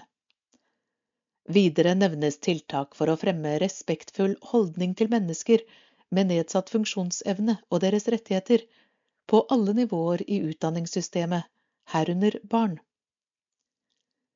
Plikten inkluderer iverksettelsen av tiltak for å fremme opplæringsprogrammer for bevisstgjøring om denne gruppen og deres rettigheter. Funn fra NIMs undersøkelse Flere informanter forteller om nedsettende holdninger, fordommer og umyndiggjøring. De nedlatende holdningene utspiller seg annet på skolen, på universitetet, i arbeidslivet, på butikken, i sosiale settinger, i møte med førstelinjetjenesten, i medier og på arrangementer og seminarer. En informant sier at det ikke er slik at de nedlatende kommentarene og holdningene alltid er tilsiktet, men det er fortsatt krenkende for dem som opplever det. En av informantene, Toll, forteller sitat Enten brukes man som inspirasjonsporno, man får skryt av å gå på jobb, ta bussen osv. Eller så er det at man ikke er verdt noe, eller ikke får vært med på noe. Sitat slutt. Flere informanter forteller om fordommer og negative holdninger som de møter når de har deltatt på konferanser, eksempelvis ved at konferansedeltakere er sinte fordi rullestolen tar for stor plass, eller at man blir dyttet og dratt rundt i lokaler mot sin vilje. En informant 15 sier sitat Jeg har opplevd å bli fortalt at noen er imponert over meg fordi jeg ikke datt ned fra scenen en eneste gang. Det er synd det skal være sånn. Det blir mye funksjonshemming. Sitat slutt. En annen informant, en, forteller, sitat, Jeg har også opplevd noen klapper meg på hodet og er sånn så flink du er, og det oppleves som nedverdigende. Sitat slutt. Videre forteller en informant at han har opplevd at arrangører har spurt om de kan skjule rullestolen hans på TV. Samme informant forteller at han har fått krenkende kommentarer som nedgraderer han som menneske. Dette har han ofte opplevd i sosiale settinger. Fordommer og nedlatende holdninger finnes også blant politikere. Et eksempel på dette er når funksjonshemmede omtales som kostnadskrevende brukere i offentlige sammenhenger. En informant, to, setter ord på det slik, sitat. Vi så det for eksempel under korona, der man la skylden på de gruppene som man mente kostet samfunnet ekstra, og det har vokst hat og hatefulle ytringer på grunn av dette. Likevel er dette lite på agendaen i samfunnet, og det syns jeg er ganske skremmende. Så jeg tror holdninger om funksjonshemmede i stor grad påvirker ytringer om oss og vår deltakelse i ytringsrommet. Sitat slutt. Sitat, folk tør ikke å si hei. Sitat slutt. Flere informanter forteller om en følelse av utenforskap. For eksempel snakker en informant om hvordan hun, etter at hun ble blind, opplever at folk trekker seg unna og ikke lenger vet hvordan de skal føre en samtale med henne. Hun, 17, sier, sitat, På butikken henvender alle seg til assistenten min. Folk tør ikke å si hei, de vet ikke hvordan de skal håndtere at jeg ikke ser. Man blir kategorisert annerledes som menneske. Fra å være vanlig til å bli en stigmatisert gruppe. Sitat slutt. Å bli snakket over hodet på er det flere av informantene som opplever når de bruker assistent, eller når de er sammen med andre. En av informantene, to, som bruker rullestol, forteller om en slik opplevelse. Sitat. Det å bli snakket over hodet på skjer stadig. Det skjer hver dag. Jeg var på kino her om dagen, og da spurte personen som jobbet der, min kone, kan han sitte i et vanlig sete? Da så jeg på han og sa ja, nå er jeg veldig spent på svaret. Det er vanlig at andre henvender seg til kona mi i stedet for meg. Sitat slutt. Noen opplever å bli tatt mindre seriøst. Noen informanter forteller at de opplever å bli tatt mindre seriøst. En informant, åtte, med en kognitiv nedsettelse sier sitat Jeg blir ofte avbrutt. Når jeg først får ordet, så snakker jeg så mye at da avbryter folk meg. Når jeg blir veldig redd og engstelig, så snakker jeg mye. Tre andre informanter forteller om opplevelser av å bli tatt mindre seriøst etter at de snakket ut om sin funksjonsnedsettelse offentlig, eller fikk en funksjonsnedsettelse i voksen alder. En av dem ble blind i voksen alder og forteller om sjokket over å gå fra å ha en tydelig posisjon i samfunnet til å miste synet, og dermed også sin posisjon og stemme som var blitt lyttet til. Informanten 17 beskriver det slik. Sitat, Jeg hadde aldri trodd at det var mulig for en høyt utdannet aktiv kvinne å plutselig oppleve å ikke ha en posisjon å snakke fra. Den posisjonen, som informanten nå har som blind, farger alt jeg sier. Den forminsker ordene mine. Det er så spesielt å oppleve det.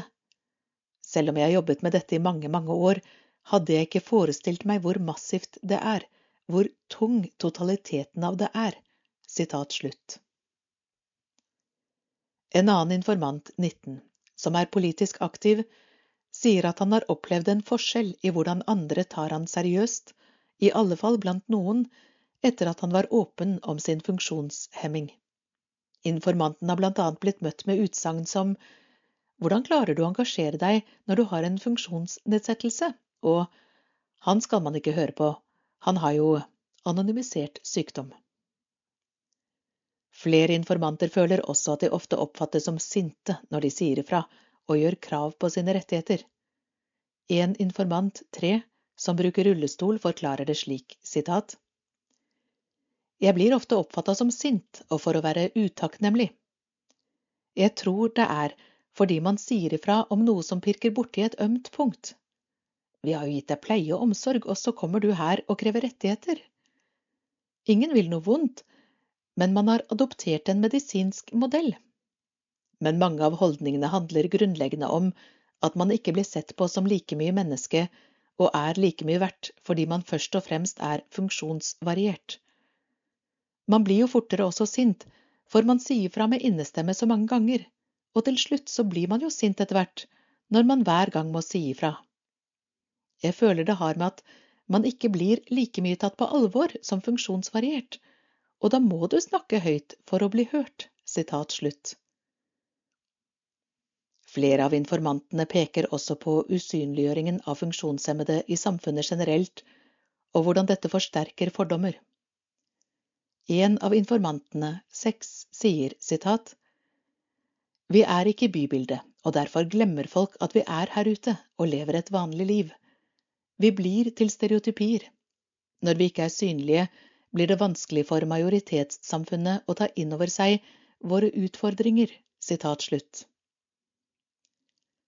Nesten samtlige av informantene NIM snakket med, ga uttrykk for at det ikke er funksjonshemmingen deres som er mest utfordrende, men heller de samfunnsskapte barrierene, ekskluderingen og umyndiggjøringen som de daglig opplever. Det er dette som oppleves som problematisk. Hva sier forskningen om fordommer og holdninger til funksjonshemmede? Det finnes flere forskningsbidrag som undersøker holdninger i virksomheter og på arbeidsmarkedet, og som omhandler funksjonshemmede. I en nylig feltundersøkelse utført av Bjørnshagen og Larsen Østerud viser forskerne gjennom et felteksperiment at funksjonshemmede blir diskriminert av arbeidsgivere, og at diskrimineringen er mer hyppig i mindre virksomheter. Bekymring for produktivitet og at vedkommende ikke ville passe inn sosialt, var blant forklaringene. I en rapport fra Fafo undersøkes resultatene fra en studie av den norske befolkningens holdninger til diskriminering, likestilling og hatprat, i tillegg til virkemidlene i likestillingspolitikken. Respondentene oppga på den ene siden mer støtte til forebyggingstiltak for å motvirke diskriminering, Viljen til å sanksjonere ved diskriminering var dessuten betydelig høyere når det gjaldt denne gruppen, sammenlignet med andre grupper. På den andre siden var funksjonshemmede også den gruppen som færrest mente ble utsatt for hatprat eller diskriminering. Eksempelvis var det flere som ga uttrykk for at menn og hvite nordmenn oftere ble utsatt for mer omfattende hatprat enn hørselshemmede, rullestolbrukere og synshemmede. Forfatteren av rapporten mener det tyder på at det er lite kunnskap i befolkningen om omfanget av diskriminering og hets som funksjonshemmede opplever. NIMs vurdering CRPD artikkel 8 forplikter myndighetene til å jobbe for å endre negative holdninger, umyndiggjøring og fordommer mot funksjonshemmede gjennom bevisstgjøring som kan bryte ned underliggende negative holdninger, fordommer og stereotypier mot personer med funksjonsnedsettelser. Dette er et generelt perspektiv, men har også sider til retten til deltakelse og ytringsfrihet. Flere av informantene var opptatt av at man må slutte å se på annerledeshet som noe negativt, men heller omfavne dette som er en forutsetning for å realisere det paradigmeskiftet som CRPD krever.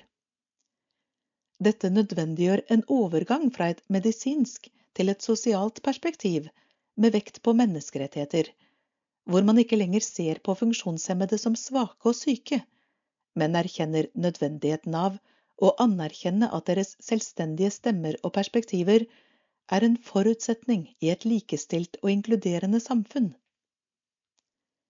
NIM mener det bør igangsettes flere tiltak for å skape en systematisk holdningsendring i samfunnet, i tråd med paradigmeskiftet som CRPD målbærer. Gjennom intervjuene var det flere som påpekte hvordan mange politikere omtaler funksjonshemmede som en samfunnsøkonomisk byrde. Det er behov for holdningskampanjer rettet mot offentlig og privat sektor, Nav, helseforetak, grunnskolen, utdanningsinstitusjoner og politikere, i tråd med CRPD artikkel 8. Også CRPD-komiteen har anbefalt Norge å gjennomføre bevisstgjørings- og utdanningsprogrammer for bl.a. media, offentlige tjenestemenn, dommere og advokater, politiet, sosialarbeidere og allmennheten, med sikte på å øke bevisstheten om å fremme menneskerettighetsmodellen for funksjonsnedsettelse og bekjempe negative stereotypier og fordommer mot funksjonshemmede. For å bryte ned fordommer og stereotypier er det behov for kunnskap. NIM understreker behovet for forskning som viser funksjonshemmedes egne opplevelser og erfaringer fra viktige arenaer som skole og utdanning, arbeidsliv og organisasjoner. Holdningsskapende arbeid er viktig for å forebygge og bryte ned stereotypier og fordommer, på alle samfunnsnivåer. Del 3 NIMs anbefalinger Denne rapporten viser at det finnes utfordringer og barrierer for funksjonshemmedes ytringsfrihet. Disse blir større når man ser dem i sammenheng. Funnene i NIMs undersøkelse reflekterer også kritikk som funksjonshemmedes organisasjoner har fremmet over tid. De viser også at manglende etterlevelse av andre rettigheter enn ytringsfriheten, særlig i CRPD, påvirker funksjonshemmedes ytringsfrihet negativt. NIM mener derfor det bør iverksettes tiltak for å forbedre og styrke vilkårene for funksjonshemmedes ytringsfrihet. NIMs mandat er å fremme og beskytte menneskerettighetene i tråd med Grunnloven og de menneskerettighetskonvensjonene som Norge er bundet av. Dette legger rammer for hvilke typer anbefalinger NIM normalt fremmer. Noen ganger forutsetter menneskerettighetsforpliktelsene konkrete tiltak fra statene. Ofte etablerer forpliktelsene mer overordnede målsetninger basert på sammensatte helhetsvurderinger som ikke kan utledes som spesifikke tiltak eller bestemte politiske løsninger. Grunnen er at menneskerettighetskonvensjonene forplikter mange ulike stater som har innrettet sine nasjonale systemer på ulike måter. Der menneskerettighetene ikke krever en bestemt løsning, er NIM derfor normalt tilbakeholden med å komme med anbefalinger om konkrete tiltak. Det overordnede målet om å sikre reell ytringsfrihet for alle følger både av Grunnlovens infrastrukturkrav og av CRPD. NIMs kunnskapsgjennomgang viser at det bør iverksettes tiltak som dels er utslag av menneskerettslige forpliktelser, og som dels ikke er direkte hjemlet i rettslige forpliktelser, men som likevel vil kunne bidra til en styrket realisering av ytringsfriheten til personer med nedsatt funksjonsevne. Menneskerettigheter forplikter i utgangspunktet stater. På dette området er det imidlertid en rekke andre aktører som også har sentrale roller i å bidra til å sikre reell ivaretakelse av funksjonshemmedes ytrings- og informasjonsfrihet. I tråd med det overordnede målet fremmer NIM derfor anbefalinger til både myndighetsaktører, politiske partier, media og kulturinstitusjoner. Anbefalinger til myndighetene Hets, trakassering og hatefulle ytringer. Opprettelsen av egne hatkriminalitetsgrupper i alle politidistrikter bør følges av tiltak for å sikre at disse har tilstrekkelig kunnskap og kompetanse om hatkriminalitet rettet mot funksjonshemmede. Myndighetene bør fortsette arbeidet for å sikre at hatefulle ytringer og hatkriminalitet registreres etter klare og like retningslinjer nasjonalt. Videre bør nye handlingsplaner mot hatefulle ytringer og hatkriminalitet inneholde egne tiltak om hatefulle ytringer og hatkriminalitet rettet mot funksjonshemmede, annet sikre at det spres kunnskap om at hatefulle ytringer av funksjonsnedsettelse er straffbart, og at trakassering er ulovlig. Selvsensur og frykt for represalier. Myndighetene bør iverksette tiltak for å styrke kunnskapen blant funksjonshemmede om deres rettigheter, og at klagemuligheter er reelt tilgjengelige. Gode og anonyme varslingsmuligheter og varslingsrutiner på arbeidsplassen, legekontoret, i boliger for funksjonshemmede, i grunnskolen, på universiteter og ved andre virksomheter, må sikres. NIM anbefaler også at det forskes mer på omfanget av selvsensur hos funksjonshemmede. Barrierer mot deltakelse i det politiske og offentlige liv. Rollen og påvirkningsmuligheten til de kommunale rådene for funksjonshemmede bør styrkes, slik at det sikres at det gis reell innflytelse i alle relevante saker. Representasjon av funksjonshemmede i komiteer, utvalg og styrer bør styrkes.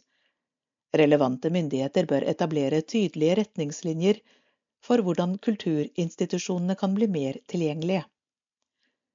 Myndighetenes planer og strategier for deltakelse i idrett, kultur og på fritidsarenaer bør fokusere på inkludering av funksjonshemmede for å ivareta deres rett til informasjon og deltakelse. Utilstrekkelig personlig assistanse. BPA-ordningen er sentral for realiseringen av funksjonshemmedes ytringsfrihet. NIM anbefaler derfor at ikke bare den enkeltes rett til å leve selvstendig, men også realiseringen av den enkeltes ytringsfrihet innarbeides i vurderingene som knytter seg til BPA. Negative holdninger mot funksjonshemmede. For å motvirke stigmatisering og nedsettende holdninger mot funksjonshemmede bør myndighetene bidra til en systematisk holdningsendring i samfunnet, i tråd med paradigmeskiftet som CRPD målbærer.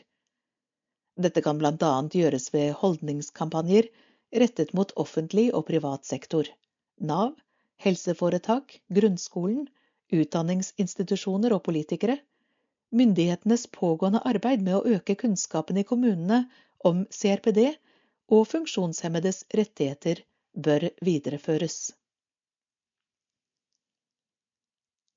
Anbefalinger til politiske partier og sivilt samfunn Politiske partier, inkludert ungdomspartier og sivilsamfunnsorganisasjoner, bør i større grad forberede sine unge aktive medlemmer på å møte og håndtere debattklima i sosiale medier og kommentarfelt, gjennom f.eks. kurs, opplæring og oppfølging. Politiske partier bør utvikle strategier for rekruttering av funksjonshemmede og iverksette tiltak for å sikre at det blir lettere å engasjere seg og være politisk aktiv uavhengig av funksjonsnedsettelse. Anbefalinger til medier og tilhørende organisasjoner Norske medier bør styrke innsatsen for å rekruttere funksjonshemmede til redaksjonene. Norske medier bør etterstrebe at medieinnhold publiseres i flere tilgjengelige formater. Vær varsom-plakaten inneholder et punkt om respekt for menneskers egenart og identitet, privatliv, etnisitet, nasjonalitet og livssyn, og anbefaler forsiktighet ved bruk av begreper som kan virke stigmatiserende. Det ville vært en fordel om mediene også kunne bidra til å senke graden av stigmatiserende medierepresentasjon av funksjonshemmede. Anbefalinger til kulturinstitusjoner Ved planlegging av kultur- og idrettsarrangementer bør man ha rutiner for å sikre ivaretagelse av ytrings- og informasjonsfriheten til funksjonshemmede, eksempel ved å prioritere teksting, tegnspråktolking og tilrettelegging av lyd. Vedlegg Metodebruk for undersøkelsen i arbeidet med rapporten er det tatt i bruk ulike metoder. Først ble det gjennomført en litteraturgjennomgang for å undersøke hva som allerede foreligger av forskning og statistikk på feltet. Når det gjelder drøftelser av rettskilder og rettslige spørsmål, er alminnelig juridisk metode brukt. Den tredje formen for metode er innsamling av førstehåndsdata ved bruk av kvalitative intervjuer. Litteraturgjennomgang i arbeidet med innhenting av foreliggende forskning og litteratur ble tre databaser tatt i bruk. De tre databasene er de mest relevante databasene for denne kunnskapssammenstillingen. Flere avgrensninger er gjort. I all hovedsak ble det sett på litteratur som har blitt publisert i tidsrommet mellom 2010 og 2022, med fokus på norske publikasjoner. Det må understrekes at kunnskapsgrunnlaget ikke er ment å være fullstendig, men har som formål å vise til enkelte rapporter og undersøkelser som kan danne et bilde av dagens situasjon. Litteratur og forskning ble innhentet ved bruk av systematiske søk gjennom anvendelsen av sentrale søkeord i de tre ulike databasene. NIMs kvalitative undersøkelse For å få bedre innblikk i hvordan ytringsfriheten erfares og oppleves, utførte NIM 20 dybdeintervjuer med personer med ulike funksjonsnedsettelser. Den overordnede problemstillingen for disse intervjuene var hvordan oppleves ytringsrommet for funksjonshemmede i dagens samfunn, og hvilke utfordringer hindrer reell tilgang til ytringsfriheten for denne gruppen? Vi var videre opptatt av å lære om hvilke muligheter og barrierer gruppen opplever når de ønsker å tilegne seg informasjon og ytre seg. Vi valgte å bruke kvalitative intervjuer i denne studien, fordi målet var å forstå informantenes egne opplevelser. Målsettingen med denne studien er å gi eksempler på enkeltpersoners erfaringer og opplevelser av ytringsfriheten. Med den valgte metoden sikter vi ikke mot å beskrive omfanget eller mønsteret i opplevelsene til alle funksjonshemmede i Norge. De kvalitative intervjuene gir et innblikk i den enkelte situasjon, og vi fikk høre informantenes egne refleksjoner rundt hvordan det er å tilegne seg informasjon og ytre seg for funksjonshemmede i dagens samfunn. NIM møtte flere organisasjoner og eksperter i forbindelse med planleggingen av undersøkelsen. Disse bidro annet med innspill som ble brukt i utarbeidelsen av intervjuguiden. NIM opprettet også en referansegruppe bestående av seks ulike institusjoner og enkeltpersoner. Medlemmene av referansegruppen kom også med innspill i intervjuguiden. I forkant av datainnsamlingen ble prosjektet og fremgangsmåten meldt inn og godkjent av Norsk senter for forskningsdata, NSD. I arbeidet med å rekruttere informanter kontaktet NIM 15 interesseorganisasjoner. Interesseorganisasjonene videreformidlet invitasjonen til å delta i den kvalitative undersøkelsen til sine medlemmer ved bruk av sosiale medier og e-post. De som ønsket å delta, tok selv direkte kontakt med NIM. Datainnsamling Intervjuene ble gjennomført i perioden juli-november 2021. Hvert intervju varte i en og en halv til to timer. Av covid-19-pandemien ble alle intervjuene utført over Teams. To ansatte i NIM deltok på hvert intervju. Én intervjuet, og én noterte fortløpende det som ble sagt. Det ble ikke brukt lydopptak under intervjuene av personvernhensyn. Personopplysninger ble anonymisert fortløpende under intervjuet. Datamaterialet ble oppbevart i henhold til lov om behandling av personopplysninger og deretter slettet ved prosjektslutt. Like etter at intervjuet var ferdig, ble notatene fra intervjuet renskrevet. Deretter ble intervjuene lest igjennom én gang for å danne et førsteinntrykk. Neste del av prosessen innebar koding av det innsamlede datamaterialet. Koding og analysen ble gjort ved å ta utgangspunkt i utfordringer med særlig menneskerettslig relevans. Alle intervjuene ble utført, kodet og analysert av samme person. Utvalg Utvalget av informanter er bestemt ut fra ønsket om å vise variasjonen i slike opplevelser og gi en mer inngående beskrivelse av innholdet i opplevelsene. Ved å kontakte interesseorganisasjonene og la dem videreformidle kontakt, var målet vårt å få informanter som aktivt ønsket å formidle sine erfaringer, og som er motiverte til å delta. Funksjonshemmede er en mangfoldig gruppe, og møter på både like og ulike barrierer når de ønsker å ta i bruk ytringsfriheten. I prosjektet var det ønskelig å undersøke flere ulike perspektiver og opplevelser av ytringsfriheten, og dermed viktig med et bredt utvalg. Utvalget består av 20 informanter med ulike former for funksjonsnedsettelser. Noen informanter hadde også en kombinasjon av disse. Åtte informanter med en bevegelsesnedsettelse, hvorav de fleste bruker rullestol. Fem informanter med synsnedsettelse, hvorav tre er blinde, tre informanter med hørselsnedsettelse, hvorav to nesten er døve, tre informanter med sjeldne sykdommer, to informanter med psykososiale funksjonsnedsettelser, én informant med kognitiv funksjonsnedsettelse, én informant med dysleksi.